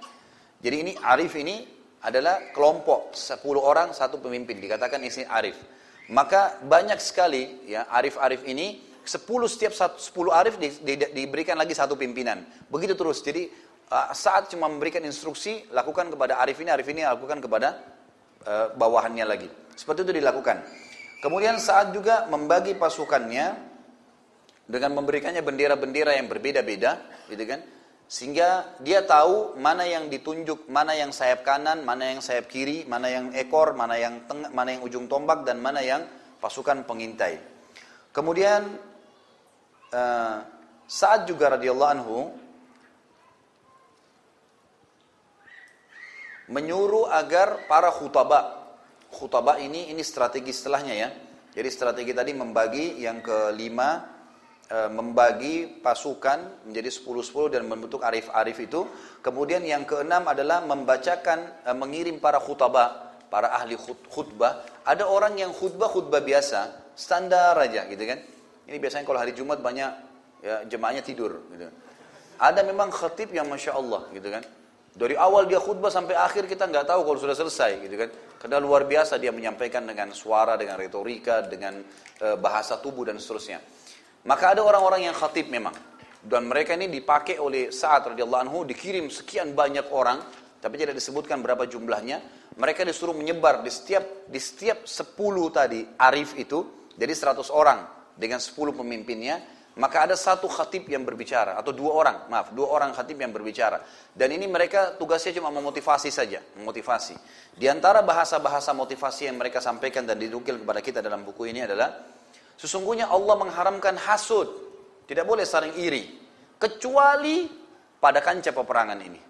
Di kancah peperangan Nabi SAW membolehkan seorang muslim menghasut saudaranya. Menghasut dalam arti kata merasa, oh kenapa kok dia lebih berani? Saya mestinya bisa lebih berani daripada dia. Maka di sini tempatnya saling berhasutlah untuk berperang di jalan Allah. Gitu kan? Karena ini sesuai dengan ya perintah Nabi SAW. Maka itu di antara kata-kata motivasinya. Dan juga yang dilakukan setelahnya, yang ketujuh adalah bagaimana e, saat juga mengirim setelah para khutabah ini berbicara, mengirim para qurra, para penghafal Al-Quran, dan orang-orang yang memiliki suara yang sangat indah. Lalu menyebar kepada arif-arif tadi ini, semuanya menyebar, ini pasukan sudah saling berhadapan nih. Maka dilakukan oleh saat seperti itu, dikirim suara-suara indah dan disuruh membaca surah Al-Anfal lengkap. Gitu kan. Surah Al-Anfal, surah memang untuk peperangan gitu kan. Janji-janji Allah, kemenangan-kemenangan, malaikat yang turun di perang badar. Semua berbicara tentang surga, orang yang mati syahid, fadilahnya, dan seterusnya. Maka dibacakanlah surah-surah Al-Anfal. Pada saat dibaca surah Al-Anfal dalam beberapa riwayat dikatakan, dalam beberapa asar disebutkan, maka seluruh jiwa-jiwa mujahidin mulai lunak, mereka merindukan akhirat, mereka akhirnya melihat musuh-musuh mereka kecil, dan seterusnya. Lahirlah perasaan-perasaan seperti itu. Kemudian yang dilakukan setelah itu, saat mengirim lagi para khutabah, setelah para qurra membacakan surah Al-Anfal, banyak di antara mujahidin yang menangis mendengar ayat-ayat tersebut. Kemudian Beliau juga menginstruksikan agar mengirim Khalid tadi si wakilnya dan menyampaikan kepada para pimpinan-pimpinan arif untuk men, e, di, diyakinkan dirinya dan pasukannya dengan janji-janji Allah. Disampaikan lagi para khutbah tentang surga, terus begitu. Dan disampaikan tentang sabda Nabi Shallallahu Alaihi Wasallam berhubungan dengan kisrah ini. Ternyata ada hadis Nabi yang mulia dan hadis ini diriwayatkan oleh uh, uh, Imam Muslim dan Imam Ahmad yang berbunyi Kata Nabi sallallahu alaihi wasallam, "Usbatun min ummati yaftahuna al-bait al-abyad, bait Kisra." Nanti akan ada sekelompok dari umatku yang akan menaklukkan istana putih, istananya Kisra. Kisra ini kebetulan punya istana berwarna putih dan besar sekali. Dan Kisra ini punya banyak sekali apa namanya e, banyak sekali harta, kaya raya, wilayahnya luas gitu kan. Saking kayanya sampai dia punya singgasana yang kalau dia duduk, padahal dia orangnya besar, kalau dia duduk di tengah-tengah singgasana itu dia kelihatan seperti kecil karena besarnya singgasana itu. Sebagian asar menyebutkan seperti sebuah kapal yang orang duduk sendiri di dalamnya gitu kan. Jadi saking besarnya singgasana itu. Dia punya mahkota si Kisra ini itu bukan mahkota yang kayak biasa raja pakai ditaruh di kepala, dibuat mahkota yang sangat besar, besar sekali yang hampir mendekati besarnya singgasananya yang diturunkan dengan rantai-rantai yang besar diisi dengan permata-permata yang mengkilat dan kalau dia sudah duduk dengan pakaian kerajaannya, mahkotanya diturunkan pakai rantai. Jadi kesannya kayak masuk di kepalanya tapi besar sekali. Saking ingin menunjukkan keagungan. Dan pada saat dia lagi duduk dan diturunkan rantai, ditutup dengan tirai. Nah, pada saat dia sudah diturunkan eh, apa namanya eh, singas apa eh, mahkota itu, di, disingkaplah tabirnya. Kemudian di sekitar tempat duduknya singa sananya itu seperti bulatan ini misalnya, itu ditaruh kaca-kaca semuanya. Sehingga di pagi hari cahaya matahari masuk dan kena ke permata-permata sehingga mengkilau. Pada saat itu terjadi, maka semua orang yang ada di sekitarnya sujud kepada Kisra, gitu kan? Sujud, jadi sebuah keagungan. Kisra punya singgasana semuanya. Dan dia saking tinggi besarnya dia punya dua buah gelang dari emas. Dan itu gelangnya saking beratnya dan besarnya. Karena dia tinggi besar itu tidak ada yang bisa pakai. Yazdajar saja yang bisa pakai. Raja ini sangat besar badannya. Dan ini juga ada sedikit rentetan sejarah. Saya tambahkan saja di sini. Waktu Nabi Wasallam mau hijrah ke Madinah dengan Abu Bakar, sempat ada satu orang Quraisy yang ingin mengejar Nabi SAW dengan Abu Bakar dan ingin mengejar 100 ekor unta dijanjikan oleh Abu Sufyan. Siapa namanya? Suraka bin Malik. Ya. Suraka bin Malik ini adalah salah satu tokoh Quraisy, gitu kan? Yang dia ini uh, terkenal dengan keberaniannya juga. Maka dia sempat mengejar Nabi Wasallam dan pada saat dia lihat Nabi setelah dari uh, Gar Thur, gitu kan, mau ke Madinah setelah tiga hari di sana bersembunyi, dilihatlah. Lalu orang-orang bilang itu mungkin Muhammad. Dia tahu kalau itu Nabi SAW, maka dia bilang sama teman-temannya, bukan, itu bukan Muhammad, itu orang Arab yang kebetulan lewat. Sampai teman-temannya semuanya sudah merasa aman, pergi, dia pun mengejar sendiri. Pada saat mendekati Nabi SAW, Abu Bakar sempat bilang, ya Rasulullah, salah seorang di antara mereka mendekati kita. Kata Nabi SAW, tenanglah wahai Abu Bakar sambil melantunkan ayat Al-Quran. Abu Bakar sebentar ke kanan, sebentar ke kiri, sebentar ke depan, sebentar ke belakang Nabi. Kata Nabi SAW, kenapa wahai Abu Bakar? Dia bilang orang itu makin mendekat ya Rasulullah. Ya.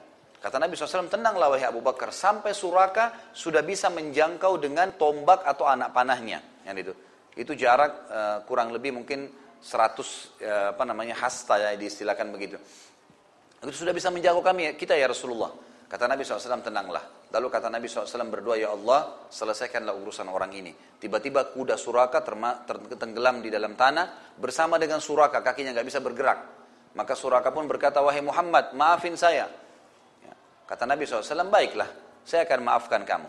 Lalu dia bilang, kalau begitu berikan kepada saya surat keamanan. Artinya Usuraka sudah tahu Nabi ini akan ke Madinah dan di Madinah ada pasukan yang sangat kuat yang mungkin bisa menyerang Mekah. Satu waktu kalau kau menyerang Mekah, maka saya bisa aman. Maka Nabi SAW berkata kepada Abu Bakar, Abu Bakar tuliskanlah surat buat dia. Keamanan ini dari Rasulullah Muhammad SAW kepada Suraka bin Malik. Surat ini akan dijadikan aman sehingga dia tidak termasuk dalam orang-orang kafir yang akan terbunuh. Maka dikasihlah. Lalu Suraka pun mengambil kemudian dia pergi. Kata Nabi SAW, tapi dengan syarat kamu tidak boleh menyampaikan berita kami. Dia bilang, iya, baiklah. Ringkas cerita, Suraka pada saat mau pergi, kata Nabi SAW kalimat begini, berhubungan dengan Kisra nih. Kata Nabi SAW, wahai Suraka, bagaimana pendapatmu? Satu waktu nanti kau akan pakai dua gelangnya Kisra. Gelangnya Kisra ini besar. Dan dia raja adik kuasa gitu kan, yang sangat berkuasa pada saat itu.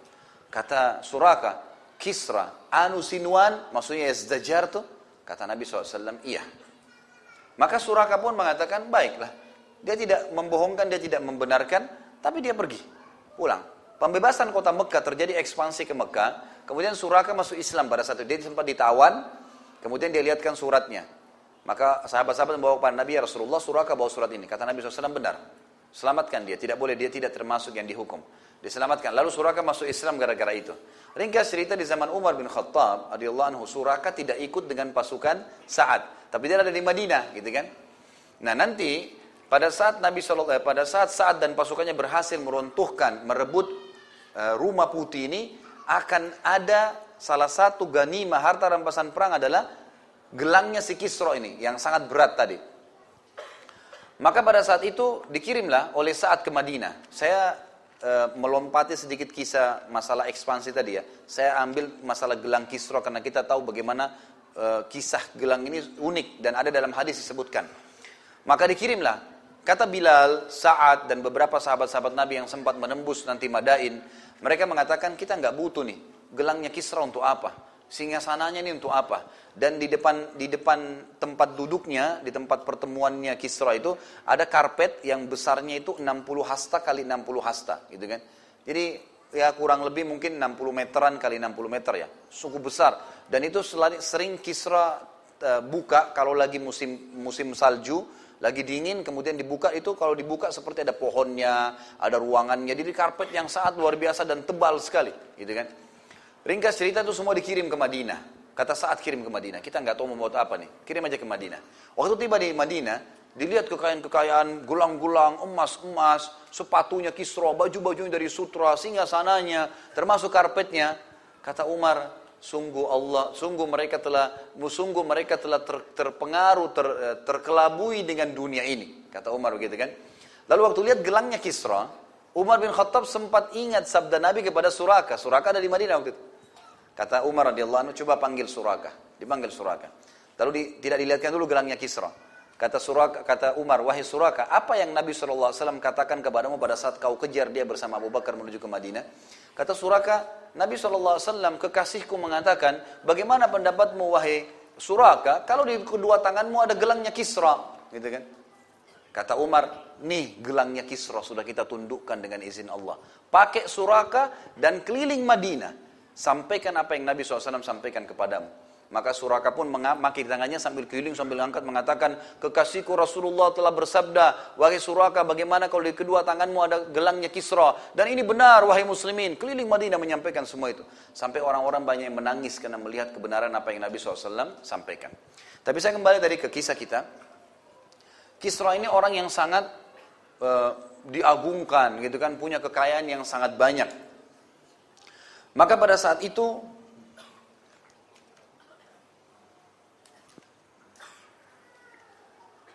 Saya tidak kesambung ke kisah awalnya. Tapi yang jelas pada saat itu, saat pun akhirnya kita kembali ke pasukan aja ya. Saya tidak ingat tadi kenapa saya ceritakan masalah Kisra itu. Tapi yang jelas pada saat itu saat radhiyallahu anhu sudah menghadapi pasukan, menghadapkan pasukan dan berusaha untuk ya menginstruksikan kepada pasukan. Oh ada hadis Nabi, maaf. Hadis Nabi tadi begini. Yang kata Nabi SAW, sekelompok dari umatku akan menaklukkan istana putih, istananya Kisra. Gitu kan? Ini tadi sebabnya kenapa saya ceritakan Kisra dengan gelangnya dan semuanya.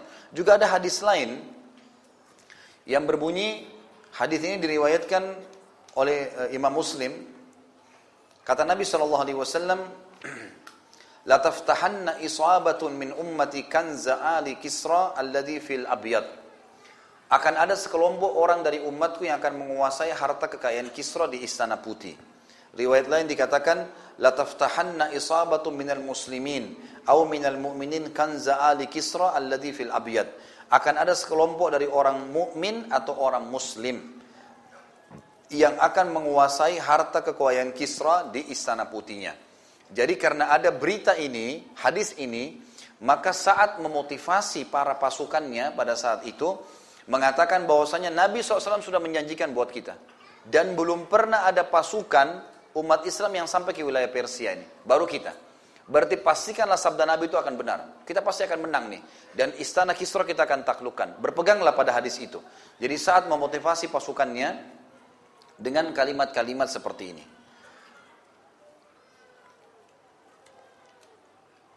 Baik, ini kurang lebih strategi perang saat radhiyallahu anhu.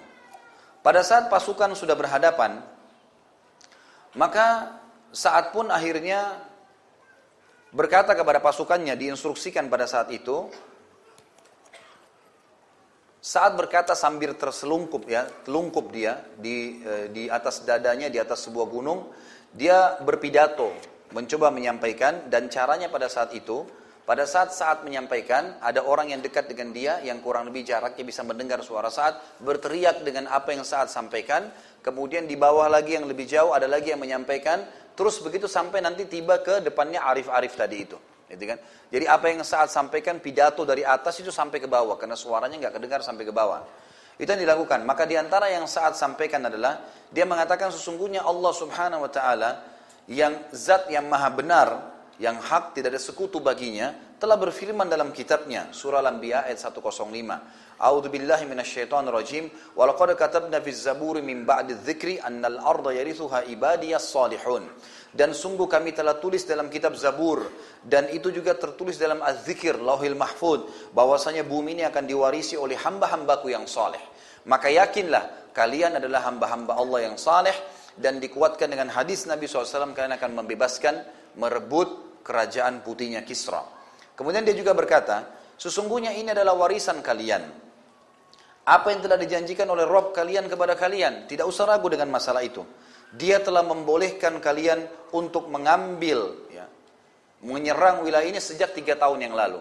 Artinya di sini sudah dari tiga tahun yang lalu Amir Mukminin mau masuk ke sini. Kalian boleh makan darinya, kalian memberi makan darinya, dan kalian boleh memerangi orang-orangnya. Kalian menghancurkan mereka bila mereka dalam keadaan kufur dan menawan sampai hari ini dari apa yang kalian ingin tawan. Dan sesungguhnya kalian adalah pahlawan-pahlawan Allah di muka bumi. Maka telah datang kekuatan-kekuatan kalian ke wilayah ini, jangan kalian sia-siakan. Kurang lebih seperti itu maknanya yang disampaikan oleh Sa'ad radhiyallahu anhu. Terus saat terus memotivasi ya para sahabat eh, para pasukannya sampai dia mengatakan aku telah mewakilkan kepada Khalid bin Arfa'a Arfatah sebagai wakilku maka ikutilah dia. Maka mereka pun akhirnya mengikuti Khalid bin Arfa'a. Kata Sa'ad pada saat sudah selesai atau menjelang sholat duhur, jangan pernah menyerang sampai azan duhur dan kalian sholat duhur. Setelah sholat duhur, maka dengarkanlah pecikan takbirku. Kalau aku takbir yang pertama, maka kalian juga ikut bertakbir. Saat takbir, orang yang dibawanya menyampaikan takbir, sana takbir, terdengar takbir, takbir semua serentak. 30 ribu orang. Setelah itu, kalian tenang. Tunggu instruksi takbir saya yang kedua. Maka saat pun bertakbir setelah melihat pasukan musuh sambil berdoa kepada Allah lalu berkata, ya Allahu Akbar yang kedua. Sampailah kepada orang yang kedua, orang yang dekat saat lalu menyampaikan sampai ke pasukan. Semuanya takbir yang kedua. Kemudian saat melihat lagi ke arah musuh sambil berdoa kepada Allah Subhanahu wa taala, akan mengucapkan takbir yang ketiga, dia rupanya ini secara manusiawi ingin melihat reaksi takbir kepada pasukan-pasukan musuh. Dan saat bisa melihat dari jarak jauh, mereka saling melihat satu sama yang lain, gitu kan? Artinya ini ada pengaruh kejiwaan terhadap takbir tersebut, karena 30 ribu orang semua takbir.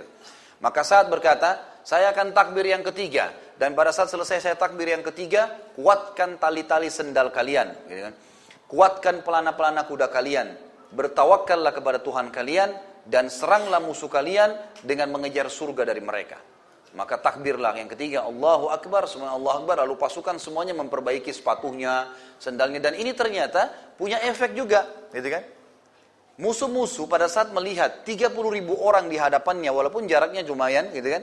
Tapi ternyata mereka semua serentak dari kudanya itu melihat ke arah sepatunya. Karena instruksi pemimpin begitu, gitu kan?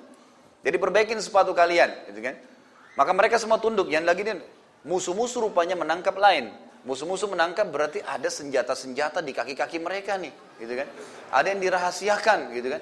Padahal instruksi saat cuma begitu, suruh kuatkan sendal-sendal kalian, gitu kan? Kuatkan pelana-pelana kalian. Setelah itu mereka semua yang di atas kuda memposisikan pelananya, dipastikan kedua kakinya disentakkan supaya ketahuan kuat, gitu kan? Secara serentak, gitu kan? Maka ini sebuah hal pemandangan yang unik bagi musuh-musuh Allah Subhanahu taala. Maka yang terjadi pada saat itu semua pun melihat, memperhatikan saat melihat dari atas. Kata saat setelah takbir yang keempat, maka ujung tombak maju menyerang. Lalu beberapa saat setelah itu disusul oleh sayap kanan dan sayap kiri tanpa menunggu. Pada saat kalian sudah bertemu dengan musuh kalian, ucapkan dengan suara keras la haula wala quwata illa billah. Ucapkan la haula wala quwata illa billah. Terus begitu. Maka akhirnya pasukan pun melakukan saat bertakbir yang keempat, Allahu Akbar, disampaikan Allahu Akbar semuanya bertakbir maka dilakukanlah ujung tombak maju kemudian sayap kanan sayap kiri maju musuh pun mulai ya ada yang maju beberapa dan terjadi kancah peperangan. Ributlah terjadi kecamuklah peperangan pada saat itu. Mereka begitu mengucapkan la haula wala quwata illa billah la haula wala quwata illa billah. Maka di dalam buku-buku sejarah dikatakan mereka menebas musuh-musuh mereka seperti membunuh ya apa seperti eh, sehingga musuh mereka terja, eh, berjatuhan seperti lalat-lalat yang jatuh gitu kan bertebaran jatuh karena semangat yang besar. Orang-orang muslim ingin mencari kematian karena saat mengatakan kejarlah surga dari musuh-musuh kalian, sementara musuh-musuh mereka itu berharap bisa selamat karena mereka menerima gaji dari itu. Beda, pasukan kafir berbeda gitu kan. Maka pada saat itu pun mereka menyerang. Lalu saat radhiyallahu anhu memerintahkan pada saat itu ujung ekor untuk jarum maju ke depan. Terus maju saja dengan sentakan-sentakan kaki mereka sambil bertakbir, sambil melantunkan ayat-ayat surah Al-Anfal maka jalanlah pasukan yang di belakang ini. Nah, ternyata jalannya pasukan ekor ini dengan tenang, sementara kancah peperangan berkecamuk. Ini tidak biasa terjadi dalam peperangan. Biasanya, kalau lagi berkecamuk pun pasukan dari belakang juga menyerang dengan cepat. Ini enggak. Memang sengaja begitu. Dan oleh saat disuruh melebur. Jadi tadinya pasukan ekor itu kotak misalnya, maka disuruh memanjang ke samping oleh saat radhiyallahu anhu. Lalu mereka disuruh jalan dengan perang, dengan tenang. Sambil membaca ayat-ayat Al-Quran oleh musuh, ternyata Rustum di bagian belakang menyaksikan kejadian tersebut dan melihat kalau ini adalah strategi perang yang belum pernah mereka tahu sebelumnya dan ini memang sangat luar biasa.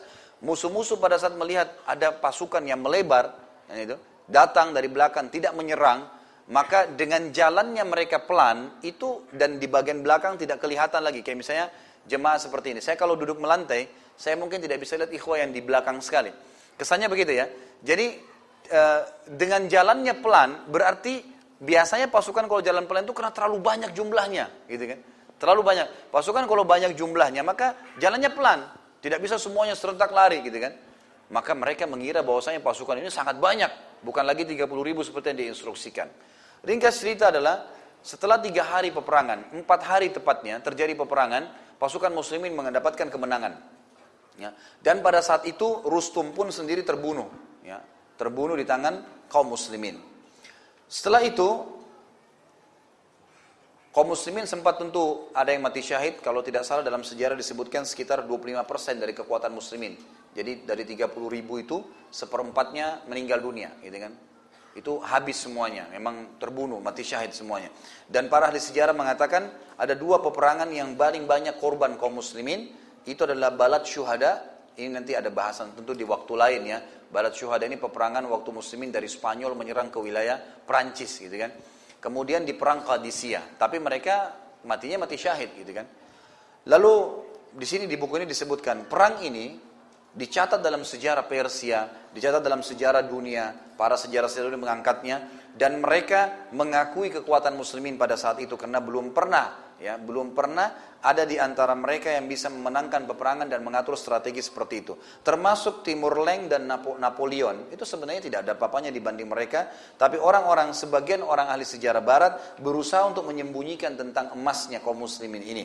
Padahal sebenarnya mereka punya kekuatan tersendiri.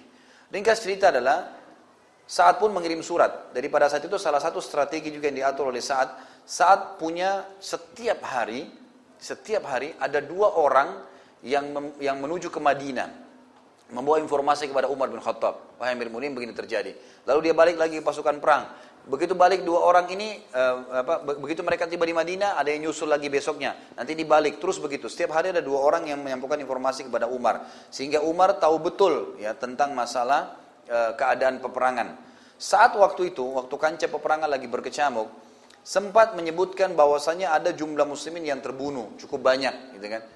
Maka e, sekarang pasukan sudah tidak utuh lagi 30 ribu. Apa saran anda?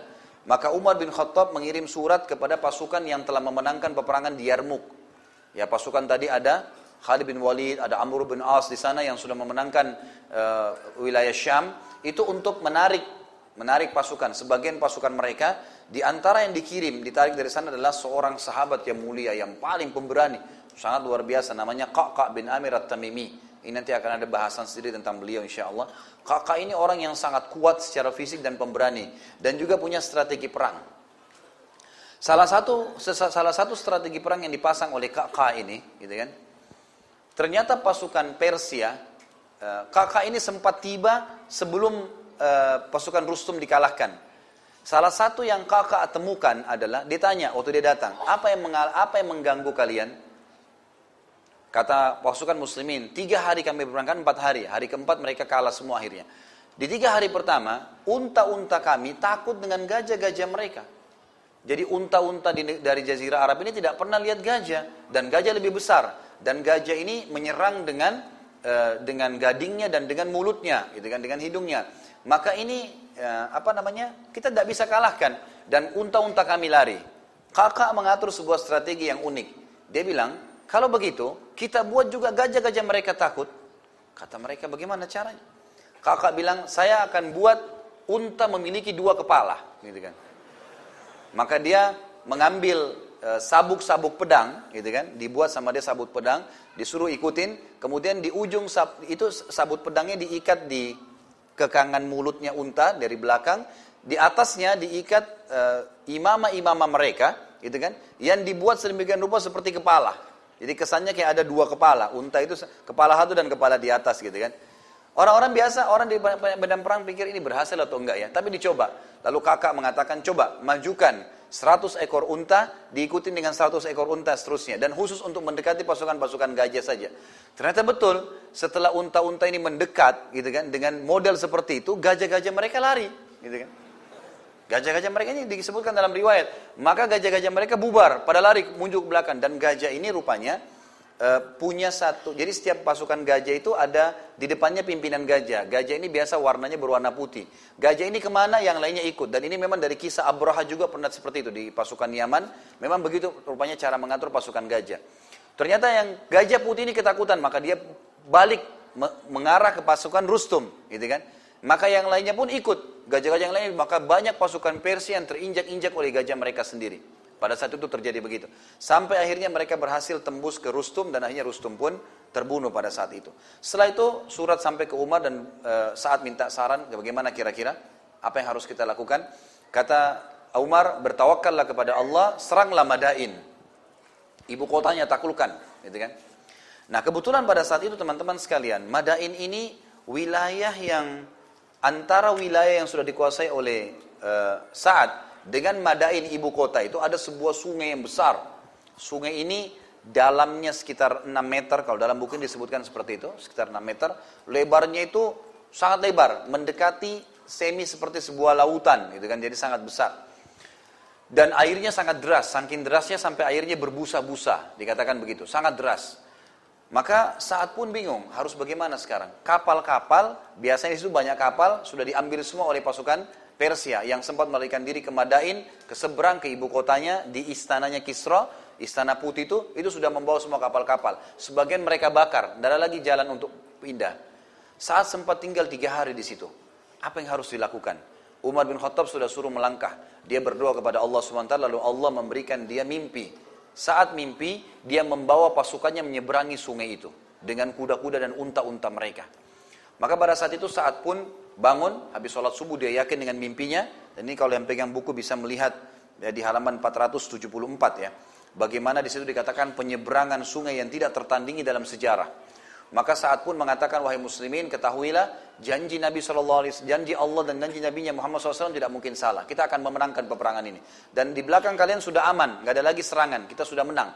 Tinggal di depan kalian ini ibu kotanya, ini yang Nabi SAW janjikan. Maka saya sudah berazam untuk menurunkan pasukan kita kuda di sungai ini. Sungai itu airnya deras sekali, ya sampai berbusa-busa. Kalau jadi sudah jelas karena kerasnya air itu gitu.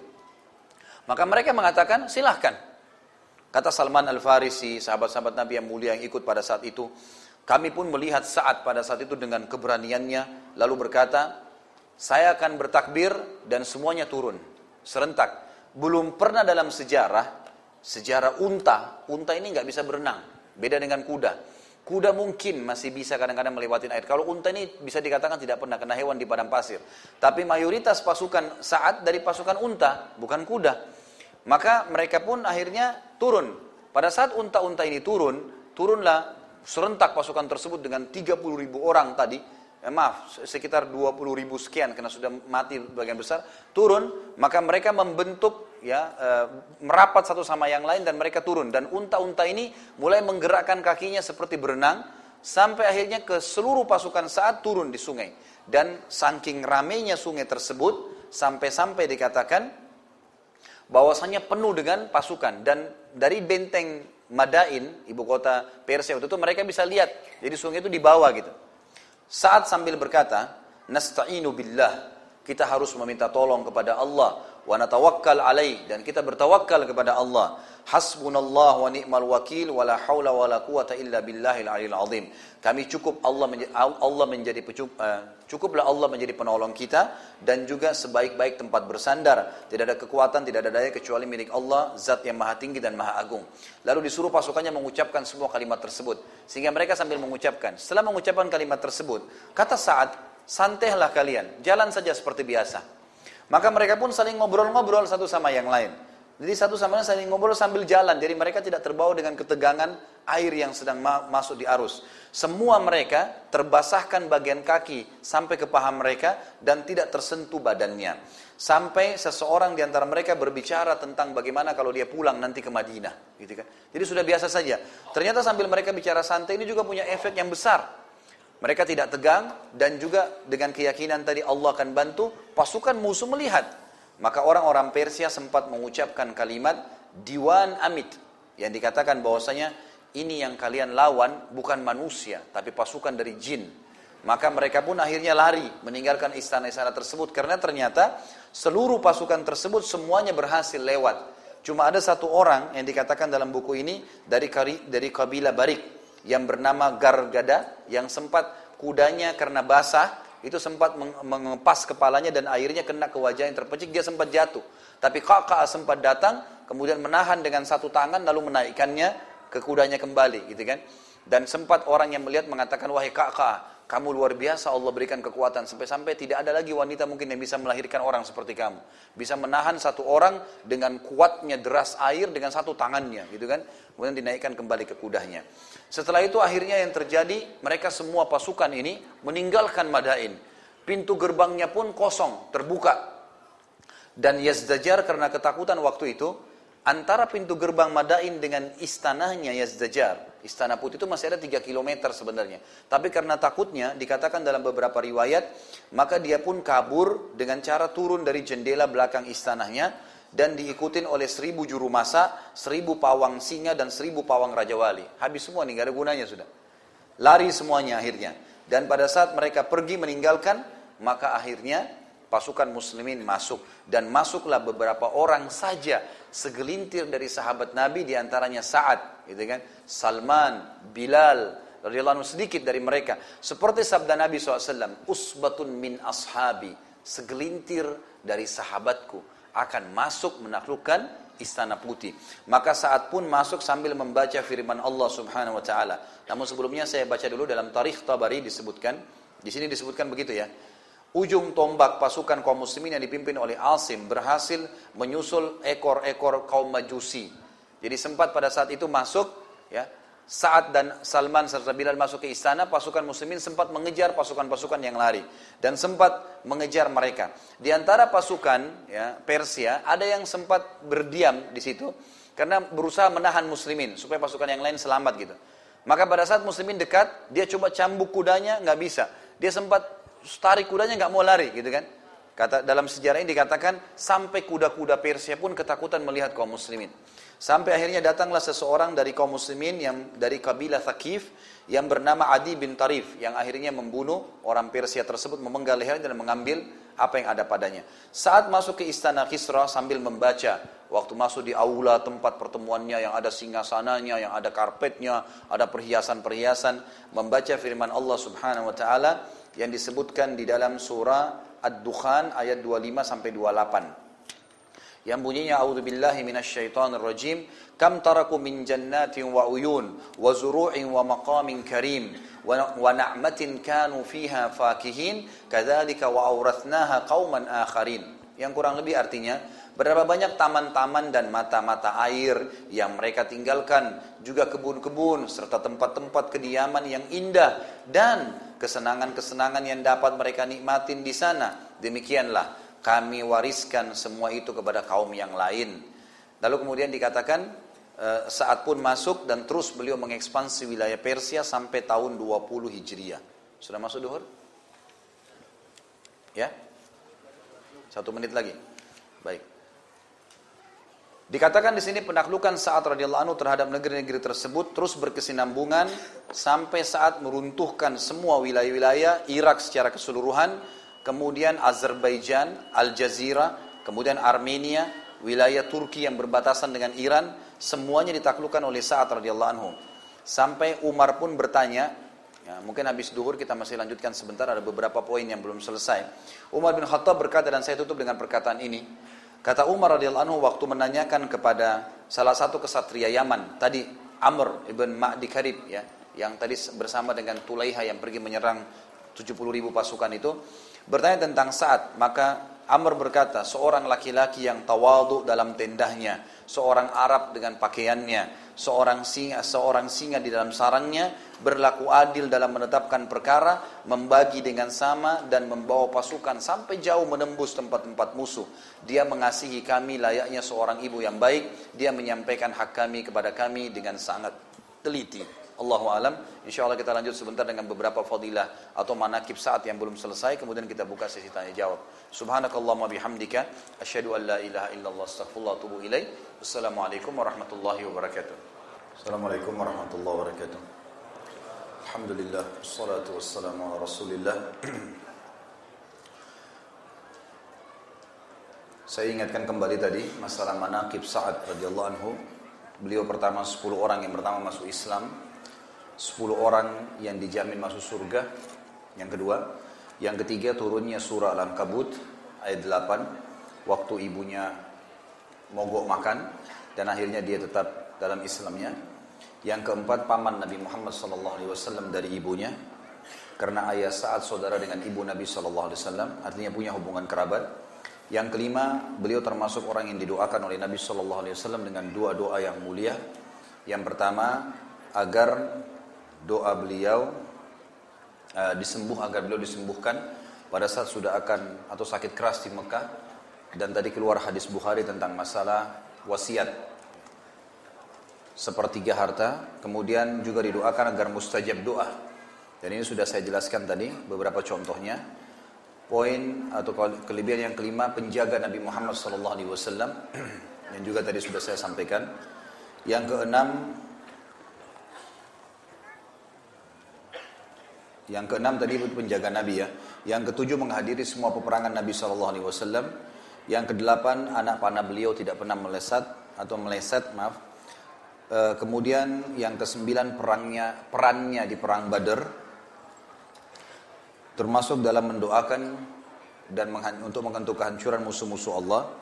Juga perannya di perang Uhud pada saat melepaskan anak-anak panah ke arah musuh-musuh. Kemudian yang ke tadi yang ke-9 itu perannya di Badar, yang ke-10 saat sempat melihat malaikat di perang Badar, eh, di perang Uhud. Kemudian ke-11 pahlawan di pembebasan Persia. Dan ini tadi terakhir yang kita bahas. Poin ke-11. Dan yang terakhir tadi bagaimana pasukan muslimin berhasil menyeberangi sungai dan juga akhirnya menembus istana putih Kisra. Salah satu yang menarik dari perkataan Sa'ad juga pada saat pasukannya sedang menyeberangi sungai, dia mengatakan, "Cukuplah Allah bagi kami. Hasbunallah wa ni'mal wakil." Ni'mal maula wa ni'mal nasir, dia sebaik-baik penolong. Demi Allah, Allah akan menolong wali-walinya jadi sambil teriak dengan suara keras, beliau di atas tunggangannya, beliau pun berteriak memotivasi para sahabat yang sedang berjihad, Allah akan memenangkan agamanya, Allah akan mengalahkan musuhnya selama dalam pasukan tidak ada dosa dan kezaliman yang akan mengalahkan kebaikan-kebaikan. Maka Salman Al-Farisi radhiyallahu yang mendengarkan statement saat menjawab sambil berkata, Islam ini adalah agama yang baru yang belum ada agama seperti ini sebelumnya. Maksudnya ajaran Nabi Muhammad SAW. Tetapi sekalipun dia baru demi Allah, lautan telah ditundukkan bagi kaum muslimin. Sebagaimana daratan telah dimudahkan bagi mereka. Karena waktu itu Salman menyaksikan sendiri pasukan-pasukan muslimin sedang melewati sungai tadi. Demi zat yang jiwaku berada dalam tangannya, kata Salman radhiyallahu anhu, mereka pasti keluar darinya dengan berbondong-bondong sebagaimana mereka masuk ke dalamnya dengan berbondong-bondong tidak seekor kuda pun yang terlepas tali kekangnya dari mulutnya. Sampai akhirnya Allah Subhanahu wa taala memberikan kemenangan kepada kaum muslimin.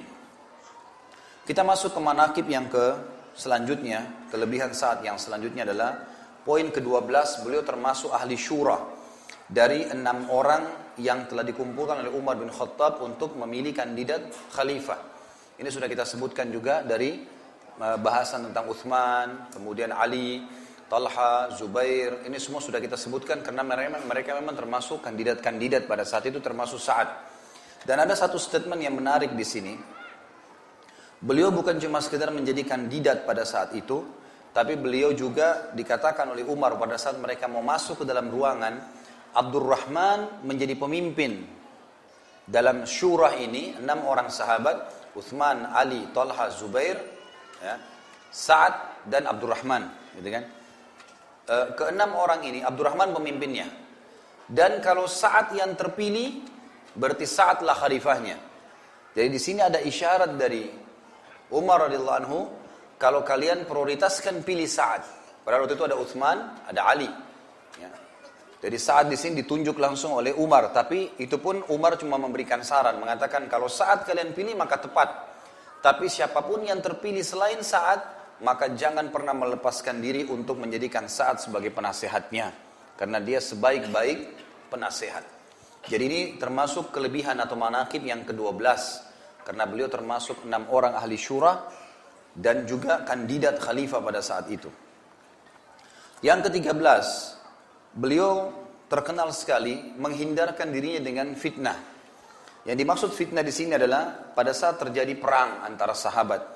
Beliau termasuk sahabat yang tidak pernah hadir di perang Jamal, ya. Perang antara Ali sama Aisyah. Tidak pernah hadir di Siffin, perang antara Ali sama Muawiyah. Tidak pernah menghadiri semua peperangan yang terjadi antara muslim sama muslim. Boleh menghindari semua itu.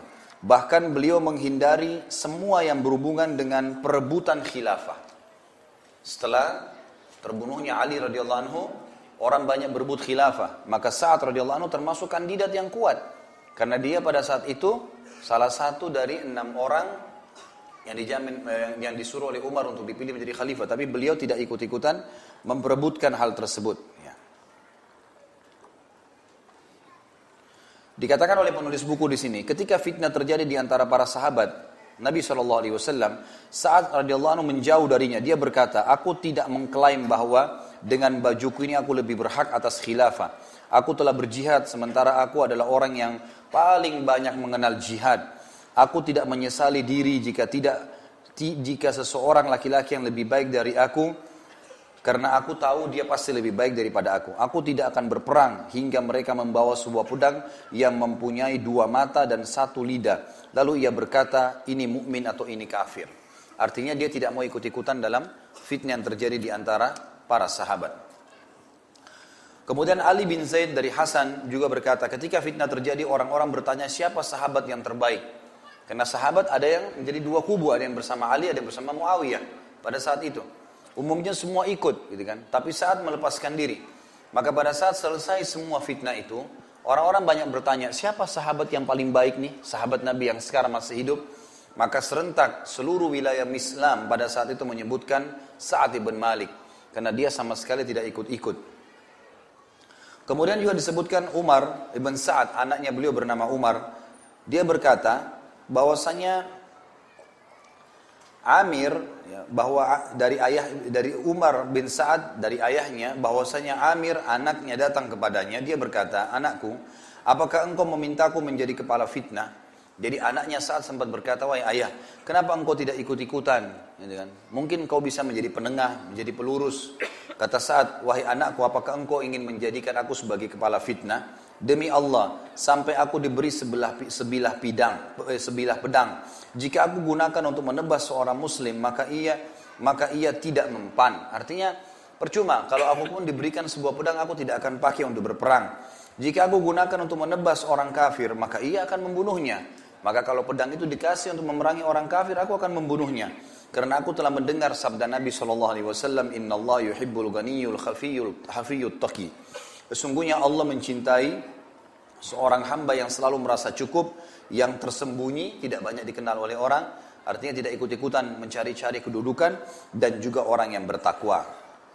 Kemudian juga dikatakan dalam buku ini masih dijelaskan masalah fitnah, saat menyingkir dari fitnah sehingga meraih keutamaan yang sangat besar. Di antaranya Imam Az-Zahabi mengatakan rahimahullah, saat menjauh dari fitnah, dia tidak pernah ikut dalam perang Jamal, tidak pernah ikut dalam Sifain, tidak pernah ikut dalam tahkim, bahkan memerangi Khawarij saja dia tidak ikut-ikutan. Padahal dia kapabel sekali untuk menjadi khalifah. Kedudukannya agung, semoga Allah meridhoinya. Jadi memang beliau punya kedudukan yang luar biasa. Ya, beliau menyelamatkan diri dari fitnah itu. Kemudian selanjutnya yang keempat belas adalah zuhud. Beliau terkenal juga dengan zuhudnya. Zuhud artinya mendahulukan akhirat dari dunia. Seperti kalau lagi azan, eh, kemudian ada orang lagi aktivitas, maka dia meninggalkan pekerjaannya untuk untuk untuk sholat misalnya. Maka itu dikatakan zuhud. Ada orang ingin menabung dengan ingin bersodakah. Ada orang yang minta, maka dia bersodakah. Maka ini namanya zuhud. Mendahulukan akhirat dari dunia. Ada pemahaman keliru di tengah-tengah masyarakat kita dianggap zuhud itu meninggalkan uh, akhir meninggalkan dunia untuk akhirat. Ini keliru. Sehingga mereka menggunakan baju yang kotor, mereka memakan roti yang kering. Ini semua tidak benar. Bukan ini definisi zuhud. Makanya kita temukan sahabat-sahabat yang dianggap pemimpin zuhud. Seperti Abu Bakar, Umar, Uthman, Ali, Talha, Zubair. Mereka orang-orang yang mampu. Mereka punya kemampuan secara finansial. Tapi mereka selalu mendahulukan akhirat dari dunia. Dikatakan dalam buku ini zuhud saat ya, terhadap kepemimpinan. Jadi dia dimasukkan dalam masalah itu. Disebutkan bahwasanya saat pernah ditawarkan oleh beberapa orang untuk menjadi khalifah. Maka saat pun ya, didatangi juga oleh anaknya sendiri yang bernama Umar sambil berkata, "Wahai ayah, apakah engkau rela menjadi seorang yang tinggal di pedalaman karena pada saat terjadi fitnah saat sempat tinggal jauh dari luar kota Madinah. Kemudian beliau mengembala kambing. Orang-orang yang lain semua sahabat lagi di Madinah. Ada yang coba meredam fitnah, ada yang terkena fitnah. Jadi luar biasa gitu. Maka saat pun menyendiri lalu mengembala kambing, gak ikut-ikutan. Anaknya berkata, wahai ayahku, apakah engkau rela menjadi seorang yang tinggal di pedalaman mengurus domba-domba? Sedangkan di Madinah orang-orang berebut kekuasaan. Maka saat memukul dada anaknya, maksudnya menepuknya sambil berkata, diamlah wahai anakku. Aku telah mendengarkan sabda Nabi wasallam, "Inna Allah yuhibbul 'abda at-taqiyya al-ghaniyya al-khafiyya." Inna Allah yuhibbul 'abda at-taqiyya al-ghaniyya al-khafiyya. Sesungguhnya Allah mencintai hamba yang bertakwa, kaya, punya kekayaan dan suka bersedekah serta khafi, suka menyembunyikan amal-amal solehnya atau tidak ikut-ikutan dengan orang-orang yang ramai. Ini termasuk masuk dalam bab dan hadis ini juga sering dipakai oleh para ulama. Hadis ini diriwayatkan oleh Imam Muslim tentunya. Hadis sahih masuk dalam bab zuhud dan hadis ini selalu dipakai oleh para ulama-ulama untuk berpegang pentingnya menyatukan antara ketakwaan, patuh pada Allah, kekayaan yang suka disodakahkan dan sukanya menyembunyikan amal soleh dan tidak ikut-ikut fitnah. Dan ini keluar diriwayatkan oleh Sa'ad radhiyallahu dari Nabi Shallallahu alaihi wasallam. Saat juga membela saudara-saudaranya Ya, pada saat itu, kalaupun misalnya ditanya, beliau tidak ikut-ikutan fitnah, tapi beliau membela saudara-saudaranya, gitu kan. Di antaranya ini ini apa namanya uh, setelah zuhud ya, setelah manakib yang ke-14, kelebihan yang ke-14, kelebihan yang ke-15 beliau membela saudara-saudaranya yang dianggap benar dan pada saat itu saat radhiyallahu anhu memang mengeluarkan statement tentang benarnya perilaku Ali radhiyallahu anhu. Dan ini sudah kita jelaskan pada saat Ali, di zaman menjelaskan Ali radhiyallahu anhu bagaimana Ali memang dalam posisi yang benar. Pada saat terjadi perang Jamal, pada saat terjadi perang Siffin, antara Ali radhiyallahu anhu dengan Aisyah radhiyallahu anha, dengan antara Ali radhiyallahu anhu dengan Muawiyah. Dan ini memang Ali dalam posisi benar, pada saat itu. Dan sudah saya jelaskan panjang lebar riwayatnya. Tapi uh, saat termasuk orang yang membela Ali pada saat itu cuma tidak ikut-ikutan perang. Disebutkan dalam sebuah riwayat bahwasanya Qais bin Abi Azim ini salah satu tabi'in rahimahullah berkata, Aku berada di Madinah, ketika itu aku sedang berkeliling di pasar. Aku tiba-tiba, aku tiba di batu-batu yang berminyak, maksudnya penjual-penjual minyak yang sedang berkumpul. Aku melihat orang-orang berkerumun di sekitar seorang pengendara kuda. Dan di atas punggung kuda itu ada seseorang yang mencaci maki Ali radhiyallahu anhu.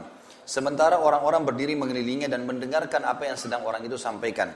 Tiba-tiba saat bin Abi Waqqas lewat. Lalu saat mengatakan kepada saya, siapa orang ini dan dia lagi ngomong apa? Maka saya berkata orang itu sedang mencela Ali bin Abi Thalib radhiyallahu anhu majma'in.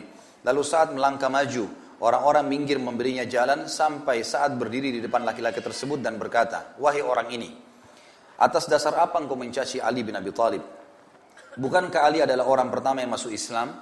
Bukankah dia orang pertama yang sholat bersama Rasulullah sallallahu alaihi wasallam? Bukankah dia orang yang paling zuhud? Bukankah dia orang yang paling berilmu? Bukankah dia menantu Rasulullah SAW suami dari putrinya? Bukankah dia pemegang panji Rasulullah SAW dalam peperangan beliau? Kemudian saat menghadap kiblat dan berdoa mengatakan, Ya Allah, sesungguhnya orang ini telah mencela salah satu dari walimu. Maka jangan engkau bubarkan kumpulan ini sampai engkau perlihatkan kekuasaanmu. Maka kata Qais yang meriwayatkan kisah ini demi Allah, kami belum bubar hingga kedua kaki kami ter, hingga kedua kaki kuda orang tersebut terbenam dan orang itu terpelanting. Kepalanya membentur batu dan akhirnya pecah sehingga otaknya kelihatan dan dia mati seketika. Jadi ini e, riwayat yang menjelaskan bagaimana perilaku saat yang membela e, sahabat yang dianggap benar oleh beliau pada saat itu. Juga ada poin selanjutnya kesabaran saat. Bagaimana saat sangat sabar dalam menghadapi permasalahan-permasalahan dalam kehidupan ini. Di antaranya riwayat pada saat akhir hidup beliau, beliau sempat buta matanya di Mekah. Dan orang-orang pun banyak berbondong-bondong mendatangi di akhir hidupnya. Gitu kan. Banyak meminta didoakan dan saat doakan dan kita sudah bilang saat adalah mustajab doa. Maka orang-orang pun pada datang minta didoain. Sampai akhirnya datang seseorang kepadanya berkata, Wahai Sa'ad, ya, tepatnya ini Abdullah bin Sa'id rahimahullah, seorang tabi'in berkata, Aku mendatangi Sa'ad dan pada saat itu aku masih belia, masih belasan tahun dan kebetulan dia hafal Quran si uh, Abdullah bin Sa'idin dan suaranya bagus termasuk karik Mekah. Maka aku pun memperkenalkan diri kepadanya lalu kemudian saat berkata, "Engkaukah orang uh, orang-orang Mekah?" Maka aku menjawab benar. Lalu dia menyebutkan kisah dan akhirnya maksudnya dia menceritakanlah kisahnya dia bagaimana dia ha, uh, hafal Quran dan seterusnya. Kemudian pada saat itu aku berkata kepadanya, "Paman." Jadi Abdullah eh, Abdullah bin Said ini berkata kepada Sa'ad, "Paman, engkau mendoakan orang-orang Sampai orang-orang itu selesai dari permasalahannya. Mengapa engkau tidak berdoa untuk dirimu sendiri sehingga Allah mengembalikan penglihatanmu? Maka saat tersenyum lalu berkata, anakku, ketetapan Allah atasku lebih baik daripada penglihatanku. Artinya, Kalau Allah sudah tentukan yang seperti ini ya sudah, berarti ini pasti yang terbaik buat aku. Maka aku akan pasti menerimanya. Aku pasti akan menerimanya. Dan ini bentuk kesabaran dari saat radhiyallahu anhu. Kemudian yang terakhir adalah kematian beliau, ya sebagai penutup seperti biasa. Maka di akhir hidup beliau, radhiyallahu anhu, beliau meninggal dunia dalam kondisi uh, buta matanya dan ulama mengatakan beliau telah tersatukan di dalam dirinya beberapa poin yang pertama, beliau mati sebagai sahabat Nabi, kemudian juga sebagai mujahid yang cukup banyak ya, menghadapi kiprah di kancah peperangan. Kemudian juga beliau meninggal dalam kondisi buta matanya. Dan ada sebuah hadis Bukhari yang berbunyi, tidak ada seorang hamba yang aku ambil kedua patanya, penglihatannya kemudian dia sabar, kecuali akan balas dengan dia surga. Jadi hampir semua permasalahan yang berhubungan dengan surga direbut oleh Sa'ad. Dia pernah ikut berjihad. Dan kata Nabi SAW, dua kaki, dua telapak kaki yang tersentuh dengan debu medan perang dalam hadis riwayat Muslim tidak akan pernah disentuh oleh api neraka. Dalam hadis yang lain dikatakan orang kafir yang terbunuh oleh seorang mukmin di, di, di, di kancah peperangan tidak akan bersatu dengan mukmin yang membunuhnya. Artinya dia tidak akan masuk ke dalam neraka. Maka ini juga fadilah, ikut jihad. Dia sebagai sahabat Nabi, semua peperangan bersama Nabi diikuti sallallahu alaihi wasallam. Dapat jaminan surga dan juga meninggal dalam kondisi buta sementara buta ini adalah balasan surga juga bagi orang yang mengalaminya kalau dia bersabar. Mus'ab bin Sa'ad radhiyallahu eh, rahimahullah ini seorang tabi'in, anaknya Sa'ad ya, lahir di zaman Umar bin Khattab. Ia berkata pada saat ayahku menghadapi kematian, kepalanya berada di pangkuanku.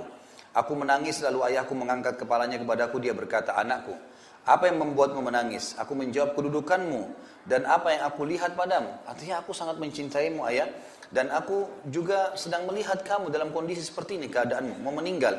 Dia berkata, anakku jangan kau menangis karena Allah tidak akan menyiksa aku. Sungguhnya aku termasuk penghuni surga.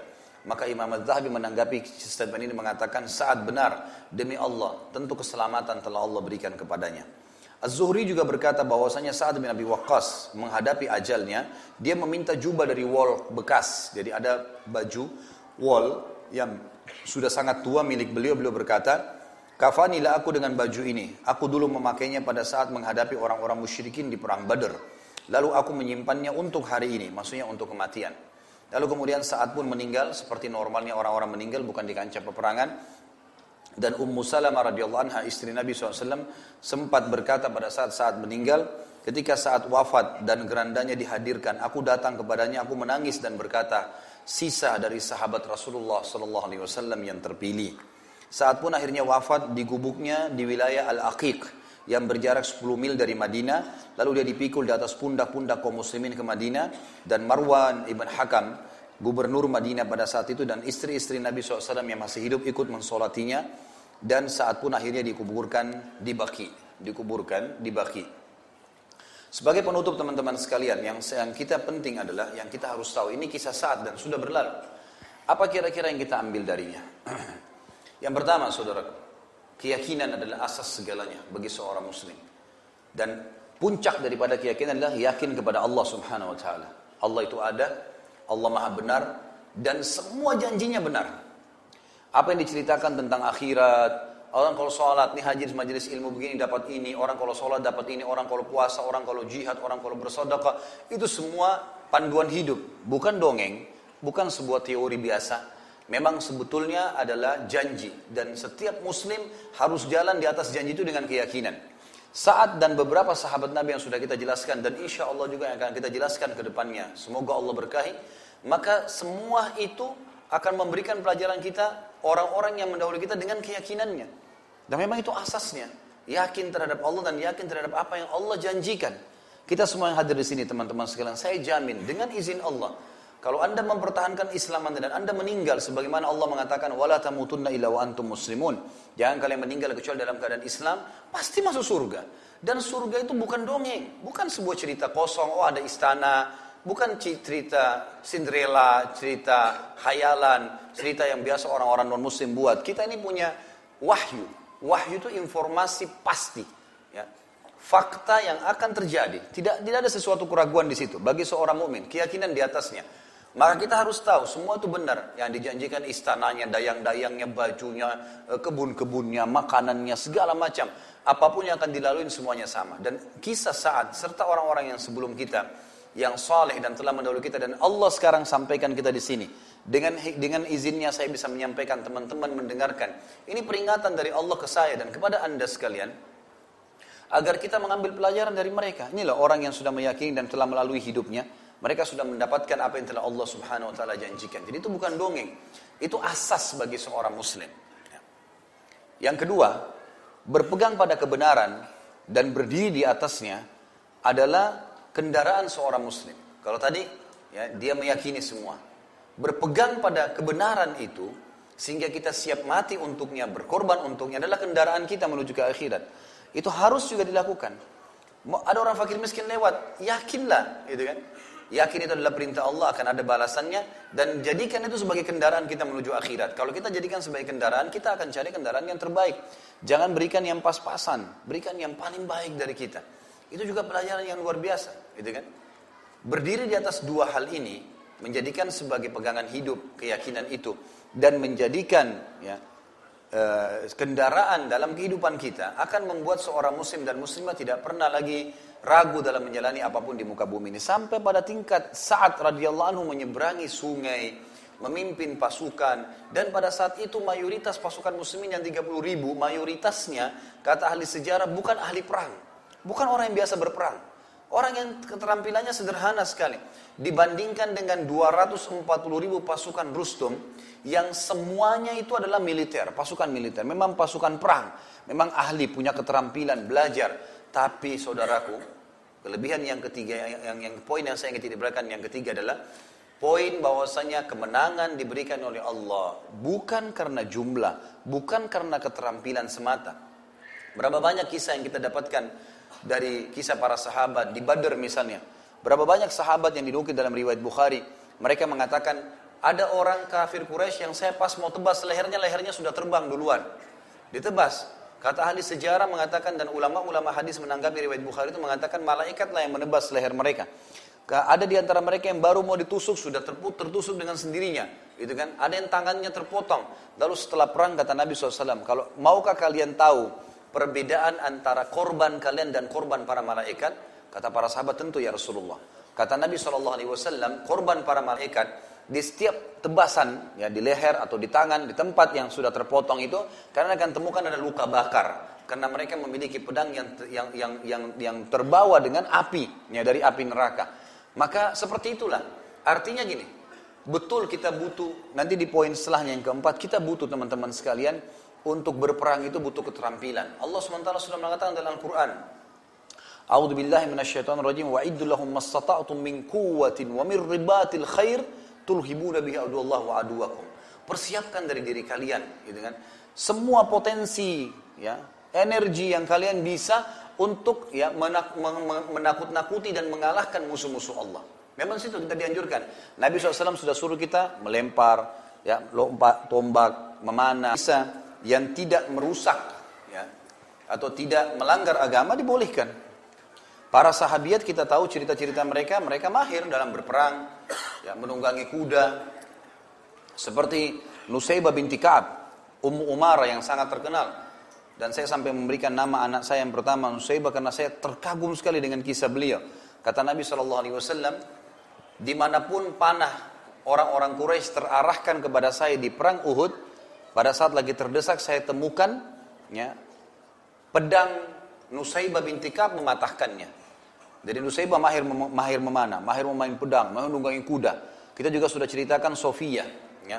Binti Huyai, eh, eh, eh, bukan Sofia, maaf, eh, Sofia binti Abdul Muttalib, tante Nabi SAW yang terkenal dengan punya kemahiran dan insya Allah mudah-mudahan satu waktu nanti eh, kalau Allah mudahkan setelah kita bahas sahabat-sahabat laki-laki ini ada bahasan tentang sahabat-sahabat perempuan itu bagaimana mereka punya kiprah-kiprah yang sangat besar di kancah peperangan dan tidak pernah kita temukan ada larangan kecuali memang kalau ada masalah-masalah yang haram ya kalau sesama perempuan misalnya, insya Allah tidak ada masalah.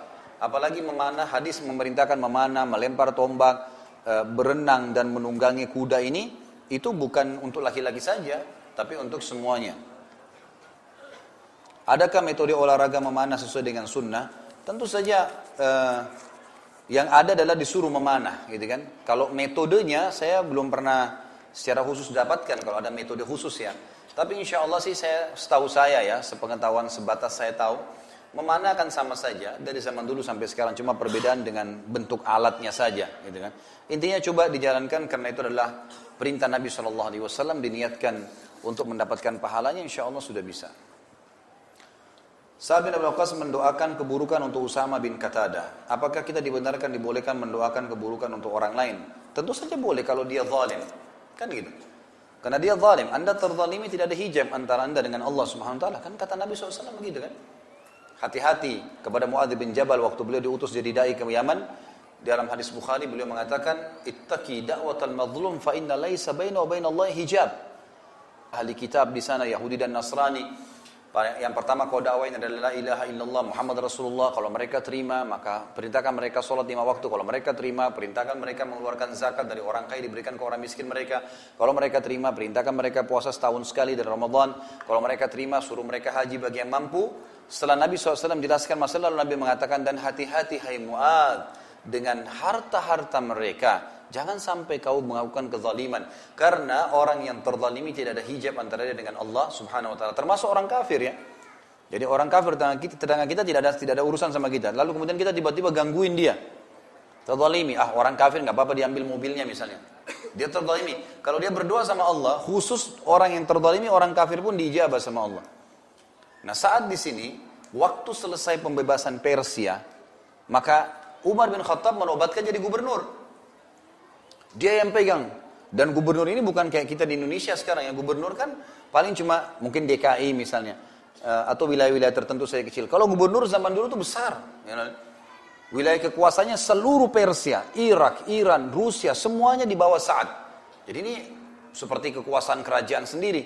Pada saat itu dia difitnah oleh Usama bin Qatada tadi. Difitnah, dikatakan dia sholatnya tidak benar, gitu kan? Maka Umar bin Khattab tadi saya sudah sebutkan, tradisi beliau kalau beliau dapat laporan, maka beliau menarik dulu gubernurnya itu, karena tidak bisa komunikasi seperti sekarang mudah via telepon atau datang dengan cepat dengan pesawat, maka dipanggil ke Madinah baru di, baru di, diluruskan gitu. Ternyata tidak benar dan sempat Umar menawarkan kembali agar e, saat kembali tapi saat sudah tidak mau. Dan saat sempat berkata, Ya Allah, kalau seandainya hambamu itu, si Usama bin Qatadah, dia melakukannya itu karena ingin membuat fitnah, karena ria, ya, karena memang mau memecahkan kaum muslimin, maka susah panjangkan umurnya, berikan dia kefakiran dan juga ya sebarkan berikan kepadanya berbagai macam fitnah. Jadi di sini saat terzalimi sampai Umar bin Khattab mencopot dari jabatannya, maka dia pun mendoakan masalah itu. Jadi boleh saja, ya itu bukan hal yang salah. Tadi dikatakan apabila kisah sejarah seperti ini dijadikan film, eh, ditakutkan artis yang memerankan tidak setara dengan ahli dan ahli maksiat. Bagaimana kalau dijadikan film animasi? Ini masih khilaf di antara ulama tentang masalah itu. Tentang boleh atau tidak. Ya. Kalau masuk dalam pendidikan. Seperti misalnya membuat buku. Ya, gitu. Umumnya ulama mengatakan kalau dia tidak utuh dalam bentuk manusia. Tidak utuh dalam bentuk manusia. Misal seperti teman-teman yang sudah faham sunnah tentunya. Mereka kalau buat buku tentang kisah sahabat ini pasti daerah wajah gambar itu dihilangkan gitu kan. Eh, sementara yang lainnya pakaian tangan itu biasa saja. Ini yang saya tahu dibolehkan. Tapi kalau dia utuh dibuat alisnya, matanya, nanti kesannya seperti itu, maka itu tidak dibolehkan. Ini Allah alam yang saya tahu. Kerajaan atau wilayah manakah yang masuk ekspansi wilayah Islam yang menerima tawaran dengan damai dan tanpa peperangan? Kalau e, tidak semua wilayah tentu diekspansi dengan peperangan ya. Jadi seperti misalnya Taif, kalau di Saudi ya. E, kemudian Tabuk, wilayah Tabuk, perang Tabuk. Nabi SAW ke sana dan orang-orang Romawi tidak ada yang berani keluar. Wilayah itu ditinggalkan sama mereka. Gitu kan? Beberapa suku-suku Arab pada saat itu, itu juga termasuk. Kemudian e, setelah Amr bin As masuk ke Mesir, maka Tunis, Jazair, Maroko juga masuk dengan damai. Ya, bukan dengan peperangan, gitu kan? Ditawarin Islam, mereka masuk Islam kaumnya. Sampai kita tahu di sana berdiri kerajaan-kerajaan besar Islam seperti Murabitun, Muwahhidun, itu kan ada memang wilayah-wilayah yang akhirnya mereka mengekspansi Islam ke Spanyol, gitu kan? Jadi itu wilayah-wilayah yang kurang lebih yang uh, masuk damai.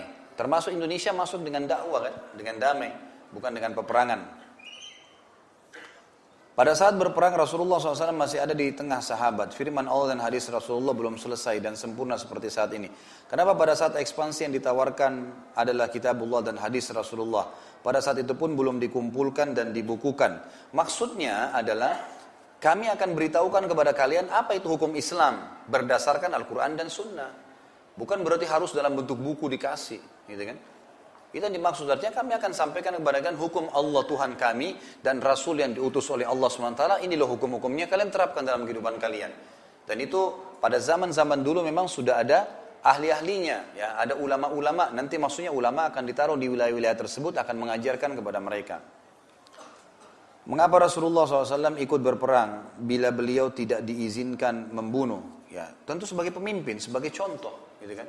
Beliau bukan tidak diizinkan membunuh ya, Artinya beliau menghindari masalah membunuh itu dan Allah Subhanahu wa taala memang mendekankan kepada nabinya Muhammad SAW tidak membunuh kecuali memang orang yang diinstruksikan, gitu kan?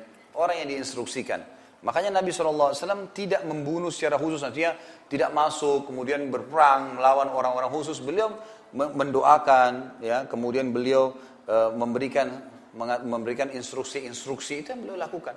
Ya, dan itu hikmah dari Allah Subhanahu Wa Taala.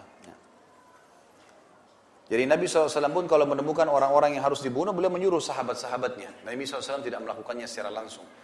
Apa hikmah, kenapa, ya Allah alam. Ya, saya tidak bisa bahas terlalu jauh masalah itu, tapi yang jelas begitulah perintah Allah kepada Nabi Muhammad SAW.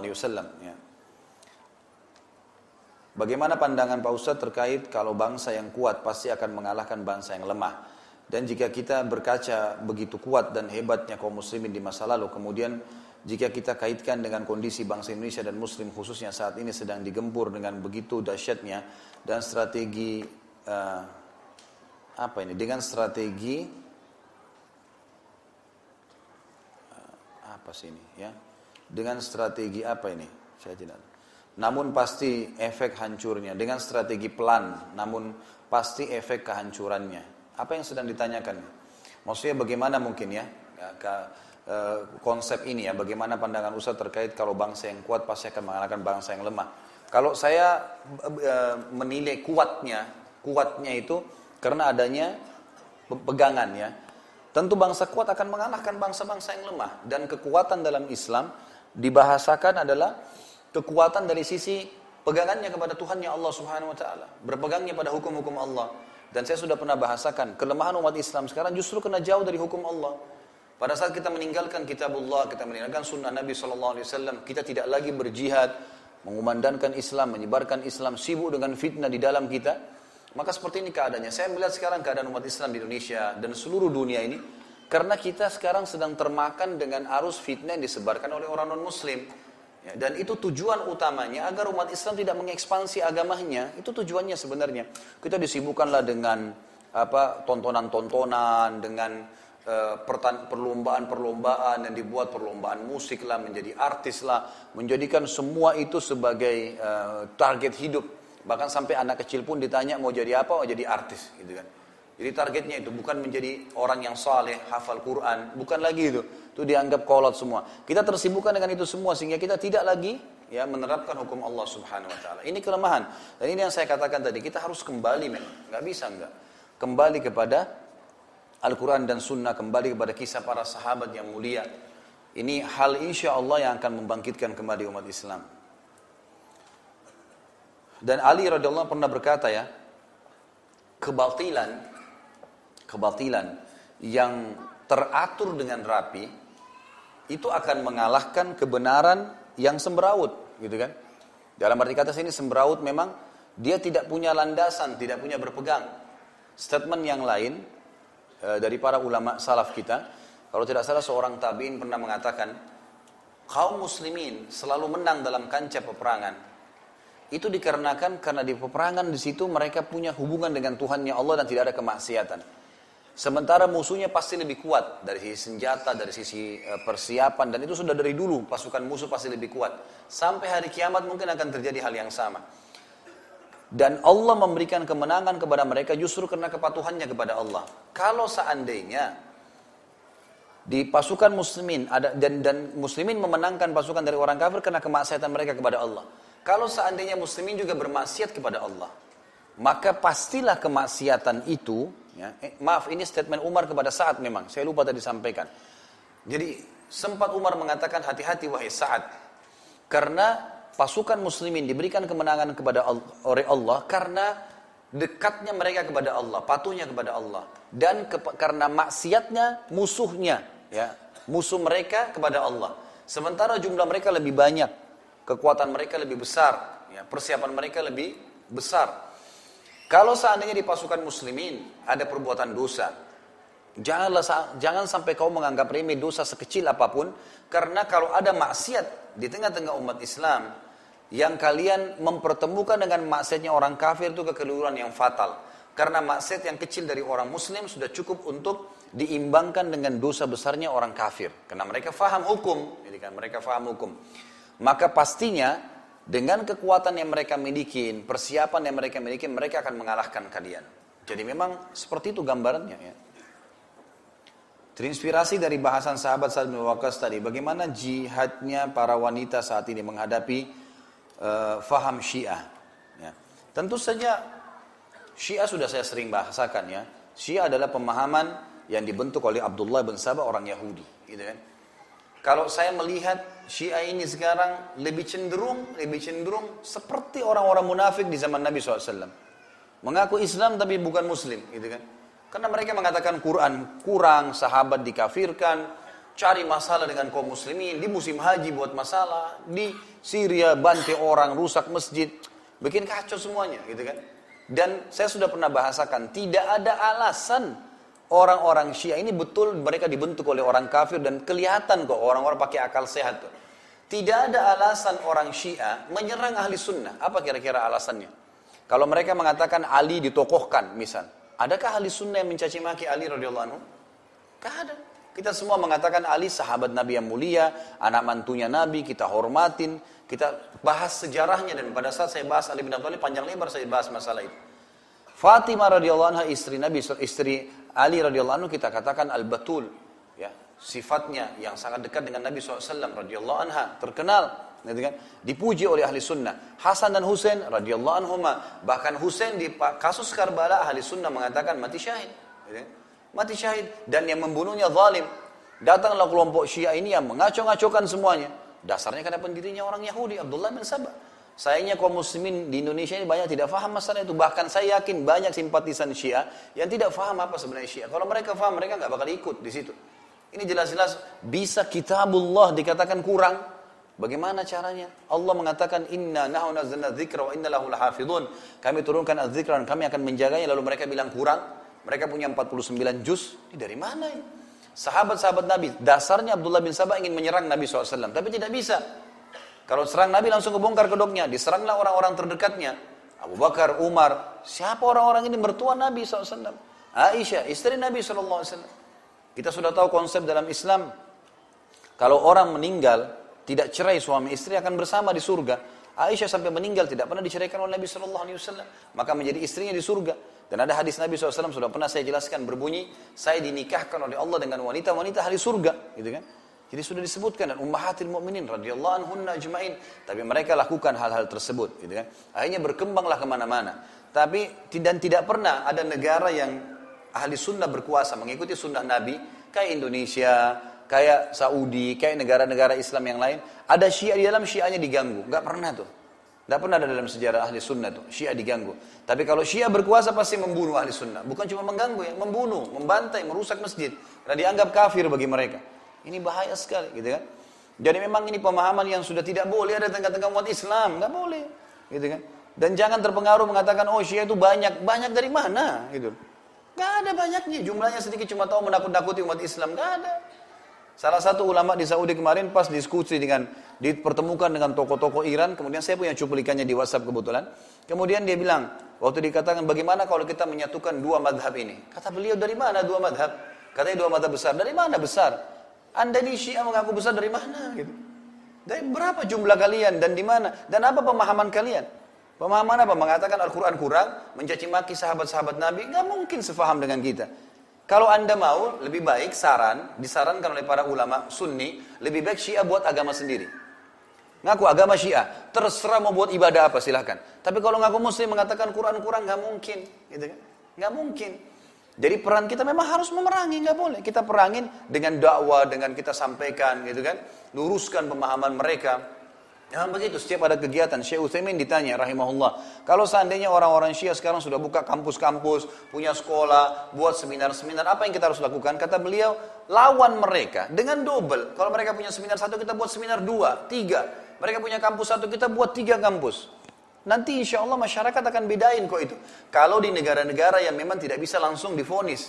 Sayangnya Indonesia nggak seperti Malaysia ya. Malaysia langsung hukum pemerintahan. Syiah sesat nggak boleh ada. Ditangkap kalau ada Syiah tuh di Iran, di, di, Malaysia. Dianggap akan mengancam pemerintahan dan itu sebenarnya pemikiran yang tepat ya. Memang mereka memang selalu bikin kacau. Begitu ada kekuatan pasti bikin kacau. Berapa banyak mereka pada saat di, di, di Madinah itu hari buat masalah, masuk ke kuburan, baki mau ngambil kubur, mau bongkar kuburannya Aisyah radhiyallahu anha, mau ngambil tanahnya, ribut sama polisi-polisi pada saat itu. Akhirnya jadi masalah, buat masalah. Ini pemahaman yang ngawur gitu. Bahkan sekarang di Iran, mereka buat Ka'bah. Ada Ka'bah. Di Iran itu ada tiga Ka'bah. Bukan bukan satu, dua, tiga Ka'bah. Gitu kan. Ada dua di satu tempat, ada dua tempat, ada satu lagi. Saya sempat lihat cuplikan Ka'bahnya. Itu sampai ada satu salah satu tokoh dari Saudi mengatakan begini saja daripada kalian buat masalah buat muslimin di musim haji kan kalian sudah punya Ka'bah di Iran udah silakan ya tawaf aja di sana daripada buat umat Islam buat masalah gitu kan jadi nggak usah nggak usah buat masalah lebih baik buat agama sendirilah seperti itu memang mereka buat. Yang di dalam agamanya semua ancaman-ancaman. Bahkan yang aneh sekali, kalau antum lihat cuplikan fatwa-fatwanya mereka, fatwa yang aneh sekali. Saya tidak tahu sudah terima bahasa Indonesia itu, tapi dalam bahasa Arab ada. Kalau kita ketik di YouTube itu, fatwa-fatwa aneh para ulama Syiah. Itu apa ya? Kalau saya bahasakan fatwa lelucon. Gitu. Jadi musim haji, saya lihat salah satu tokohnya mereka mengatakan kalau musim haji ditanya oleh jamaahnya, boleh nggak kita pakai HP? Oh kalau khusus laki-laki dia bilang, itu kalau pakai HP lagi ihram, tidak boleh HP-nya ditempelkan begini di telinga. Kalau begini batal hajinya. Kalau dibesarin speakernya baru tidak batal. Ini fatwa dari mana ini? Kan itu. Kelinci dianggap tidak boleh. Ini itu aneh-aneh. Tapi dalam bahasa Arab memang ya. Saya tidak tahu. Mudah-mudahan satu waktu ada teman-teman yang terjemahkan bahasa Indonesia dan didatangkan cuplikannya. Biar orang-orang Syiah di Indonesia pun faham. Mereka nggak faham tuh. Fatwa-fatwa di sana tuh aneh-aneh gitu. Ya, aneh-aneh. Bagaimana dengan tokoh-tokoh yang mereka tokohkan, dari mana asalnya, apa sejarah hidupnya, semua kalau ditahu itu mereka tidak bakal ikut. Teman-teman semoga Allah berikan hidayah. Apalagi di Indonesia ini memang kita sangat subur ya. Karena orangnya umumnya apa yang disampaikan bisa diterima, kan gitu. Sampai di, di Saudi itu dibahasakan orang Indonesia ini orang yang paling lunak. Sering apa yang dibahasakan, ya sudah diterima saja, gitu kan. Gampang, pokoknya paling gampang, paling subur. Orang-orang kristenisasi yang nyebarin Kristen Indonesia mengatakan Indonesia adalah lahan paling subur buat kami.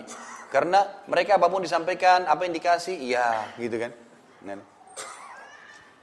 Jadi ini hal mendasar yang mesti memang diketahui. Kalau kalau saya ditanya apa perannya, apa kiprahnya, kita harus yang pertama membaca tentang mereka itu siapa Syiah. Tadi saya sampaikan sebagian kecil saja. Setelah kita tahu, kita coba mengingatkan orang-orang terdekat buat kita. Mengingatkan semuanya yang bisa menjangkau instansi pemerintahan menyampaikan sampaikan dalam keadaan mereka. Ceritakan sampaikan apa pun. Dan ini bukan bukan jangan bohong. Tidak ada kebohongan. Fakta-fakta lapangan cukup banyak yang bisa ditemukan. Beberkan ini loh faktanya mereka buat begini mereka buat begini. Dipaparkan gitu kan? Kemudian di pengajian-pengajian ustadz-ustadz harus gencar menyampaikan. Ini sudah harus gitu kan?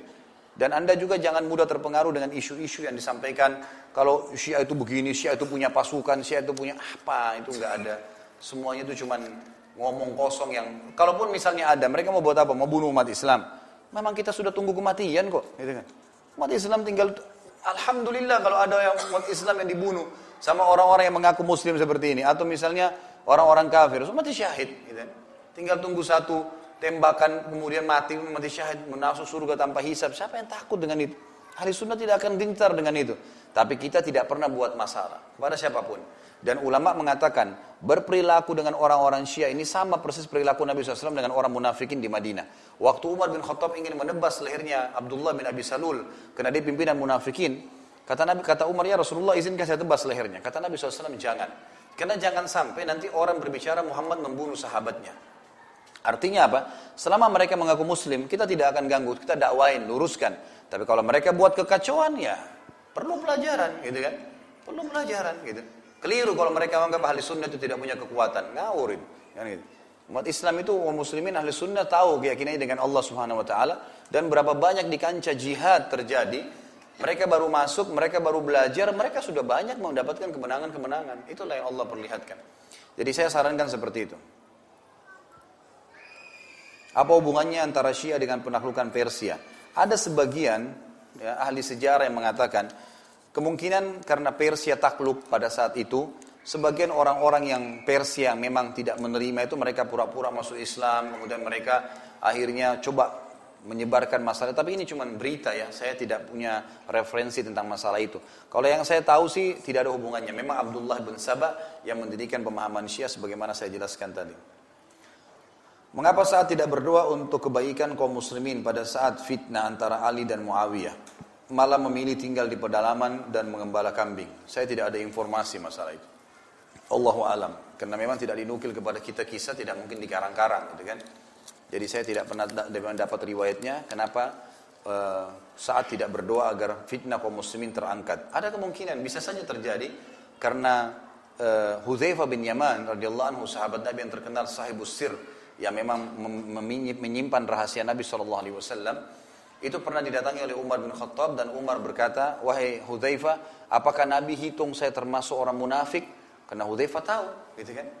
Kata Hudzaifah, tidak ya Amir Mukminin, tidak. Waktu itu jadi raja. Ya, tidak, maaf. Ya, kata Hudzaifah kepada Umar waktu itu tidak, wahai Umar, ya, sebelum jadi khalifah. Lalu kemudian eh, kata Umar, kira-kira fitnah yang akan terjadi yang Nabi sudah sampaikan. Karena Nabi SAW semua sahabat tahu masalah ini. Beliau pernah berdiri di sebuah batu di dekat masjid beliau, lalu beliau melihat dengan meletakkan tangan beliau di atas matanya, di keningnya sambil mengatakan, sungguh saya telah diperlihatkan fitnah-fitnah yang masuk di depan-depan rumah kalian. Gitu kan? Maka artinya ini akan terjadi masalah nih di Madinah nanti. Gitu kan? Seperti itulah. Tapi Allah SWT tidak izinkan Nabi SAW pada saat itu untuk, itu kejadian nanti akan terjadi. Nabi SAW tidak punya wewenang untuk e, meluruskan atau memperbaiki atau mengingatkan masalah. Cuma mengatakan seperti itu. Lalu kata Nabi SAW, kalau kalian sedang menghadapi fitnah itu, maka tutuplah pintu-pintu rumah kalian. Patahkanlah pedang-pedang kalian. Gitu kan? Seseorang di antara kalian lebih makin tertutup maka makin afdal. Makin dia di rumahnya maka makin lebih baik. Seperti itulah. Ya, jadi itu perintah dari Nabi SAW. Bukan mustahil hadis-hadis seperti ini sampai kepada saat. Dia tahu kalau itu memang Nabi sudah sampaikan dan tidak mungkin terangkat fitnah itu karena memang Allah sudah takdirkan kan gitu. Maka itu mungkin ya salah satu sebab yang bisa dikatakan kenapa saat tidak berdoa. Apa penyebab fitnah yang terjadi antara Ali dan Muawiyah? Ali dan Aisyah. Sampai-sampai saat bin Abi Waqqas uh, berpihak tidak uh, apa uh, ya tidak ikut-ikutan dalam fitnah tersebut. Ini saya tidak bisa jawab sekarang, tapi saya sarankan teman yang bertanya kembali kepada kisah Ali ini kan serial sahabat kita yang ketujuh ya. Kita sudah pernah bahas Abu Bakar, Umar, Uthman, Ali, Talha, Zubair, kemudian Abdurrahman bin Auf. Ini yang kedelapan. Ini saat bin Abi Waqqas. Kembali kepada kisah sahabat di YouTube ada. Sama seperti ini pertemuan di masjid ini juga yang setiap bulan kita lakukan kisah tentang Ali radhiyallahu anhu. Saya panjang lebar ceritakan karena itu kalau saya ceritakan akan panjang lagi apa sebab-sebabnya gitu kan? Bagaimana proses terjadi perang Jamal bagaimana keterlibatan Zubair sama Talha? Dan saya jelaskan juga di zaman Talha bahasan Talha dan Zubair. Kemudian bagaimana terja bagaimana kondisi eh, Aisyah radhiyallahu bagaimana kondisi berkhianatnya masyarakat Irak. Itu panjang sekali kisahnya. Jadi bisa kembali ke situ. Seperti apa manakib uh, saat radhiyallahu di dalam menginfakkan hartanya di jalan Allah? Ini Eh, tidak disebutkan secara khusus ya. Jadi yang menonjol dari beliau itu adalah jihadnya. Kalau kita temukan misalnya kisah sahabat-sahabat seperti Uthman bin Affan yang menonjol memang sedekahnya. Abdurrahman memang sedekahnya gitu kan. Maka memang saat yang menonjol adalah jihadnya, perangnya. Tapi beliau adalah orang yang mampu. Makanya pada saat uh, beliau mau mewasiatkan tadi sepertiga hartanya, itu karena kekayaan yang cukup banyak. Tapi saya sendiri pribadi belum pernah menemukan bagaimana bentuk sodokahnya saat dalam masalah uh, jihad di jalan Allah itu. Apakah saat termasuk sahabat yang memiliki kelebihan harta seperti Uthman dan Zubair? Saya tidak temukan itu. Saya tidak pribadi tidak belum temukan riwayat masalah itu. Hikmah kekalahan di perang Uhud apa Ustaz? Saya ini ini ada bahasan di sirah ya. Ini tidak tidak masuk ke sini, tapi karena ada kehadiran saat tadi, hikmahnya eh, apa penyebabnya salah satunya adalah karena turunnya 43 pemanah dari bukit eh, pemanah yang dilarang oleh Nabi SAW. Nabi SAW mengatakan jangan turun sampai kalian mendapat instruksi dari saya menang atau kalah.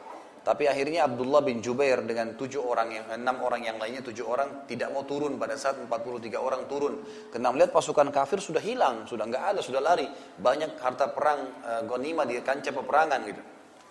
Maka pada saat itulah e, eh, 200 pasukan Khalid bin Walid manuver di belakang bukit pemana kemudian membunuh tujuh orang sahabat yang terlihat di atas kemudian menyerang dari belakang. Pada saat mereka menyerang maka yang sahabat yang dibawa di kancah peperangan kurang lebih 600 orang lebih itu kocar kacir walaupun cuma 200 yang nyerang. Lebih sedikit tapi kepasukan kuda. Lalu mereka mengangkat ya eh, syair-syair menyebutkan syair-syair eh, perangnya orang-orang Quraisy. 2000 orang yang lari dari kancah peperangan mendengarkan itu kemudian mereka kembali. Itulah kurang lebih penyebab utamanya. Kalau hikmahnya ulama menyebutkan yang paling pertama tidak bolehnya melanggar instruksi pemimpin. Dan Allah SWT ingin berikan pelajaran kepada kaum muslimin karena pemanah tadi dilarang oleh Nabi SAW. Kata Nabi, pentingnya pemimpin dalam Islam ini luar biasa, harus dipatuhi. Gitu kan? Sampai dalam keadaan safar saja, kata Nabi SAW, janganlah seseorang dari kalian safar, dua atau tiga orang, kecuali dia sudah tunjuk satu orang jadi pemimpin. Dan harus dipatuhi, berhenti-berhenti. Gitu kan? Memang sudah begitu, namanya amir safar. Itu baru kecil, masalah sholat ada pemimpin, di rumah tangga ada pemimpin, harus dipatuhi semua, gitu kan? Imam tidak boleh dilanggar. Instruksi Allah Akbar, Allah Akbar, ruku, ruku, sujud, sujud, semuanya harus ikut. Tidak boleh ada yang langgar. Langgar berarti batal sholatnya, gitu kan? Dalam rumah tangga suami harus dipatuhi, gitu kan? Kemudian ruang lingkup pemerintahan juga begitu, pemimpin harus dipatuhi. Kata Nabi SAW akan datang pemimpin yang kalian tidak suka sebagian keputusan dan kalian suka sebagian keputusannya karena tidak sesuai dengan hukum Allah yang kalian tidak suka itu. Lalu kata para sahabat, ya Rasulullah, apakah kami boleh memberontak? Kata Nabi SAW, tidak boleh, selama mereka tidak melarang kalian sholat. Gitu kan? Jadi jelas sekali di sini, pemimpin penting dalam Islam. Termasuk di kancah peperangan, tidak boleh melanggar instruksi pemimpin. Makanya dipilih, dipilih pemimpin yang soleh. Seperti pemilihan saat tadi oleh Umar bin Khattab radhiyallahu anhu ajma'in. Itu eh, hikmah yang pertama yang bisa diambil karena melanggarnya instruksi pemimpin. Yang kedua, Allah Subhanahu wa taala ingin menguji kaum muslimin, gitu kan? Menguji kaum muslimin artinya tidak selamanya akan dilaluin e, tidak ada cobaan, semuanya mulus-mulus saja, ada cobaan, gitu kan? Ada cobaan. Tetapi bukan berarti orang kafir itu sudah menang atas segalanya karena setelah mereka pulang pun dari kancah peperangan, ini Anda bisa ikuti di YouTube saya panjang lebar sampaikan tentang sirah. Jadi pada saat kaum musyrikin meninggalkan kancah peperangan Uhud, pada saat itu mereka kan tadinya Uhud itu ada kurang lebih ya jaraknya sekitar 2-3 km dari pintu gerbang Madinah pada zaman dulu. Jadi ada pintu gerbang benteng Madinah, itu Uhud di luarnya cuma 2-3 km. Orang-orang musyrik itu tadinya datang mau menyerang Madinah. Tadinya mau Madinah, tapi karena Nabi SAW membentuk pasukan sekitar 700 orang, tadinya 1.300 orang munafik yang kembali, manuver di belakang kebun-kebun kurma di dekat uh, Gunung Uhud, kemudian tiba-tiba berada di belakang pasukan orang-orang musyrik.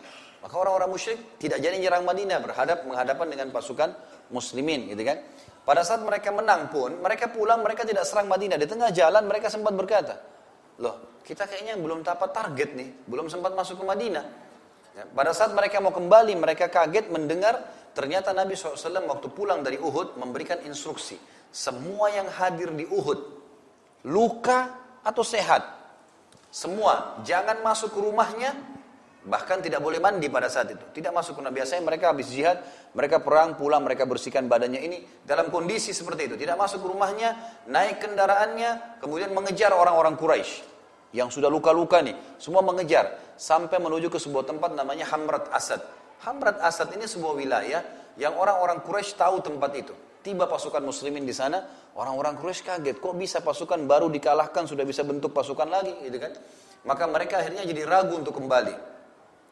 Jadi hikmah yang lain adalah Allah SWT ingin memberikan kepada kaum muslimin pelajaran, cobaan juga bisa terjadi dalam kehidupan, tapi mereka bukan kalah mutlak karena setelah kejadian Hamrat Asad, Nabi SAW tinggal di sana sampai beberapa hari dan orang Quraisy tidak berani kembali. Mereka pulang, akhirnya di Jazirah Arab tersebar berita pada saat itu kalau Muslimin sempat dikalahkan lalu kemudian mereka menang dan Quraisy tidak berani ketemu. Berarti Allah SWT menghibur juga para sahabat pada saat itu dengan kemenangan di Hamrat Asad dan itu tidak bisa dipisahkan dengan perang Uhud.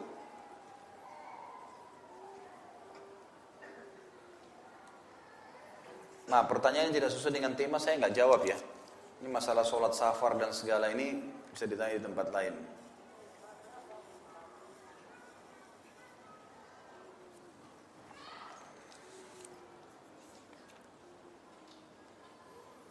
Bagaimana cara sholat dalam keadaan perang? Mohon dicontohkan. Bagaimana caranya contohkan? Kita bentuk pasukan dulu. Baru saya praktekin. Jadi jangan minta dicontohkan gitu kan. Ada namanya sholatul khauf. Sholatul khauf. Dan ini di Youtube juga sudah ada. Bab khusus saya bahas masalah sholatul khauf. Nabi SAW diperintahkan oleh Allah Subhanahu Wa Taala untuk memimpin sholatul khauf dengan cara imamnya sholat dan itu Misal kalau dia bukan jarak safar, bukan jarak safar. Misal di kota Jakarta tiba-tiba ini satu waktu, sebuah tempat diserang oleh musuh. Kita dalam kota kita, gitu kan? Maka sholatnya pada saat berhadapan dengan musuh, imamnya berdiri, gitu kan?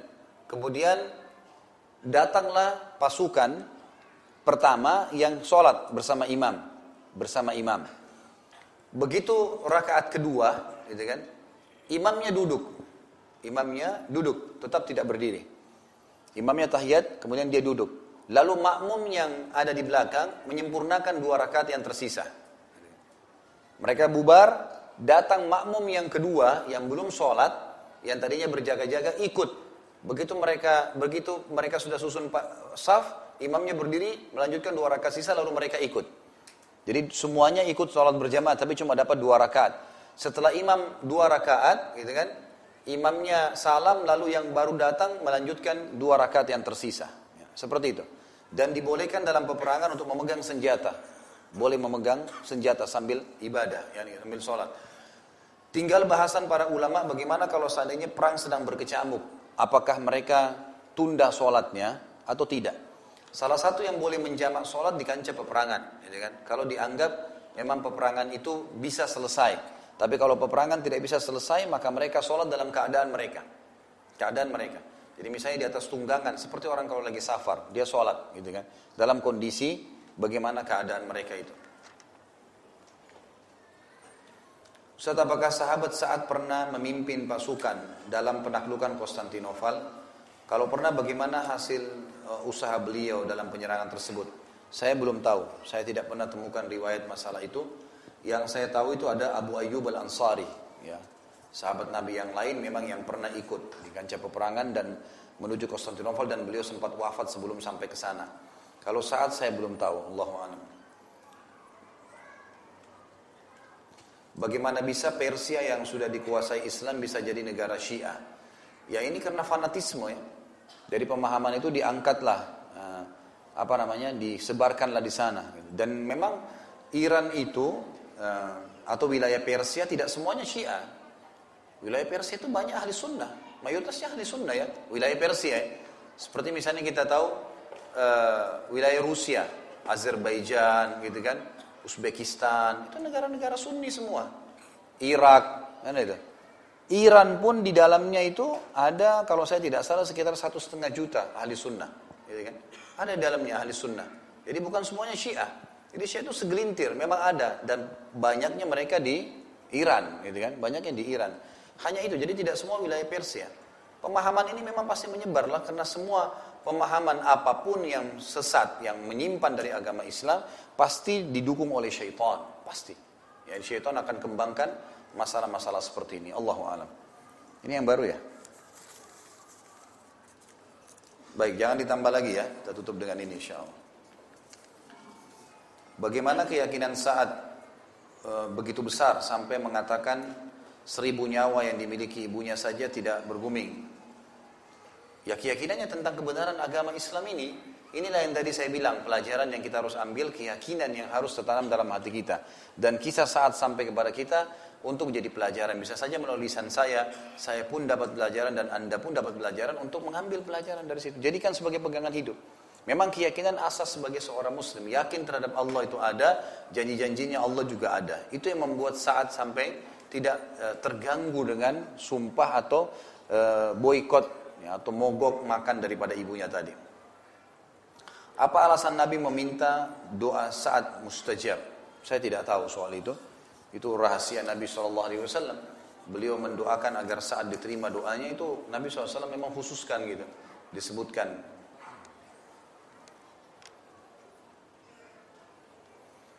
Apakah boleh kami memerangi pemerintah Indonesia yang zalim?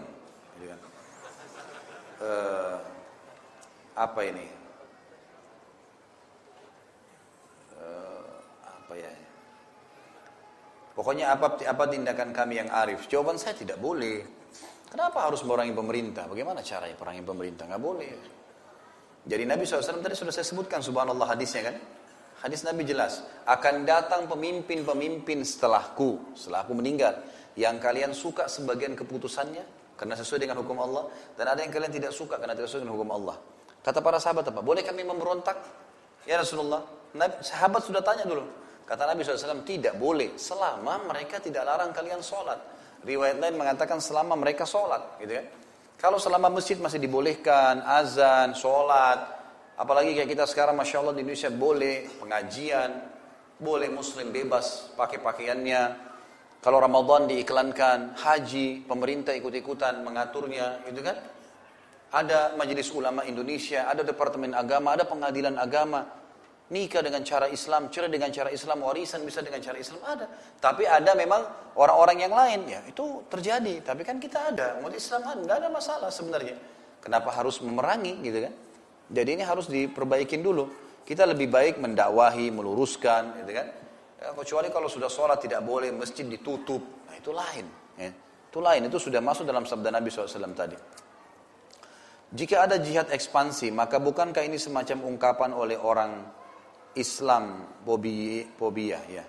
Bahwa Islam dibawa dengan pedang, bukan Islam rahmatan alamin. Loh, Islam dibawa dengan pedang di sebagian eh, eh, apa namanya kegiatan memang benar. Bukan berarti pedang itu kita bawa berarti kita itu kejam, tidak. Karena pedang itu diayunkan setelah menolak Islam dulu. Kan ditawarin dulu Islam. Dan kata para ulama apa sebabnya, apa hikmahnya, kenapa setelah tawarin Islam harus bayar jizyah? Kalau mereka tidak mau bayar upeti, maka mereka diperangin. Karena mereka menolak kebenaran. Orang yang mengatakan, oh berarti Islam itu disebarin dengan kekerasan atau ini, bukan kekerasan kok itu. Dan kita juga punya konsep kan dalam jihad, tidak boleh bunuh orang tua, nggak boleh bunuh orang perempuan, nggak boleh bunuh anak-anak, nggak boleh rusak fasilitas umum, nggak boleh rusak tempat ibadah, nggak boleh bunuh hewan-hewan, nggak boleh bunuh tumbuh-tumbuhan. Ada hadis Nabi yang menjelaskan masalah itu. Jadi kita punya konsep gitu kan. Mereka mau mengatakan seperti itu tuh terserah saja. Yang jelas memang Islam di sebagian wilayah tersebar dengan dakwah, sebagian dengan jihad. Memang. Dan jihad itu bagian daripada dakwah. Justru sekarang pada saat kita tinggalkan, ya kita lihat bagaimana kaum muslimin terpuruk, gitu kan? Kita selalu diterkebuhi, terkemas seakan-akan Islam ini keras kalau sedikit menunjukkan kekuatan. Ini salah. Orang-orang kafir menunjukkan kekuatan. Amerika masuk di Irak, Ya, beberapa orang negara-negara kafir main masuk, Israel masuk ke Palestina. Terus apa yang kita bisa lakukan? Coba kalau ada seperti pasukan Salahuddin al-Ayyub, gitu kan? Pasukan-pasukan jihad yang memang siap ekspansi. Pada saat itu langsung Salahuddin berangkat ditutus oleh Nuruddin Zinki, gubernur gubernurnya Khilafah Abbasiyah mengutus Salahuddin menuju ke Mesir. Gitu kan? Akhirnya memenangkan peperangan karena ada pasukan ekspansi yang siap untuk mengekspansi wilayah, menolong peperangan, itu kan perlu. Sekarang tidak ada di umat Islam. Sekarang umat Islam di di uh, Arakan ya, di Myanmar, itu mereka diperjualbelikan. Saya cuplikannya sekarang umat Islam yang ditawan-tawan oleh orang-orang di Thailand dan di Myanmar itu diperjualbelikan seribu dolar. Ada cuplikan tapi dalam bahasa Arab sayangnya di YouTube ya. Saya tidak tahu bahasa Indonesia sudah diungkap belum. Saya juga baru lihat kemarin tidak sengaja saya lihat cuplikannya. Ada salah ada beberapa syekh sampai datang dari Saudi ke penjara-penjara mereka di Thailand dan itu umat Islam di sana tidak boleh ketemu sama siapa pun. Dan kalau ada orang-orang yang datang mau membeli tinggal bayar seribu dolar, tinggal tunjuk siapa yang dia mau dia bawa. Jadi perbudakan yang luar biasa terjadi pada umat Islam. Pada saat umat Islam tidak punya informasi, tidak punya kekuatan jihad ekspansi, ya beginilah keadaannya gitu kan. Tapi kita berada di tengah-tengah, bukan berarti ini, ayo kita memberontak, ayo kita buat pasukan. Tidak, bukan itu maksudnya. Tapi punya persiapan, gitu kan? Kita punya persiapan untuk membela agama kita. Kita bukan konyol, gitu kan? Seperti itu yang dimaksud. Di awal bahasan Ustadz, bahas masalah apa ini? Perusak akidah. Seperti tokoh-tokoh film Spiderman, Batman, Superman dan lain-lain. Pertanyaan saran, kenapa umat Islam tidak membuat sebuah film tentang para nabi dan sahabat yang kisahnya luar biasa? Jika takut artisnya buruk, akhlaknya di luar, pakai saja aktornya para ustadz. Di sini tulis lagi contohnya Ustadz Khalid gitu. Misal berperang sebagai Umar bin Khattab. Jadi umat Islam punya tontonan yang tidak merusak akidah. Yang saya mau tanya balik kepada penanya ini, kalau tidak pakai tontonan kenapa? Misal, baca buku kah, hadir pengajian begini, kan kita tidak butuh melihat ya. Jadi tidak harus apa yang dilakukan oleh orang-orang non muslim itu kita tarik kepada Islam, kan itu. Apalagi memang khawatir motorotnya begitu karena banyak teman-teman kita di Mesir yang membuat kisah-kisah tentang orang-orang ini, sahabat-sahabat, ternyata di luar dia aktor-aktor yang luar biasa itu. Ya. Kemaksiatannya banyak, Orang-orang yang di, di sisi lain film-filmnya banyak gitu. Kalau Ustadz mau dijadikan sebagai artis ini nanti ketemu atau enggak, nggak tahu gitu. Dia bisa action nggak? Dia bisa ini nggak? Dia bisa itu nggak? Terlalu banyak. Sementara kita dengan majelis ilmu begini, kira-kira antum sudah dapat informasi tentang saat nggak? Sudah kan? Ya sudah selesai, sudah cukup. Itulah ilmu seperti itu. Tidak selamanya harus ada visualnya gitu kan? Jadi ini saya rasa sudah cukup gitu. Daripada kita harus masuk kepada pintu-pintu yang akhirnya kita seperti kesannya bersaing. Dan mau tidak mau nanti akan ada aktor perempuan, akan ada begini, akan ada begitu. Apalagi kalau misal ada kisah-kisah masa jahiliyahnya misalnya. Seperti Umar bin Khattab lagi mabuk, berarti dia harus pegang hammer. Wah ini jadi kacau nanti. Kalau enggak, enggak lengkap dong ceritanya, kan gitu. Tapi kalau cuma di, seperti ini kita sampaikan dulu pernah begini, kan tidak ada visual, tidak ada sesuatu yang... Jadi lebih besar modoratnya kalau seperti itu. Ustadz banyak di media sosial menyebutkan nama Rasulullah SAW dan para sahabat dengan diawali kalimat Sayyidina. Dan juga bersalawat menggunakan kalimat tersebut. Apakah diperbolehkan? Karena saya pernah dikatakan sesat gara-gara menasehati jangan bersalawat dengan tambahan kalimat tersebut. Tentu kalau di luar salawat ya, di luar salawat. Misal uh, statement, saya misalnya mengatakan, saya akan menceritakan tentang tuanku Sa'ad bin Abi Waqqas saya bahasakan begini. Itu nggak salah secara bahasa. Saya menghormati saat sebagai sahabat Nabi saya mengatakan tuanku. Tuanku ini. Saya mengatakan guru saya, tuan saya. Biasanya di bahasa Melayu ada juga tuan guru misalnya kan gitu. Itu semua hal biasa saja. Tapi kalau dihubungkan dengan zikir, dihubungkan dengan doa, dihubungkan dengan ibadah, nah ini saran ulama untuk tidak dilakukan. Karena memang lafat-lafat hadis datang, semua hadis tentang salawat Ibrahim di tahiyat bunyinya Allahumma salli ala Muhammadin wa ala ali Muhammad. Tidak ada kata-kata sayyidin dalam riwayat, tidak ada. Sama sekali, nggak ada satupun riwayat masalah itu.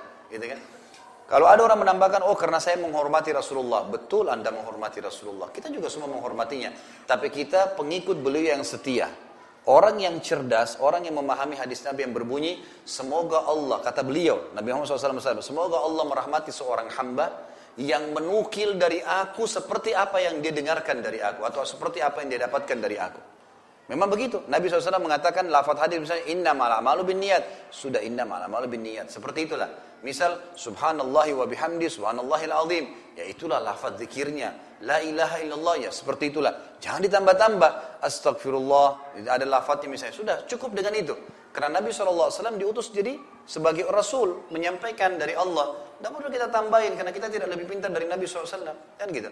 Jadi bukan berarti dengan kita menyebutkan nama Nabi SAW tanpa Sayyidina, berarti tidak menghormati. Enggak kok. Sama sekali enggak gitu kan. Itu karena kita biasa di Indonesia masih menganggap kalau menyebutkan nama orang tua atau ini tidak menyebutkan bapak atau apa mungkin tidak hormat. Itu mungkin adab kita ya, tradisi kita. Oke okay lah, itu bisa kita katakan oke, okay, tapi jangan dipukul rata kepada semua hukum syar'i. Karena dalam agama kita enggak, memang tidak, tidak seperti itu. Allah SWT menyebutkan nama para nabi-nabinya. Kita boleh mengatakan Ibrahim alaihissalam. Tidak, itu bukan berarti tidak sopan. Kita boleh mengatakan Hud alaihissalam, Adam alaihissalam. Walaupun kita tidak mengatakan nabi sebelumnya, kita boleh mengatakan Muhammad sallallahu alaihi wasallam. Itu tidak aib dalam agama kita. Itu kan para sahabat kalau menukil tentang Nabi SAW mereka mengatakan ya telah diutus Muhammad kepada kami. Tidak ada aib di situ, bukan berarti mengurangi kadar penghormatan kepada Nabi Sallallahu Alaihi Wasallam. Allahu a'lam. Mungkin sampai sini mudah-mudahan apa yang kita bahas hari ini bermanfaat semua dan menjadi tambahan amal soleh di timbangan amal kita hari kiamat. Semoga insya Allah semua yang sakit disembuhkan penyakitnya, yang terlilit utang dilunasi utangnya, yang belum dapat hidayah diberikan hidayah, yang sudah dapat hidayah dimudahkan untuk mengamalkan. Seluruh muslimin yang sedang tertindas di Palestina, di Syria, di Yaman, di mana pun mereka berada, Allah SWT berikan kemenangan, serta kokohkan telapak kaki mereka, ikhlaskan niat mereka, terima para syuhada mereka, serta Allah partisipasikan kita bersama mereka di pahala baik dengan doa, dengan harta dan juga dengan jiwa kita. Dan semoga Allah dengan kemahamurahannya menyatukan kita semua di surga firdausnya tanpa hisab sebagaimana ia satukan kita di majelis ilmu yang mulia ini. Mungkin begitu. Dan alhamdulillah kita ucapkan karena hari ini sudah selesai jilid pertama dari buku ini. Dan insya Allah bulan depan kita akan lanjutkan di buku jilid keduanya. Dan saya sarankan teman-teman untuk memiliki buku ini dan bisa didapatkan dari panitia di depan sana. Dan insya Allah juga nanti akan ada yang bisa ngikutin kembali di YouTube atau di teman-teman Wisal TV yang sekarang juga sedang meliputnya Mudah-mudahan bisa bermanfaat dan silakan di-share ke orang-orang lain. Mungkin begitu kalau ada benar dari Allah, kalau salah dari saya mohon dimaafkan. Subhanakallahumma bihamdika asyhadu an la ilaha illa anta. Wassalamualaikum warahmatullahi wabarakatuh.